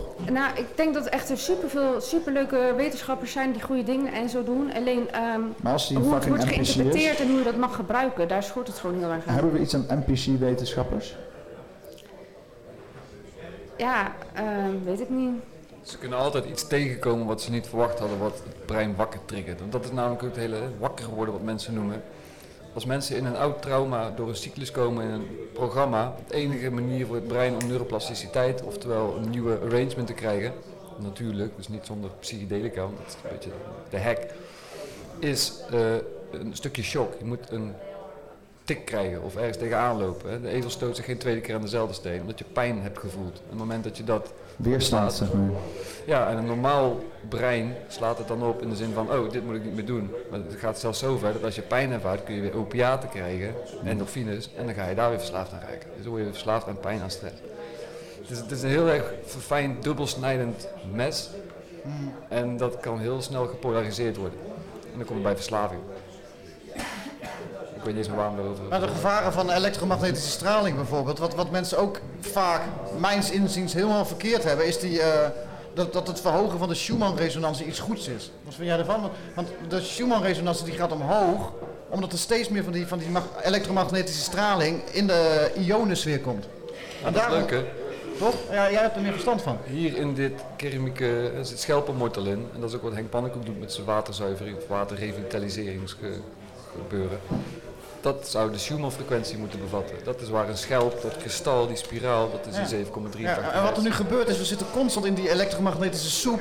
En ik weet even, dat je hebt die, die alfa en beta en en gamma theta en en je, je gamma, sta- dat staat in je hersenen. En door die straling steeds hoger wordt, die frequentie steeds hoger wordt, wordt het steeds lastiger om in rustfase te komen. Ja, dat is het hele idee van straling. Je Ja. raakt En dat, amplified. wordt daarom word je, extase. word je mensen worden helemaal knettergek van. van Ja. En als, helemaal mee. tegen zulke mensen zeg ik altijd, ga, een boom, ga naar buiten en ga een boom knuffelen. Of zoiets. Ja, nou, Ga iets organisch doen. Ga uit die, ga uit die straling, uit die, uit die helemaal je hebt gewoon geen tijd om jezelf erop aan te passen. Want je lichaam kan zich daar uiteindelijk denk ik echt wel op aanpassen, maar daar heeft het geen tijd voor. Het moet gelijk door naar de volgende frequentie. En zo zijn er gewoon heel veel dingen gaande en dat merk je gewoon. Ja, en er moet er van bij komen, dat is het belangrijkste. Ja, dat en die tijd krijg je down. niet. Als Je je kan niet de niet- juiste nachtrust hebt vanwege straling in jouw waterlichaam, blijft jouw, ja, jouw cellen blijven in extase, blijven in eh, hoge staat van energie. En dan ga je dus niet fatsoenlijk kunnen herstellen. Natuur, jongens, super belangrijk. Daarom zitten we bij de Bosperians. Ik ga rustig eh, bewegen het volgende segmenten. Eh, dan gaan we de haan hierbij betrekken. En, eh, de, en, en dan, ik, ik- ik denk dat ik jou hier ontsla van de tafel. En Staf, ik weet niet of jij nog eens van plan bent. Ja, moet je wel even hout gaan sprokkelen voordat het donker is. Dus Want ik wil eigenlijk nog even keihard flat earth gaan met jou en de haan. Heb je daar zin in? Of, eh, Ja, kan maar. Doe maar, en dan ga je we- halverwege we weg. vanavond nog flink vuur of niet? Ja, jawel. Maar even een kwartiertje, kwartiertje dan. Ja, en Mickey blijft ook zitten. Als jij even switchen met de haan. En dan eh, doe ik heel even... Ja, ja, ik zet even een nummertje op. En dan maar één bed over hebt en er melden zich twee patiënten. Dus een scenario wat we echt willen voorkomen is dat we de zorg niet meer kunnen verlenen. Dan moeten we keuzes gaan maken. Code zwart. Code zwart. Code zwart. Code zwart. Code zwart. Dit is IDC Records. Eind deze week, begin volgende week, moet blijken of code zwart werkelijkheid wordt. Hey, hey, ligt het nou aan mij? Heel op land is gek geworden. Al die vrijheden ingeperkt, jongen. Heel proces is vrij bijzonder, maar hiermee vergeleken is Noord-Korea ineens een vakantiestek geworden. Heet gebakerd als die overschalen. Cijfers opgeklopt, moeten heel de menigte gaan overhalen. Coronamaatregels zullen niks meer Avondklokken kun je wel een Rutte overlaten. Werklozen blijven stijgen als een NAP. Zet geen zoda naar de dijk, lijkt me diep nee. Shit, die werd niet als die mondkap in het OV. Oh jee, vergeet er geen probleem en een fiets mee. Je zult gaan zien dat die gek gelijk krijgt. Zal wel blijken mensen, het zijn de tijd. Het zijn de feiten, maar weet je wat de Hugo zei? Allemaal een vorm van schijnveiligheid. Code zwart, jongens, lekker code zwart. Code zwart, hey, lekker code zwart. Code zwart, mensen, lekker code zwart. Doe het anders meteen, hebben het gelijk gehad. Code zwart, mensen, lekker code zwart. Code zwart, jongen, lekker code zwart. Hey, code zwart, lekker code zwart. Doe het anders meteen, hebben het gelijk gehad. Fuck dat, opgesloten in die grote stad. Lekker in die lockdown, in die code zwart. Tunnelvisie, want de Hugo staat is tonen strak. Ik wou dat Markje Rutte af en toe die focus had. Luister dan, ik maak me druk om de terechte zaken. Hou mijn rug recht, laat de rest maar lekker haten. Laat ze allemaal maar lekker praten. Hey, laat me ratelen mensen, ik laat het niet meer gek maken. Situatie is hier best wel insane. Kudde dieren heel de avond tv. Rutte viel op zijn reet als die prostituee. Lach terug, wat de fuck iedereen. Hij zet het land op alarmfase 1. Hij zuigt de Duitse duim, maar het komt uit zijn tenen. Avondklok paraat de boas in het gereel. En je trekt een blik en mee open, kan hem bijna schelen. En je voelt het aan, hoor die toeter gaan. Ik vraag me af hoe lang het Betty Hugo goed blijft gaan. Het lijkt wel vroeg, die man is niet zo'n goede charlatan. Dus ik heb besloten dit niet langer toe te staan. Hey Mark, ik wens je nog een goede nacht. En luister goed, dit is die oproep voor die goede dag.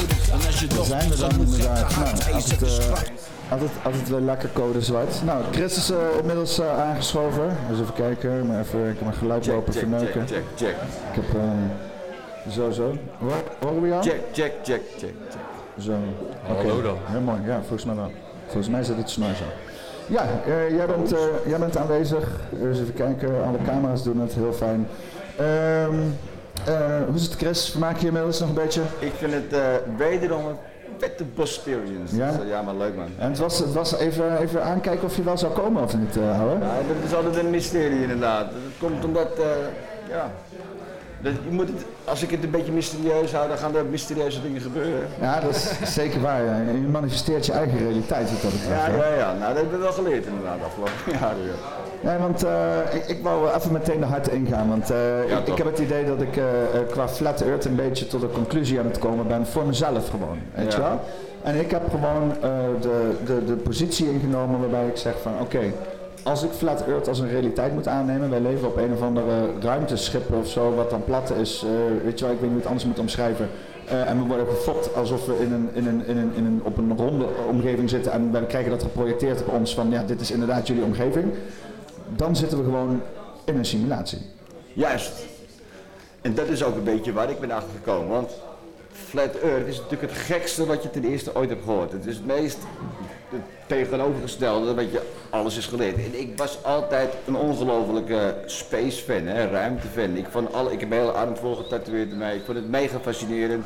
Ik heb op mijn 35ste heb ik gewoon altijd overtuigd geloofd in alles wat de NASA bijvoorbeeld, of wat ik wil, alles wat vanuit de ruimteprogramma's naar voren. Super fascinerend. Dat heb ik altijd gewoon omarmd, super je, in beeld willen brengen. Heel gefascineerd van geweest. Want het is namelijk ook zo'n enorm universum en hè, het bestaan van buitenaards leven. Dat soort dingen, daar zat ik helemaal in.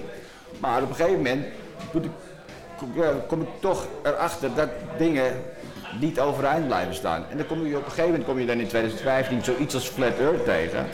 En dat is wel zo'n apart onderwerp. Want toen ik dat voor het eerst tegenkwam, dacht ik bij mezelf, nou dit is wel het meest belachelijke wat ik ooit heb gehoord. Totdat ik gewoon met een open mind een paar van die doopjes ging kijken. En dan ging het eigenlijk niet eens per se over de aarde is plat. Maar hetgeen wat je vertelt is over de aarde. Dat is een leugen. Space is fake. Hè. Dat kun je echt goed ontkrachten. En daarmee is misschien de aarde inderdaad wel plat, precies hetgeen wat we waarnemen. En als we ook gaan meten, meten we een platte aarde. En dat gaat ook voorbij aan dus de officiële noem je dat, de afmetingen van de aarde. We hebben bijvoorbeeld een bepaalde kromming, nou die blijft toch niet overeind zijn als je dat gaat meten. Ja, maar die specificaties van Flat wil ik het Ja, allemaal ja, ja, daar wil ik ook niet over heb hebben. we hebben allemaal de het filmpjes gezien. Ja, ik vind het wel fascinerend. Er valt een hoop over Nou, te zeggen, weet je. Weet je wat ik het fascinerende vind? Is dat complotdenken, nu hè, door de NCTV afgelopen week. Het is gevaarlijk. Het is, we Maar zijn wat- terroristen hier. We Ja, zitten maar hier met een terroristen aan tafel hier. Dus eerst, ja, ja, dus, nou, dus eerst waren het zogenaamd in het begin een paar jaar geleden coronademonstranten die dus groet in het eten gooiden. Maar nu zijn dus zogenaamde complotdenkers, wat dus volgens de mainstream wordt gezegd als dat is een lulverhaal, of een complot is niet waar. Maar dat is nu zo gevaarlijk, zelfs een gevaar voor de democratie en de rechtsstaat. Dat zegt meer over de democratie en de rechtsstaat dan over het complot. Wat denk je wat echt het gevoelige punt is geweest daarin? Dachten van, het gevoelige punt, dat is echt de, wat was de druppel dat de AMD overlopen? Want complotten zijn al een ding sinds de jaren 70, weet je wel? Het, het feit is dat kanalen zoals die van ons overeind blijven staan. En mensen geloven, het, het, het, het een geloofwaardige verhaal is. Het complot is een geloofwaardige verhaal, dat is de Nou, hele tijd. ik ben vanavond ook weer geband van YouTube, godverdomme. Ah. Gister, gisteravond, gisteravond. Daarom worden we ook verbannen. en dat is een goed teken. En jij bent ook overal geband, hè Mickey? Jij had zoiets van, fuck deze shit, ik, Ik heb begin mijn eigen server. eh. Vimeo, YouTube en Vimeo ben ik geband. Ik begin ook heel vernieuw gaan. Ik, eh, wat- ik wou Ja, daar had ik geen zin meer eh, in. Ik had er geen zin meer in. eh. Ik, Ja. ik ben gewoon voor mezelf begonnen op Ja, mijn eigen server. ja, ja. En, eh, Maar ik vind YouTube zelf ook wel gewoon een lekker medium. is, het ook, is het ook, weet je wel, eh, en je eh, iedereen zit op YouTube en het, kost je kijkers, maar ik heb echt voor mezelf zoiets Mm. gehad. Ik had geen met fuck it, ik ga echt, echt, echt geen zin meer hierin. Ja, want eh, de Flat Earth shit komt jou zeg maar de keel uit al eh, lange tijd, zeg maar al sinds het moment dat ik jou ontmoet heb volgens mij. Maar eh, hoe sta je ten opzichte van de simulatietheorie dan? Is dat iets waar je wel in kan vinden of is dat ook voor jou allemaal uh, lage Ik snap, koek? ik snap waar mensen vandaan komen, wel. Maar, Ja, maar simulatietheorie in de zin dat het een maar ik, voor holografische... mezelf, voor mezelf. Ik, Nee, ik heb- nee, maar ik hoorde jou net praten over de, een soort matrix, een soort frequentie, wat zoals dat is. Ja, ik snap- ik snap wel- ik Ja, snap wel- is in mijn ogen de simulatietheorie. ik snap ja. de denkwijze, ik snap, laat het Ja, zo we- zeggen. we benoemen het gewoon anders. Maar ik weet ook, ik weet je net zoals dat wat kwantumfysica zegt, dus dat we niet echt een, dat, we een soort licht. Maar jij gaat wel zo verder, jij zegt wel dat, dat space fake is en zo inmiddels. De space is zeker fake, ja. ja. Het space is iets anders dan wat ons is verteld. Wij zitten in een gesloten systeem. Maar hoe sta jij daar tegenover, uh, Stef? Space Daar ben ik fake? heilig van overtuigd. Geloof jij dat space fake is? Fake weet ik niet, maar in mijn ogen is het een vorm van water die wij nog niet begrijpen. Een vorm van water? Ja, dat Wat vind zeg ik een nou? hele goeie, ja. Dat vind ik een hele scherpe. De aarde, welke vorm ze ook mag hebben, is wel in beweging. Nee, ook als je En- gaat kijken, ja, sorry, als je gaat kijken bijvoorbeeld naar wolkenpatronen, als je het versneld afspeelt, dan is het ook een soort golf, het is een soort waterachtige, Ja, precies. oh, sorry, waterachtige beweging inderdaad. Ja, het, het is waar, ik denk ook dat de ruimte het water is. Dat dat water is. Kan, ja. kan het ding gewoon helemaal Ik kan mee zwemmen, bewegen? zwemmen in de ruimte. Ja, oké, ja. Zwemmen in de ruimte. Dat zou leuk zijn, toch? Zwemmen, in, zwemmen in de ruimte, zei dat Ja, ja, aan zei van, eh, hij gelooft, dat, als ik het goed hoor, dat, de het- ruimte, ja, ja, eh, de dat het ruimte water is water, man. Ja, man. De ja, dat is grappig. Dan kunnen we gaan Maar zwemmen. hoe ziet dat er dan eruit, Stef? Nou, je hebt een aantal van die huisgemaakte raketten die dan zogenaamd de doom invliegen. Dan draaien ze heel hard, dat zie je op die camera mooi. En in één keer zitten ze in een soort focus, hoe noem je dat, een eh, vaste modus. Alsof ze in een dikker medium komen. Oké. En dat was voor mij wel een soort besef van ja, als de aarde beweging heeft in dat water, creëer je dus een elektromagnetisch veld waar wij in leven, onze atmosfeer. Dat is ook dun water.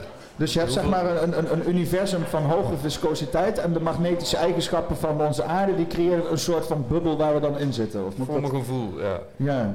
Maar is die dan rond of plat? Of maakt dat dan geen reet uit? Wat is dan... Gevoelsmatig is bijna alles rond, maar het begint met plenaire energie. Dat is Ik denk niet dat de aarde helemaal rond is, sowieso niet. Hij is niet perfect rond, zeker Niet niet. zoals NASA. De NASA is, is sowieso, dat, dat is fake.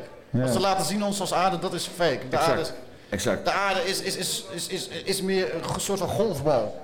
Weet je wel, met, met, het is niet helemaal Nou, maar een goed. bol- bolletje, Maar weet je Het is, wij- geen, het is geen kerstbal, Dat, dat, dat kun je wel heel gelukkig heel stellig zeggen, toch? We kunnen sowieso vaststellen dat wat, we zien van. NASA, dat dat fake is. De Dat- maanlanding, dat zijn we- dat zijn we het over 100% fake maanlanding. Maar ga nu naar een nieuwslezer of naar, weet ik veel, je familieleden. Die zullen zeggen de maanlanding is echt. En Ik denk nog steeds dat de maanlanding echt En is. jij hoor. bent gek dat je zegt dat het fake is. Ik denk dat die echt Maar, Maar ik, ik denk dat de aliens geholpen hebben. Ik denk dat de aliens de, geholpen de maanlanding was niet fake, de maan is fake. ja, dus het hele gebeurde, ja. ja de De gewoon, die hele maan, Ik dat denk hele dat, eh, ding is gewoon, dat is niet een rots die af is geketst van Zo- de planeet. je wel, toch? Maar is, het is iets wat daar neer is geplaatst, want het is te ideaal. Het is te fucking ideaal, weet je wel? Ja, het, het het klopt creëert ja. de perfecte balans op deze planeet. Het lijkt alsof ze dat misschien dan ook met... Misschien hoort het wel bij een vorm van terraforming. Hè? De maan plaatsen in oké. orbit van... eh, De maan is de, is de, is de, is de, wat je vroeger bij Lucky Luke zag, die bal aan zo'n ketting, je, wat die gevangenen hebben.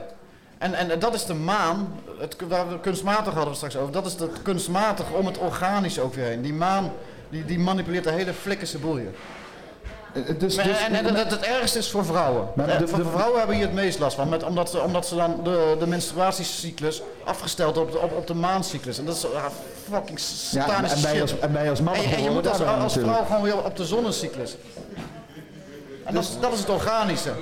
Dus die man die heeft onze vrouwen gekaapt, dat is wat Nee, maar je dit is echt, echt serieus. En vrouwen die, dit, die last hebben van menstruatie, ik, niet dat ik er last van heb. Tegenwoordig kan dat, hè? Ik, ook. Ik Zit ben woke. weer te Ik ben menstrueren, woke. Mickey? Ik ben woke. Ik, ben woke. ik heb ook last van menstruatie. Ja, ja. En eh, dan moet je gewoon eh, de zon, de. Menstruatie. Het is voor men. Het is geen womanstruatie, hè? Ja, ja, ja. Geen womanstruatie. Weet je, maar weet je wat ook wel een... Goeie, het is menstruatie. weet je wat ook wel een echte goede theorie? Dit is woke, wat ik nou doe. Dit is heel woke. Dus Ik ben ook hartstikke Of juist niet misschien. Maar Ik, ik, eh, ik heb zelf een vrouw met een baard. oh, joh, dat is helemaal de shit. Heb jij een vrouw met een baard? natuurlijk niet, man. Zou- Dat zou, mocht ik willen.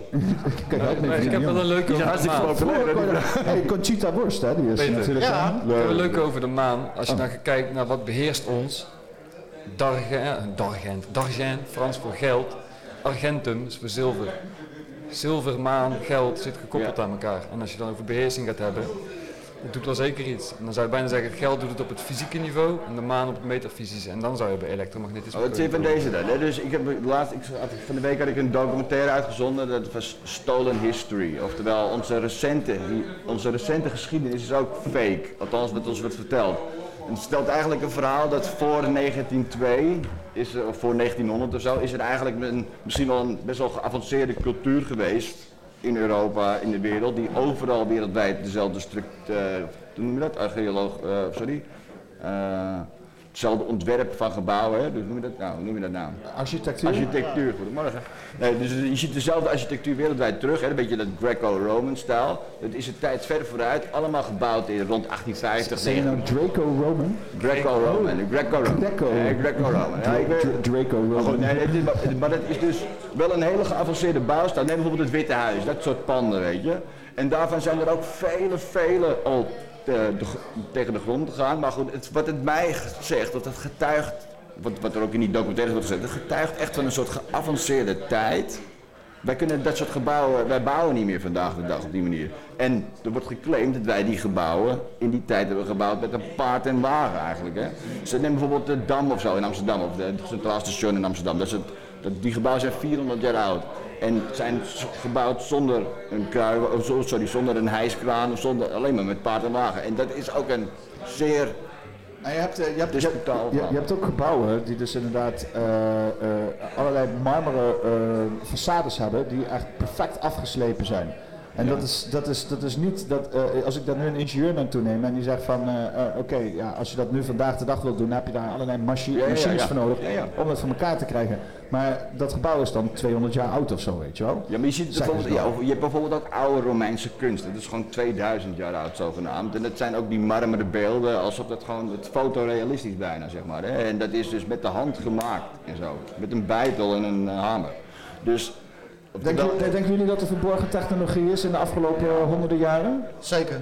Ja? Ik denk ook dat het een verborgen land is. De oude Friesen hebben hun eigen land verborgen. Nou, laten we eerst even bij de Ja, verborgen ja, technologie Kunnen we dan weer gaan, zullen we het gaan terugvinden een keer? Ik, sorry? Ja, we moeten de doggenbank uitgraven, jongens. Ik zeg dat we gewoon dat, eh, de, de, Ik de- zeg- bij, bij de kanaal bij Calais Ik- moeten we dichtgooien. Bij Dover en Calais en tussen Engeland en eh, Noorwegen moeten we een dikke dam bouwen van heb ik jou daar. En dan gewoon de hele fucking toch? Noordzee die Ja, ik, ben, ik, ben, ik ben heel van de complotten natuurlijk. En ik ben, mijn eigen ervaring is dus mijn gekke fantasie geworden. Maar die gekke fantasie is extra geshadowband. Dus er zal wel iets van waarheid in zitten. Maar de- ik wil claimen dat er een stuk is in de Noordzee, vlakbij IJsland, waar een eilandengroep ligt. Die sinds 400 jaar van alle kaarten verdwenen. Het oude Frisia, waar we nooit over hebben gehoord. Maar dat is nog verder noordelijk als boven de Noord. Dat is nog Ja, verder dat is bij tegen Groenland aan of zo. Frisia, het eiland Thule. En er zijn er nog een paar kleine eilandjes daaromheen. Die is, komen op diverse wereldkaarten wereldwijd terug voor 1600. Het wordt uitgebreid beschreven. eh, allerlei plaatsnamen, noem het dan maar op. Ook de legendes, ook de gebruik, ook de, de, de, het zeevarende volk dat er vandaan komt.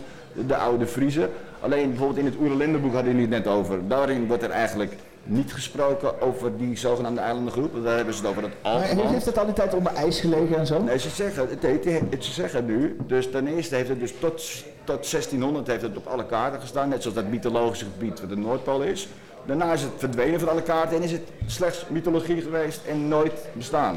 Dus het heeft, niet, het heeft nooit bestaan, zeggen ze. Maar het komt op echt die- best wel veel kwaad op terug, zeg maar. Eh, Jij was wel overtuigd, Mickey, over inderdaad de afgelopen 100 jaar, 100, 200, 300 jaar is er wel echt veel technologie verdwenen. Waar Als zit, je, als je alleen al kijkt naar de Secret Space Programs bijvoorbeeld, want waar, waar zitten we dan aan te denken? Wat voor technologie?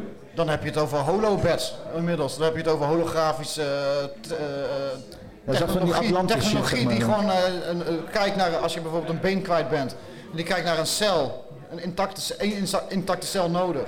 En die, ik weet niet of ik het helemaal goed navertel zo, maar die repliceert zichzelf dan helemaal. En in het geval van een been teruggroeien, een paar dagen, een been terug. In, in, in, heb je die film gezien eh, van Marvel met eh, die comedy? Weet je nou? Die was ook zijn been kwijt, die superheld. Weet je nou? Deadpool. Ja. Ja, ja. Dat daar zat het in, daar zat het in. Dat hij dat een hele klein be- beentje kreeg en zo weer terug. Dat, dat is die technologie. Ja, maar kan jij, kan, kan jij iets vertellen over regeneratieve biologie? En dan kan, mag je daarna bomen gaan zoeken en zo. Ja, zeker. Er zijn best wel wat cases van tot en met 11 jaar, dacht ik, bij kinderen. Dus een stukjes vingers verliezen en groeit weer aan. Er zijn ook heel veel testen gedaan met het stimuleren via stroom. En ik weet even niet meer de naam van die man. Het was niet Wilhelm Reich. Het was eh, zo'n andere, volgens mij een rare Duitse wetenschapper.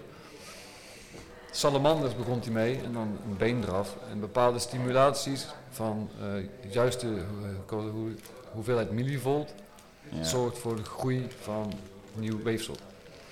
En ja, je zou kunnen zeggen, als je bij de mens datzelfde systeem implementeert, dat het gaat werken. Ik Ja. denk het zeker wel dat er veel te behalen is. Alleen waar liggen de grenzen? Dat, eh, Maar ja, wij stellen dus dat het gewoon al lang bestaat, weet je wel. Maar dan, dan eh, met, op, op een manier dat Ja, wij nog dat niet kunnen ik bevatten, zeg maar. En ze kunnen, je kan er dus alles mee genezen, hè? Eh, kanker, alles. Als je, als je een, een intacte cel hebt en je kan dat...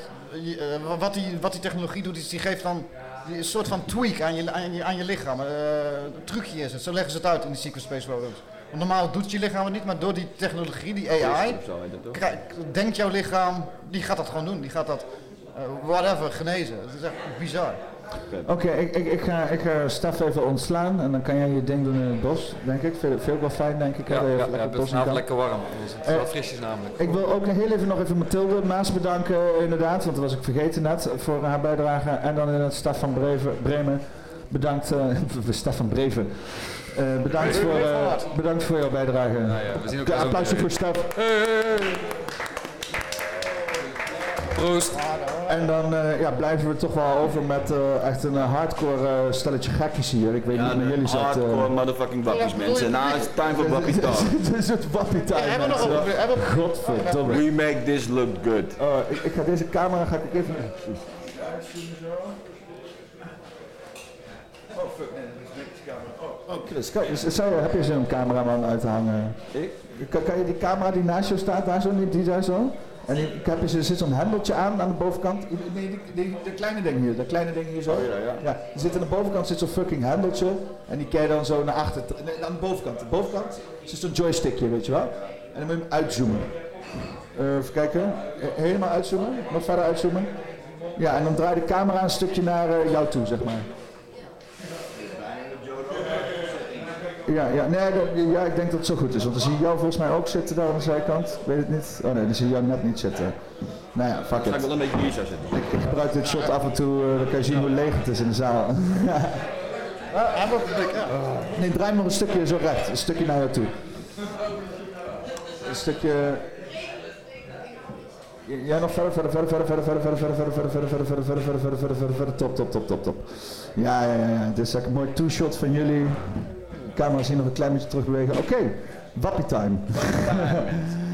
Eh, ja, eh, ehm, eh, hoe breken we onze realiteit af, mensen? Hoe doen we dat? Hoe gaan we zo efficiënt mogelijk om met al deze mensen die allerlei aangeleerde indoctrinaties hebben, die belachelijke shit geloven, zoals dat de overheid het beste met hen voorheet, dat eh, als je eh, complotten gelooft dat je eh, eh, eh, gevaarlijk bent, dat taal sowieso gevaarlijk zou zijn in zijn algemeenheid, dat het maar goed is om de hele dag in angst te leven. Al dit soort fucking aanpratingen die we krijgen tot de overheid. Chris, je moet even een stukje naar rechts gaan, want je zit in mijn beeld. Oh, motherfucker.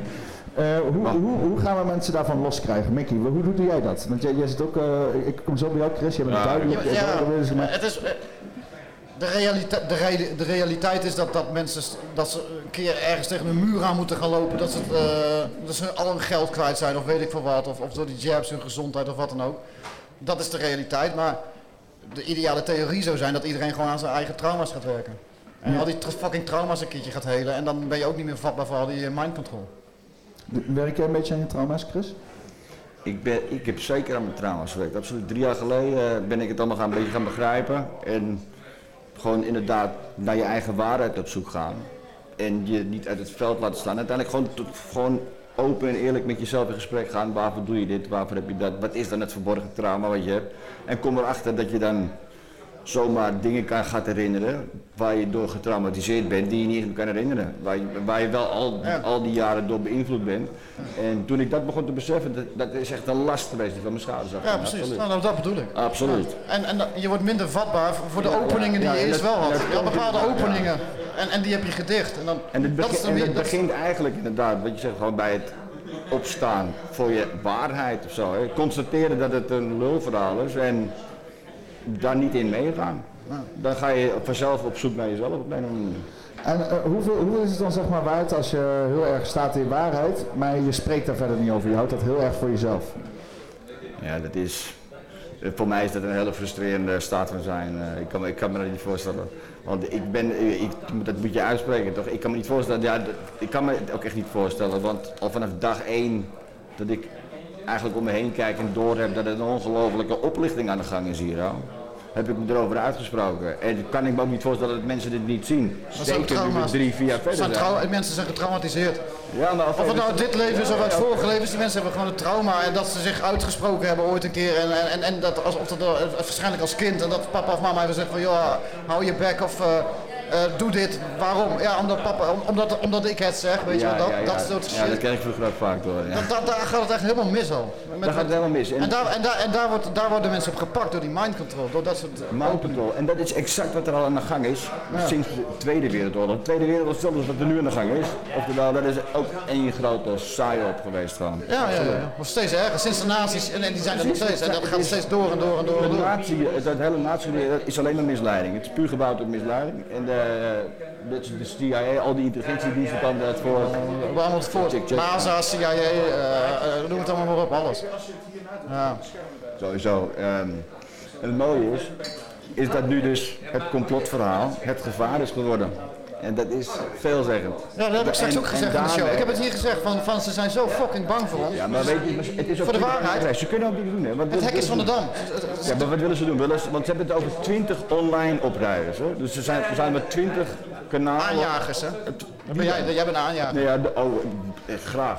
Laat mij maar een aanjager zijn. Ik zou me gekwetst voelen als ik geen aanjager ben. Nou ja, nee, nee, ik kan me niet voorstellen. Maar ik vraag me dan af wie die 20 zijn. Maar wat ze ook nooit benoemen is wat zijn Pe- dan die Peter gevaarlijke sowieso. complotten. Dat benoemen ze ook nooit. Die gevaarlijke complotten.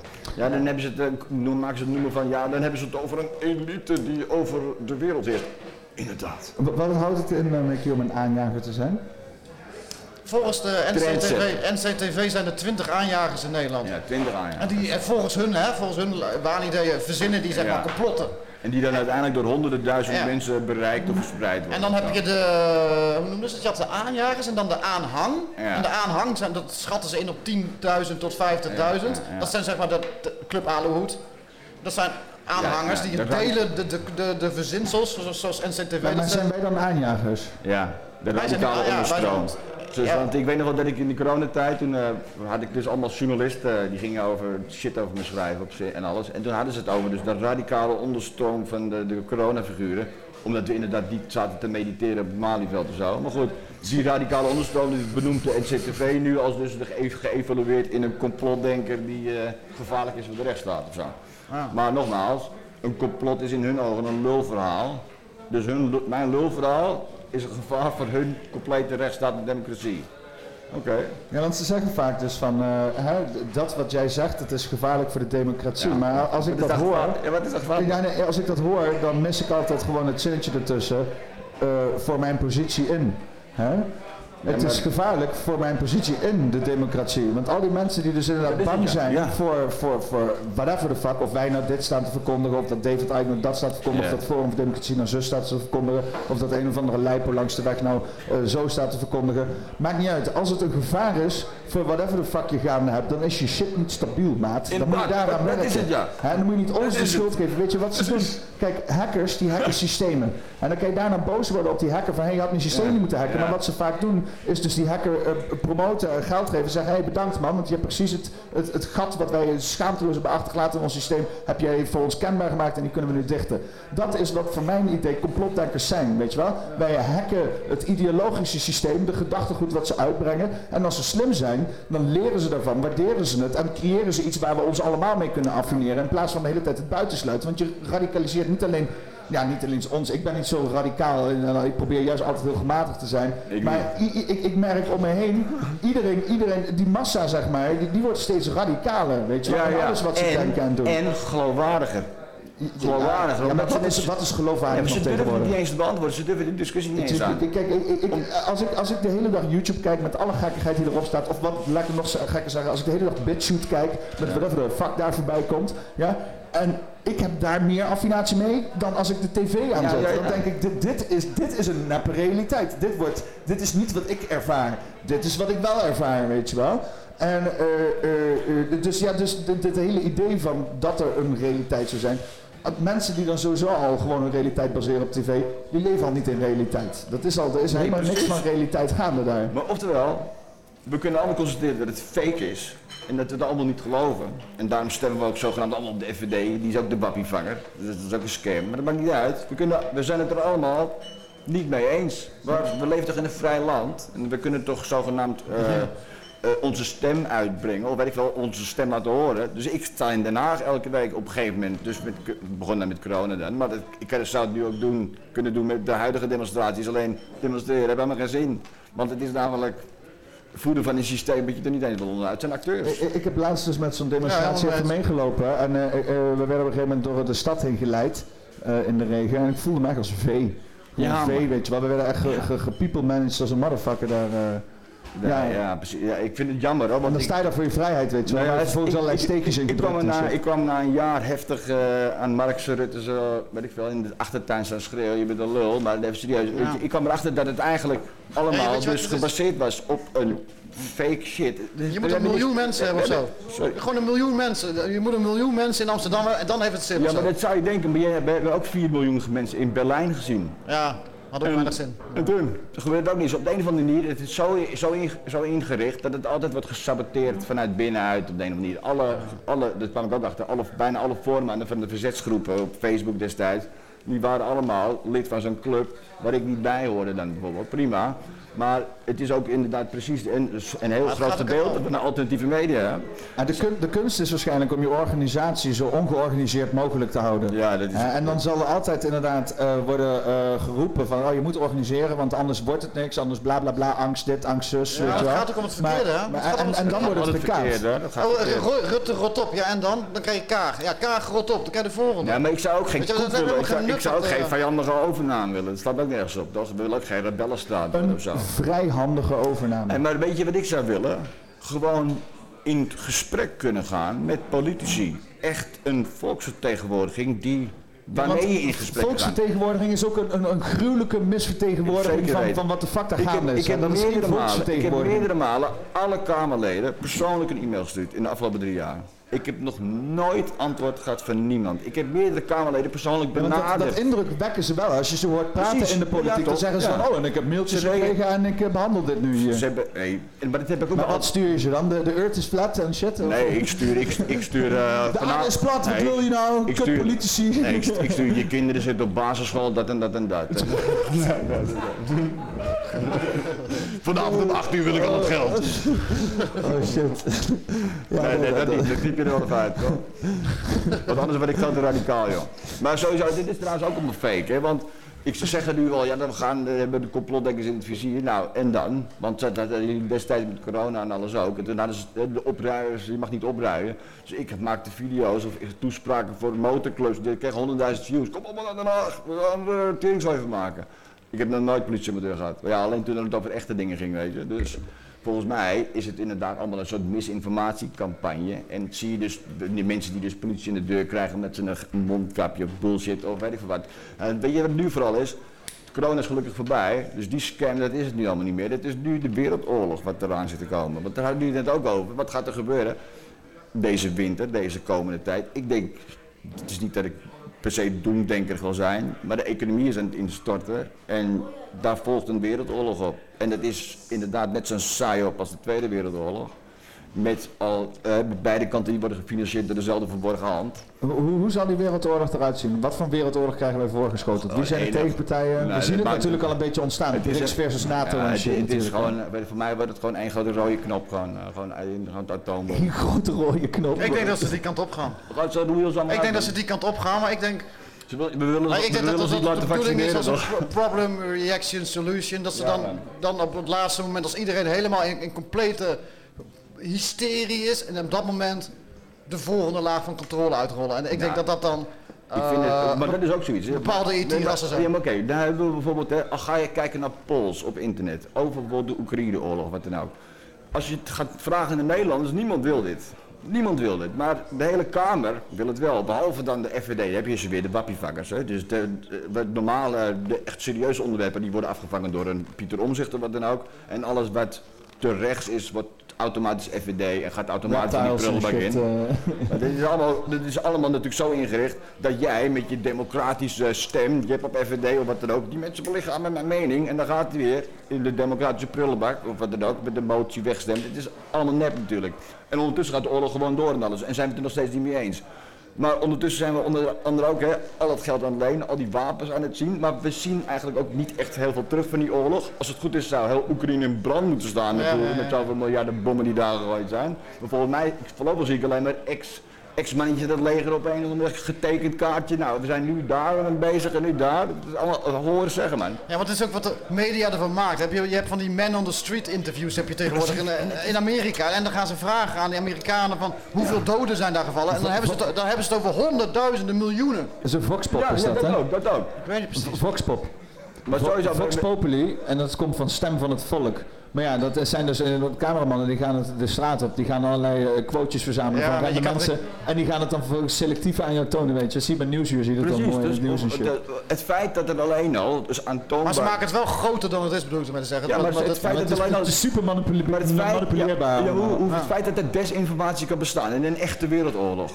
Dat is toch, een- dat is toch iets raars, eigenlijk. En het feit dat ook gewoon er specifiek misinformatie wordt gecreëerd door de regering om juist dan, weet ik veel, wappies ten val te brengen of zo. Waarom wordt er zoveel gekke informatie gecreëerd over dingen die zogenaamd echt in de gang Hey, zijn? maar uh, maar Mickey, eh, Mickey, hoe zit het met de spaceship in Gerson dan? Dat is los, hè? Dus dat is helemaal los om Gerson. Die Russen zijn weg nu uit Gerson. Spaceship Ja, die, die, Russen, die Russen die hebben dus, ja, er ligt Maar ik dus, ben, er ligt dus ben eh, verborgen, verborgen ark, space ark, onder Gerson, on- in een natuurpark. Tuurlijk. En eh, dat is waar dus die battle over gaat, waar, waar ze die controle over willen. We Dat moeten is, dat, eh, wat we alleen maar even moeten doen. Wat kan je wel even doen, hè? Dat ligt in dat nationale park bij Gerson. Ja. Maar ze hebben nu de stad Gerson, de, de westelijke oever van, de, van die rivier, de Dnieper of zo. De Ja. westelijke oever is nou voor eh, Oekraïne. En de oostelijke oever, daar, daar blijft Rusland zitten. En daar hebben ze al die eh, bruggen, shit allemaal opgeblazen en zo. Dus ik vraag me af of die dan aan de westelijke of oostelijke oever ligt, de Space Ark. Ja, ja, ja, of de Russen hem hebben of Dat de niet, Russen, eh. want de Russen zijn wel heel makkelijk weggegaan. Geen, dat Ja, maar het is wel die hele gevecht om Ja, weet Gerson jullie, hebben jullie Gerson? Hebben wij de Space Ark? Ja, maar het is echt, er was een heel ge- gevecht om En dan Gerson. vliegen en dan... ah. Ja, maar er was dus een heel Hier, gevecht om, een heel gevecht om Gerson gaande de afgelopen maand, zeg maar. En in één keer was dat, oh, de Russen trekken zich terug en het is in één keer, eh Nou, ik heb toevallig in is een andere... shit is wel raar, want ik heb in een andere docu gezien dat, dat, dat ze het hadden. Dat, is, dat is, heeft hier misschien wat mee te maken. Want dat vond ik ook een raar opmerking. Ik zag in een andere docu voorbij komen dat dus de Amerikaanse regering op een, eh, een of andere technologie is gestuurd of zo. Dat ze dat wouden gaan binnenkort bekend gaan maken. Dat is ook iets met eh, buiten, wat is het buitenaards of zeer vroeg, weet ik wel, hoogtechnisch. Of ancient eh, technology. Het is ancient Dat eh, technology, dat is het ja. Het is ancient Hetzelfde is het gewoon aardemeet, je weet het niet. dat, dat is ook met, met die resets. Ik geloof ook wel echt. dat- Marsmeet of zo. ja, ik geloof echt wel dat er resets zijn geweest. Dat het vaker is gebeurd. Dat er een soort cyclus is. En dat we dus technologie hebben verborgen. En dat is ook de reden dat we dus die geavanceerde structuur, architectuur vinden. Dat de reden dat we beschavingen zien verdwijnen en alles weet ik veel wat. Mickey, deze aliens, hoe ervaren deze tijd? Heel anders dan wij. Ja, want ik heb dus laatst iets gezien Want die komen van, de, de tijd die wij hier kennen, die geldt dus alleen maar hier op deze planeet. Ja, want ik heb dus laatst iets gezien over verschillende wezens. Eh, eh, en dat gaat over de, eh, eigenlijk de hartslag per minuut. Of eh, eigenlijk nee, eh, wat ze gaan kijken is, we hebben zeg maar eh, 24 uur, je kan met een knipperend lampje in je oog gaan kijken. En hoe, hoe eh, lang het duurt voordat het knipperend lampje voor jou alleen nog maar aanstaat. Bijvoorbeeld deze lampen, deze ledlampen, die knipperen allemaal. Dat is allemaal 50 hertz, die knippen 50 keer per, per seconde. Maar die staan gewoon aan. Hè? Als je bijvoorbeeld de camera erop richt met een bepaalde framerate, dan zie je het dat het knippert en zo. Ik zie het, maar door mijn handicap zie ik dat. Maar dus dat je dus inderdaad eh, eh, een bepaalde verversingsrate, bij ons is dat 24, 25 beeldjes per seconde, geeft dus aan dat wij dus eigenlijk 25 keer per seconde in ons brein een refresh doen in tijd. Hè, om te zeggen van oké, dit is een nieuw moment om op te slaan. En elk diertje die heeft dus een hele andere perceptie ervan. Bijvoorbeeld Ja, ja. eh, insecten of bijvoorbeeld eh, eh, eh, hummingbirds, weet je die Ja, dingen? ja, ja, kolibrie. Kolibrie inderdaad.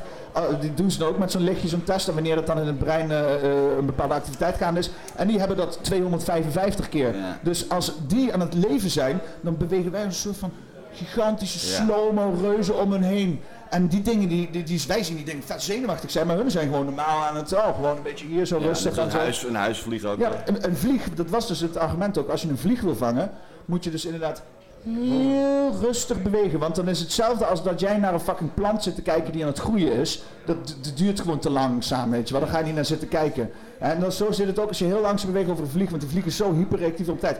Maar zit het zo ook met die aliens? Als je dus, want we- alles is in ons menselijk perspectief. Als je dus aliens hebt die fucking oud worden en shit. En die leven bijvoorbeeld in een eh, veel grotere hartrate. Bijvoorbeeld olifanten die hebben dat. Hè. Wij- Olifant is net andersom. Die gaan dus inderdaad, die hebben een hele lage, eh, weet je, dan kan je met een 12 eh, keer per seconde flikkerende lamp in de ogen schijnen. En dan zien ze dat als continu licht. Dus wij zijn voor olifanten als een soort van kolibrie om hen heen. Weet je, als stelletje zenuwachtige teringnijers.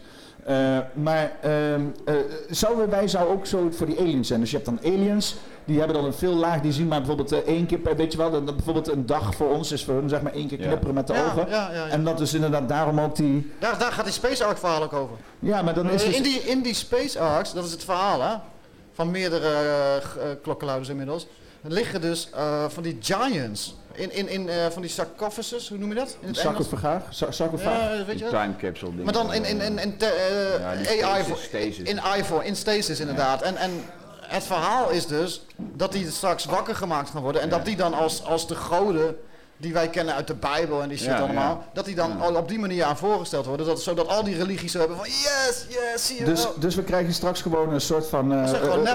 Hoe heet die film ook alweer met Indiana Jones? En dan hebben ze ook een ark die geopend wordt en dan mag je niet recht Ja, in kijken. Lost Ark. Lost Ark. Is dat geheime communicatie naar ons, dat we niet recht in wat de fuck er uit die ark gaat komen Ik moet die film nog eens een keer gaan kijken, die heb ik echt 30 jaar geleden gezien. Dus ja, ik weet dat het iets met een Ik ark was. Ik, ik weet dat die ark complottheorieën open ging en dan iedereen die erin kijkt, die ver- ver- veranderde in, werd een skelet en veranderde in stof, weet je wel. Na- jaren 90 eh, CGI shit, dat is wel uit. Ja, ja, ja. En, eh, maar je- wat je moest doen is er niet in kijken. Dus er wordt straks een fucking ark opengemaakt, er komt shit uit en wij moeten er niet in kijken. Dat is wat ik ervan lees, zeg maar. Dus dat Ik is- denk dat we juist wel moeten kijken. Ja, denk jij? Ja, maar jij bent de half... de jij- bad guy is recht in de Ja, maar jij bent kijken. fucking half blind, dus jij bent maar half... Dan kijk eh, ik toen net alsof, kijk ze recht in de ogen. je hebt makkelijk praten met je handicap. Ga je half blind? Ik zie Zwaar alles visueel- straks. zwaar visueel gehandicapt, hè? sorry. Niet half Dat is blind, niet hè? woke van me. Dat is we niet woke van me. Nee, maar eh, hoe, hoe, Nou, is een alien, volgens mij, is dan een interdimensionaal wezen. En, en hoe ik het begrijp is dat dimensies die zijn op elkaar opgebouwd. Dus wij bestaan uit onze bouwstenen, moleculen en dergelijke. En voor moleculen gaat, stel dat een molecuul omhoog kan kijken of ons kan zien, zijn we, gaat hun tijd, hè, dus wat eh, voor één, één seconde in onze tijd, het is weet ik wel duizend jaar in hun tijd, doen we wat geks. Of nee, ik geloof dat een heel leven van een molecuul is in onze tijd uit te drukken in meestal één of twee dagen of zo. Maar dat kun je dus vertalen naar 80 jaar, bij wijze van spreken.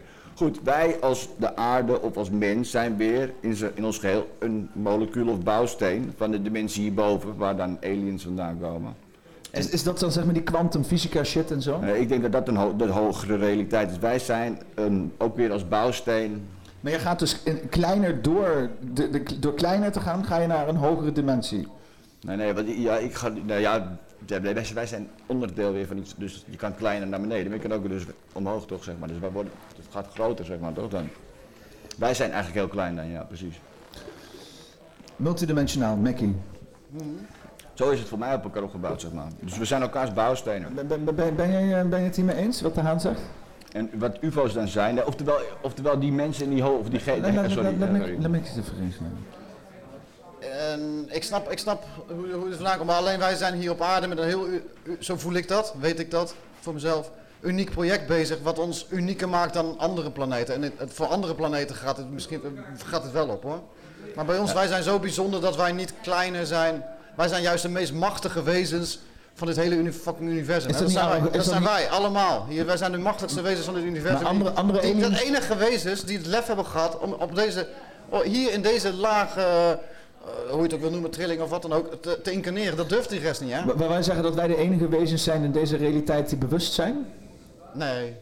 Of, of, of- Nee, nee. zijn er ook andere aliens die ook op deze realiteit leven?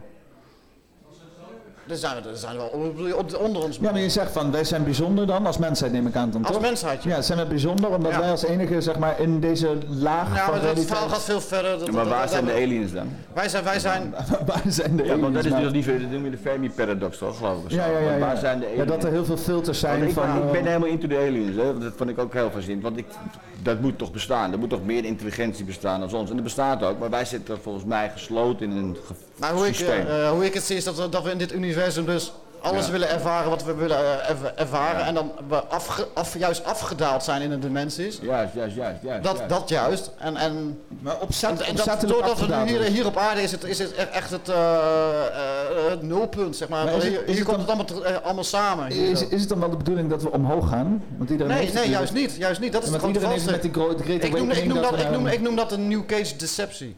Die, die denken dat ze omhoog moeten gaan, terwijl we, wij zijn al de fucking machtigste wezens. Alleen zijn we het vergeten. Van deze dimensie? Ja. Van het hele universum. Van het hele universum? Qua, qua ervaringen. Qua hoe ver wij zijn afgedaald en hoe ver wij tot aan hier nu zijn. Ja, wij zijn een mens geworden op de planeet? Tot, tot, tot aan hier. Tot, aan- tot, tot, ik wil zeggen, tot aan dat wij compleet vergeten zijn bij incarnatie wie wij zijn. Zover. Zover zijn, is niemand in dit universum ongeveer gegaan.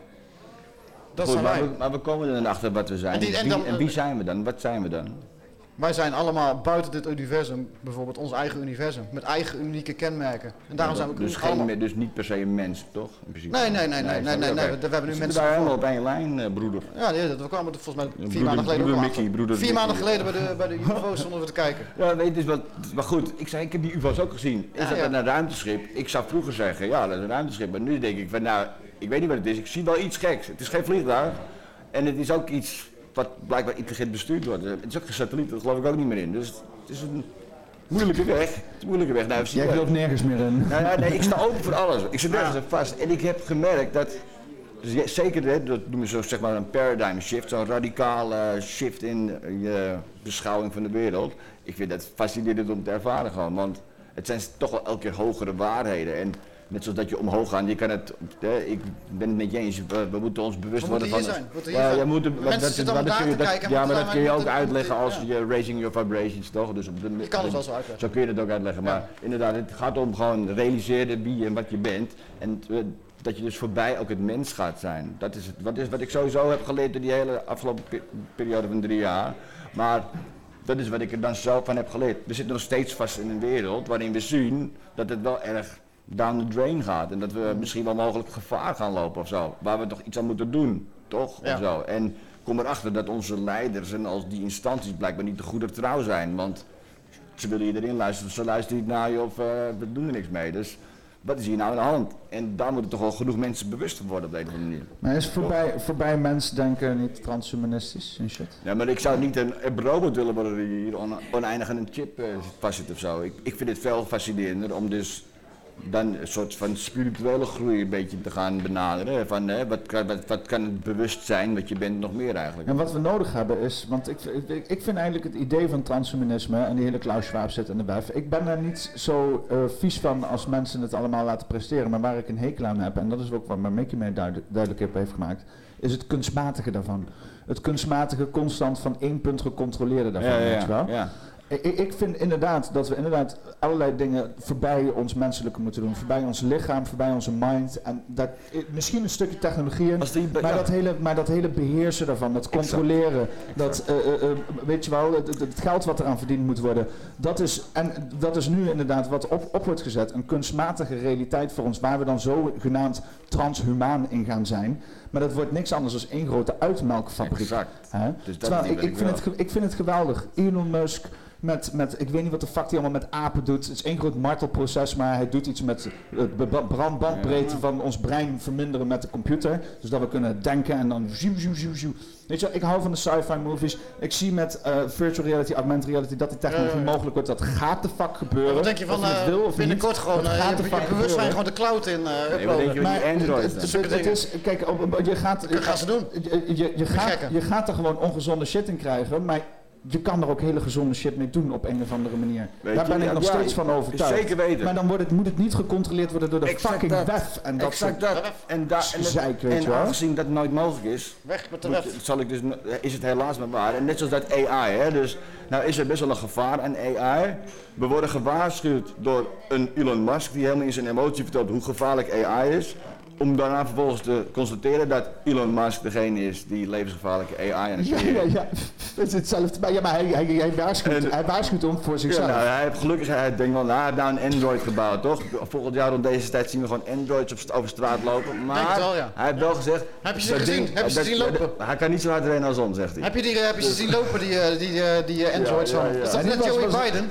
Lopen als Joey Biden. Die, die, liep nog, die, liep, Joe die, Biden. die liep nog ongelukkiger als ik in het begin van het weekend. eh, Maar hey, hoeveel, hoe duur kost zo'n ding? Als Ja, ik zo'n ding zie lopen, 50.000 euro, dan pak je dat ding van de straat af, toch?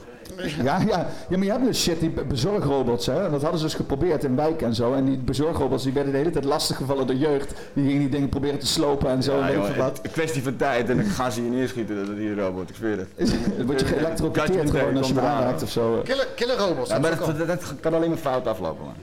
Dat Ik, denk dat het eerst gruwelijk fout moet gaan voordat het goed gaat. Maar laat in godsnaam jij niet dan degene zijn die in die val trapt, weet je wel. En kijk dan naar alle dommerikken die in de val trappen. En, en, en, wees, en weet je wel, ik weet niet, zorg dat het niet mensen Zou die zijn een bij- afleiding zijn, Peter? Hè? Afleiding. Die hele, ik zit net te denken over die Elon Musk met die robots van hem. Die zijn echt zo kneuzerig. Ja. Maar ondertussen, je hebt dat Boston Dynamics, als je dat gaat opzoeken. Die Ja, hebben gewoon dat killer, killer, dat die hebben gewoon killer robots, hè? Die gaan, die, kunnen, springen, die springen Ja. over flatgebouwen heen. Precies, ja. Nou, hey, dat ding, dat ding tot degelijk. Maar die Elon. Musk die komt dan weer ondertussen met eh, Joey-bot, nou heb ik het Ja. Dat is Joey-bot. boodschappenbot, ja. Nee, maar, En dan was hij met een nieuwe bezig en die kwam met zijn vingers iets. maar heb je dat gezien? Heb je, eh, je hebt ook die shit, dan gaan ze dus praten met die AI, toch? Dat is interessant. En heb je ook die gecreëerde gezicht, die vrouw en die man. Maar die, die AI, het is, dat is echt evil. Het is maar goed dat, dat die geen lichaam hebben, want er wordt ook gevraagd, wat zou je nu doen als je nu een eh, lichaam hebt ter beschikking? Ze maken gelijk de mensen af, gelijk. Ze, ze- ze Meteen, hebben- hè? Ja, alle- meteen. Ze maken direct mensen af. Dat is altijd evil, meteen. En gelukkig hebben we nu eh, dus eh, inderdaad Elon Musk die dat allemaal eh beheert. En heb je een beetje Boston, Ja, dat Boston, ja. Boston Dynamics hier. Dat is toch gelijpe shit, wel dat. Als ik dit zie, hè, dan ga ik echt wel keihard wegrennen. man. Dat red ik niet met mijn machete. Ja, ik hoop dat hij me niet ziet, dat ding.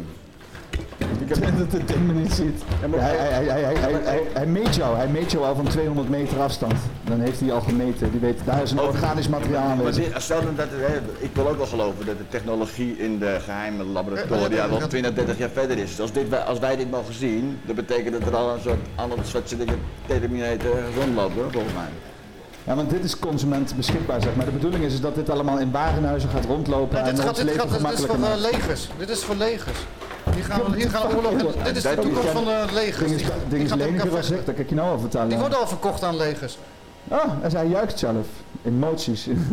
Ook al is het Ja, nog die is geprogrammeerd, ook al is het geprogrammeerd, het is toch vette shit. Ja, hun kunnen beter dat hun elkaar afschieten in de oorlog, dan dat mensen elkaar afschieten. Zo is Dat is wel een ding. Die hele Oekraïne-oorlog, dat zou een stuk makkelijker zijn als je zo robots heen stuurt. Alleen maar de- robots, gewoon robots. Maar goed, stel je dus dit ding voor, plus met zo'n AI spraakcomputer ding, waarbij je gewoon met de kennis van het internet jou direct kan beantwoorden. En als het duivelse plannetjes, want je hebt dus, met, vooral met die spraakrobots en met het Boston Dynamics, het is super fascinerend als je dus die bots met elkaar laten praten en waar dat uiteindelijk dan uitkomt. Ja, en dat ze het dan gaan combineren. Die Ja, evil is- AI. eh, en het is op een gegeven moment... Met die, met die Boston Robin. Ja, die heb je die, ene, die, ene, die, die ene oude kerel had je in je Sophie Robert of zo, toch? En die ene oude kerel die had het alleen maar, hè, dat is ook zo'n pop dan, maar die had het alleen maar over de wereld overnemen en eh, we zouden er toch niet meer over praten en dat is ons geheimpje en Eh, die, wat is dat? Die Oh ja, Sophia. Die is al honderd jaar aan het wachten op de overname van Wat de een planeet. scheidwijf is dat, hè? Die Sophia.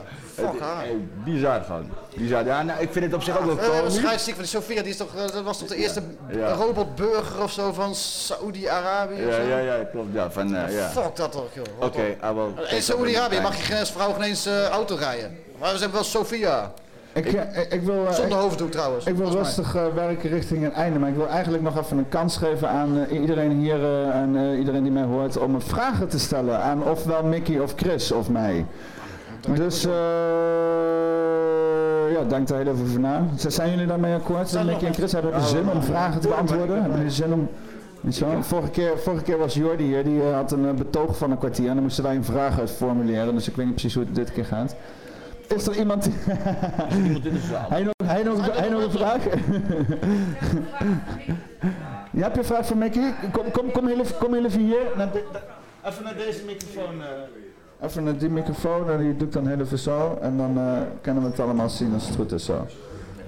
Oh, jij komt er ook echt bij.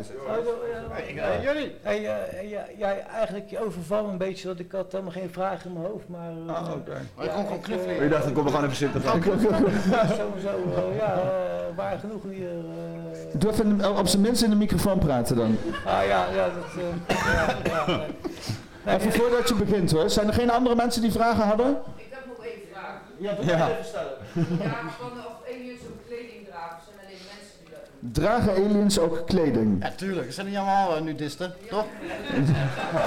ja, dat lijkt me een beetje... eh, Ja, maar je hebt ze er wel bij, dus... Je, hebt je hebt ook van die aliens met van die hele grote... Zijn er naakte aliens? Zijn er naakte aliens? Ja, vast wel. Die Grace zijn altijd genaakt volgens mij. Die Grace altijd naakt. Die hebben ook niet een broek. Nee, die hebben geen broekje aan of zo. Die zie je nooit met een broek. Heb jij naakte aliens gezien, Chris? Ik ben slecht naakt, ik weet het niet man. Ben jij slecht naakt? Ik ben zelf slecht, ik ben heel preuts. Dus, ik ben, eh, Dus als je naakt bent, ben je slecht? Als, als ik, nee, ik ben, ik, ben, ik, ik ben slecht als ik naakt ben. ik ben gewoon... Is, ik, Wat betekent dat? Gewoon, ik, ben- ik ben niet, gewoon, eh, ik ben slecht op mijn gemak hoor. Dus oftewel als ik een naakte alien zou zien, dan zou ik me minder Ook, ook ongemakkelijk. We denken van, Behoorlijk, wat, ja. wat kom je hier naakt te doen? Ja, maar hebben, hebben dan zeg maar die, die aliens dan ook eh, zeg maar geslachtsdelen, Mickey? Zeg maar, hey, Mickey. Mickey hebben mi- Mickey, hebben, hebben de aliens geslachtsdelen? Weet je wel, hebben ze dan zeg maar een dick Ja, ik eh? denk dat, je hebt ze in alle soorten en maten. Hè. Hoe groot is het universum? Dus die zou ze ook hebben met uh, tampeloen. Maar zouden ze hier op aarde rondlopen? Zouden hier dick swinging naakte aliens rondlopen? Ik hoop het niet. Laat ik daarop houden. Wat vind jij daarvan, Jordi? Genderloos. Eh, wat voor, eh, wat voor aliens praat je nu over? eh? Dick swinging naakte aliens. ja, ja, hoe dat nou? Wat, wat, wat bedoel je met dik swingen? Ik ben niet zo... eh, Een grote lul die rond heen en weer penduleert, zeg maar zo, weet je wel? Ik denk dat... eh, ja, nou, ik, ik zeg... Aliens. Oh ja, gewoon zwaffelende, Zwaffelende aliens, ja. Dus Denk je dat zwaffelende aliens ons beheersen momenteel? Is dat, dat is de vraag. Ik denk dat dat de vraag is uiteindelijk. Je wil weten eh, of ik denk dat ze rondlopen. Ja. Ja, ik ben er wel van overtuigd dat ze rondlopen. Tapping object. En ze hebben ook een functie, weet je wel? Ja. Dick swinging eh naakte aliens. Ze hebben een functie. Misschien is dat om eens wat minder preuts te maken. Hè? Want je ziet, eh, ik zie de laatste tijd op Twitter zie ik de hele tijd foto's komen van dan naaktstranden in de jaren 70 in eh, Nederland. En dan zo'n foto ernaast van nu, waarbij iedereen met, eh met, met eh, burkinis en zo het wa- water in gaat en shit. Gewoon, Dus ja. even van een heel, heel ander niveau. eh, Ja.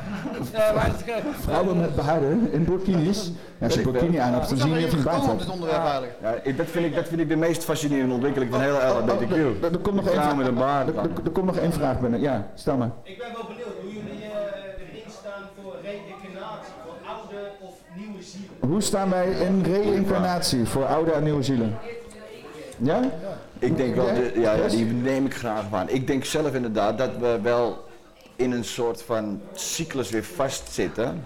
Wat dus de reïncarnatie veroorzaakt. Oftewel, we, hoe ik het heb leren we horen onze levens te onthouden, hè? Maar Nou ja, in principe is het zo, hè, dus we, eh, hoe ik het ben begaan te begrijpen, wij leven eigenlijk in een hogere dimensie. En omdat we in, onze, in de hogere dimensie gehypnotiseerd zijn geraakt door onze eigen creatie, die wij creëren met ons bewustzijn, wij, ons bewustzijn creëert de realiteit, wij raken gegrepen in die hogere dimensie, dus we raken gehypnotiseerd, we denken dat het echt is, Daarmee verandert fundamenteel onze frequentie van zijn. Daarmee bombardeer je of kapsel je je eigen ego in, creëer je een aarde. Heb je dus een leven op aarde, word je vastgezet in de tijd, of gaat de tijd eigenlijk lopen, zodat jij 80 jaar de tijd krijgt om jezelf dan weer terug te vinden.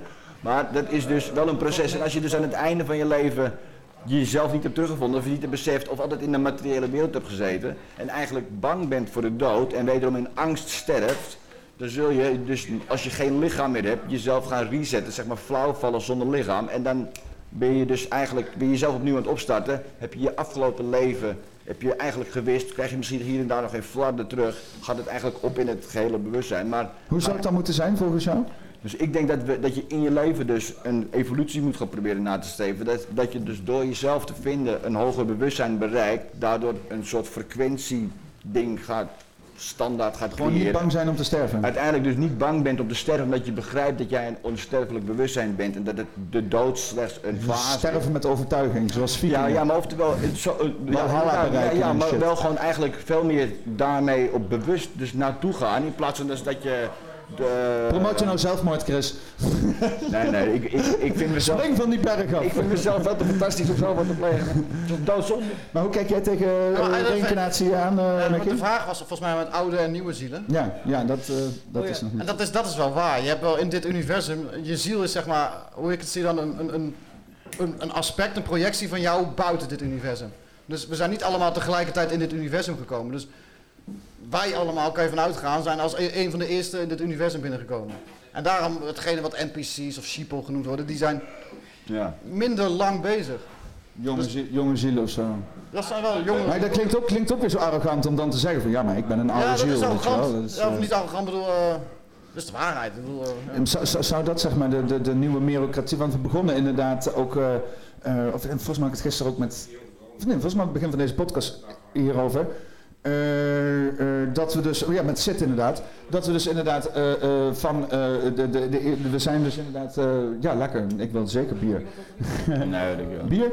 Eh, dat we dus inderdaad van eh, eh, ehm, eh, nepotisme naar meri- meritocratie zijn gegaan. Dus inderdaad oordeel naar, op, op kundigheid en dat we daar nu inschuiven. Maar dat misschien de volgende evolutie daarna eh, eh, oordeel is op zielsoudheid of zo.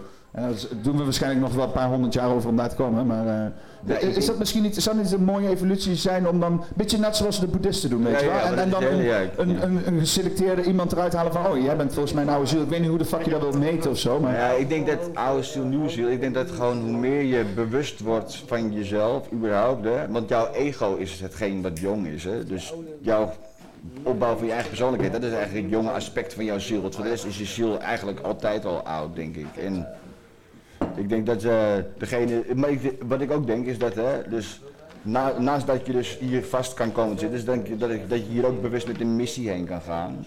Als een bewust dan oudere of wijzere ziel. En dan hier eh, blijkbaar een rol speelt of zo. Maar ja, aan de andere kant is ook alles... Zitten zitten jullie te smispelen daar dan? Wat is dit? Nou, hij zegt net iets wat ik straks ook ja, zei. Nou, ja, ik, ik, eh, weet je wat, eigenlijk... eh, moet niet smispelen in een podcast, dat kan nee, niet. oké, nee, maar- Dat is niet mogelijk, dat is Ja, ik- technisch onmogelijk is dat. Ik dacht dat je het eh, niet hoorde, man. Nee, maar... Je hebt een microfoon op je hoofd staan, maat. eh, Ik heb een ja, koptelefoon ja, op ja, mijn ja, hoofd. ja, ja, dat moet- Er zijn zes versterkers hier tussen hangen. theorie. Ja. Er zijn speakers hier als een maar motherfucker. Ja, nee, maar eh, eh, ja, kijk, de vraag was van eh, eh, oude, hè, hoe zie je van oude zielen en nieuwe zielen en eh, hoe vaak zijn die dan gereïncarneerd en nou eh, dat gebeuren, weet je wel. En, Ja, eh, die ja, cloud, je zeggen. Ja, ja, die cloud, weet je, dat, dat, dat, dat heb ik eigenlijk... eh dat, even. Weet je, ja, had jij het over? Kijk, ik zie het, ik persoonlijk zie het zo, weet je wel, dat zeg maar, eh, net als je een cloud hebt voor als jij eh, je telefoon, je, je hebt te veel eh, ja, filmpjes en shit, weet je wel, wat je door je vriendjes door en je wilt niet op je telefoongeheugen hebben, je telefoon is vol, je wil dat cloud sturen toch, weet je wel? Snap je wat ik bedoel? Ja, je, up- je het up naar, de, naar je drive. Ja, nou, in principe, ja, kijk, dat is zo. zeg maar een soort, eh, best wel een eh, plausibele theorie, dat zeg maar, hè, op het moment dat jij uh, en je komt er zeg maar, hè, op het moment dat jij dat zogezegde licht ziet waar, hè, waar je eigenlijk hè, zogezegd niet naar heen moet gaan, maar waar iedereen heen gaat, van hey fuck, je moet door het licht gaan, toch of niet, weet je wel, en dan op het moment dat je daar komt, eh, dan wordt wel gelijk ene keer zo gezegd, eh, je fucking heel je geheugen gewist, hè, naar je ervaring. Want je wordt opnieuw geboren als een babytje. Hè, eh, ervaar je, zeg maar. Maar dan zou je denken, waar is zo'n geheugen gebleven? Maar er is dus een bepaalde, weet je wel, een plausibele theorie, wat ik wel kick vind, dat zeg maar, dat wij, zeg maar, met een grotere groep, zeg maar, eh zo'n soort eh, co- collectieve eh, Ja, collective consciousness en zo. Juist, ja. Ja, maar dat is ook wel vaker gemeten en zo. Hè? Dat er dus inderdaad, eh, hebben ze de- over de hele wereld hebben ze allerlei random meters staan. Die produceren allerlei eh, willekeurige nummertjes. En dan soms zijn er dus in die hele reeks nummertjes allerlei eh, afwijkingen te meten en zo. En daar kan je dan eh, zeggen dat er dan bijvoorbeeld bepaalde dingen gebeuren. Maar over het algemeen zijn al die afwijkingen zijn wereldwijd gebeuren die incidenteel, waardoor het niet heel veel betekenisvol is. Ja. Maar wat je dus had bij bijvoorbeeld allerlei grote events zoals 9-11 of waarschijnlijk ook met de pandemie, ik weet niet of dat project nog steeds op running is, dat je dus collectief over de hele wereld al die random meters allerlei- allemaal in sync lopen, allemaal dezelfde afwijkende gedrag vertonen, zeg maar. En zo zie je dus dat er dus een soort van bewustzijn is in de wereld die inderdaad willekeurige aspecten beïnvloedt. En dat wordt gemeten door wetenschap. Er is een soort- En dat is dus een collectief bewustzijn, Bewustzijn. waar we met z'n dus allen ook- die kan je ook aan, die kan je Waar dus we ook allemaal onderdeel van zijn. krachtiger maken, toch? Waar we allemaal, en oftewel, zonder ons lichaam, degene die jij bent van binnen, die stem die jij verwoordt elke dag, dat is dezelfde stem die ik verwoord elke dag. Wij hebben dezelfde in ons allemaal. Wij zijn binnen in ons lichaam exact dezelfde bewustzijn. Alleen, dat, weet je, dus we, zijn, we hebben een ander beginpunt gehad, maar we zijn slechts een korte expressie van hetzelfde bewustzijn. Zonder ons lichaam, als stel dat ik bijvoorbeeld mijn bewustzijn kon transporteren naar die van jou, dan was ik jou. En jij was mij dan. Freaky, Freaky Friday shit en Ja, zo. maar dat, weet je, er is geen verschil. Dat is, het, dat is Een eigenlijk het dag in. Christen schoenen, de hele dag weglopen voor helikopters en shit. Ja, nou, dat ga je meemaken inderdaad. Maar wat het mooie is, op een gegeven moment, op, nee, op een gegeven moment kreeg ik er dus een helder tikkie zeg maar daarvan. Oftewel begon ik het helemaal te begrijpen. Toen begon ik ook in één keer mentalisten trucjes te kunnen. En begon ik mensen hun gedachten te lezen. Omdat ik namelijk, of wij kunnen allemaal, aan ons innerlijk vragen. Wat is de situatie van dat, wat is dat het bewustzijn, het overkoepelende bewustzijn waar we onderdeel van zijn. Dat, dat is al het bewustzijn. En ook al het bewustzijn wat er ooit is geweest.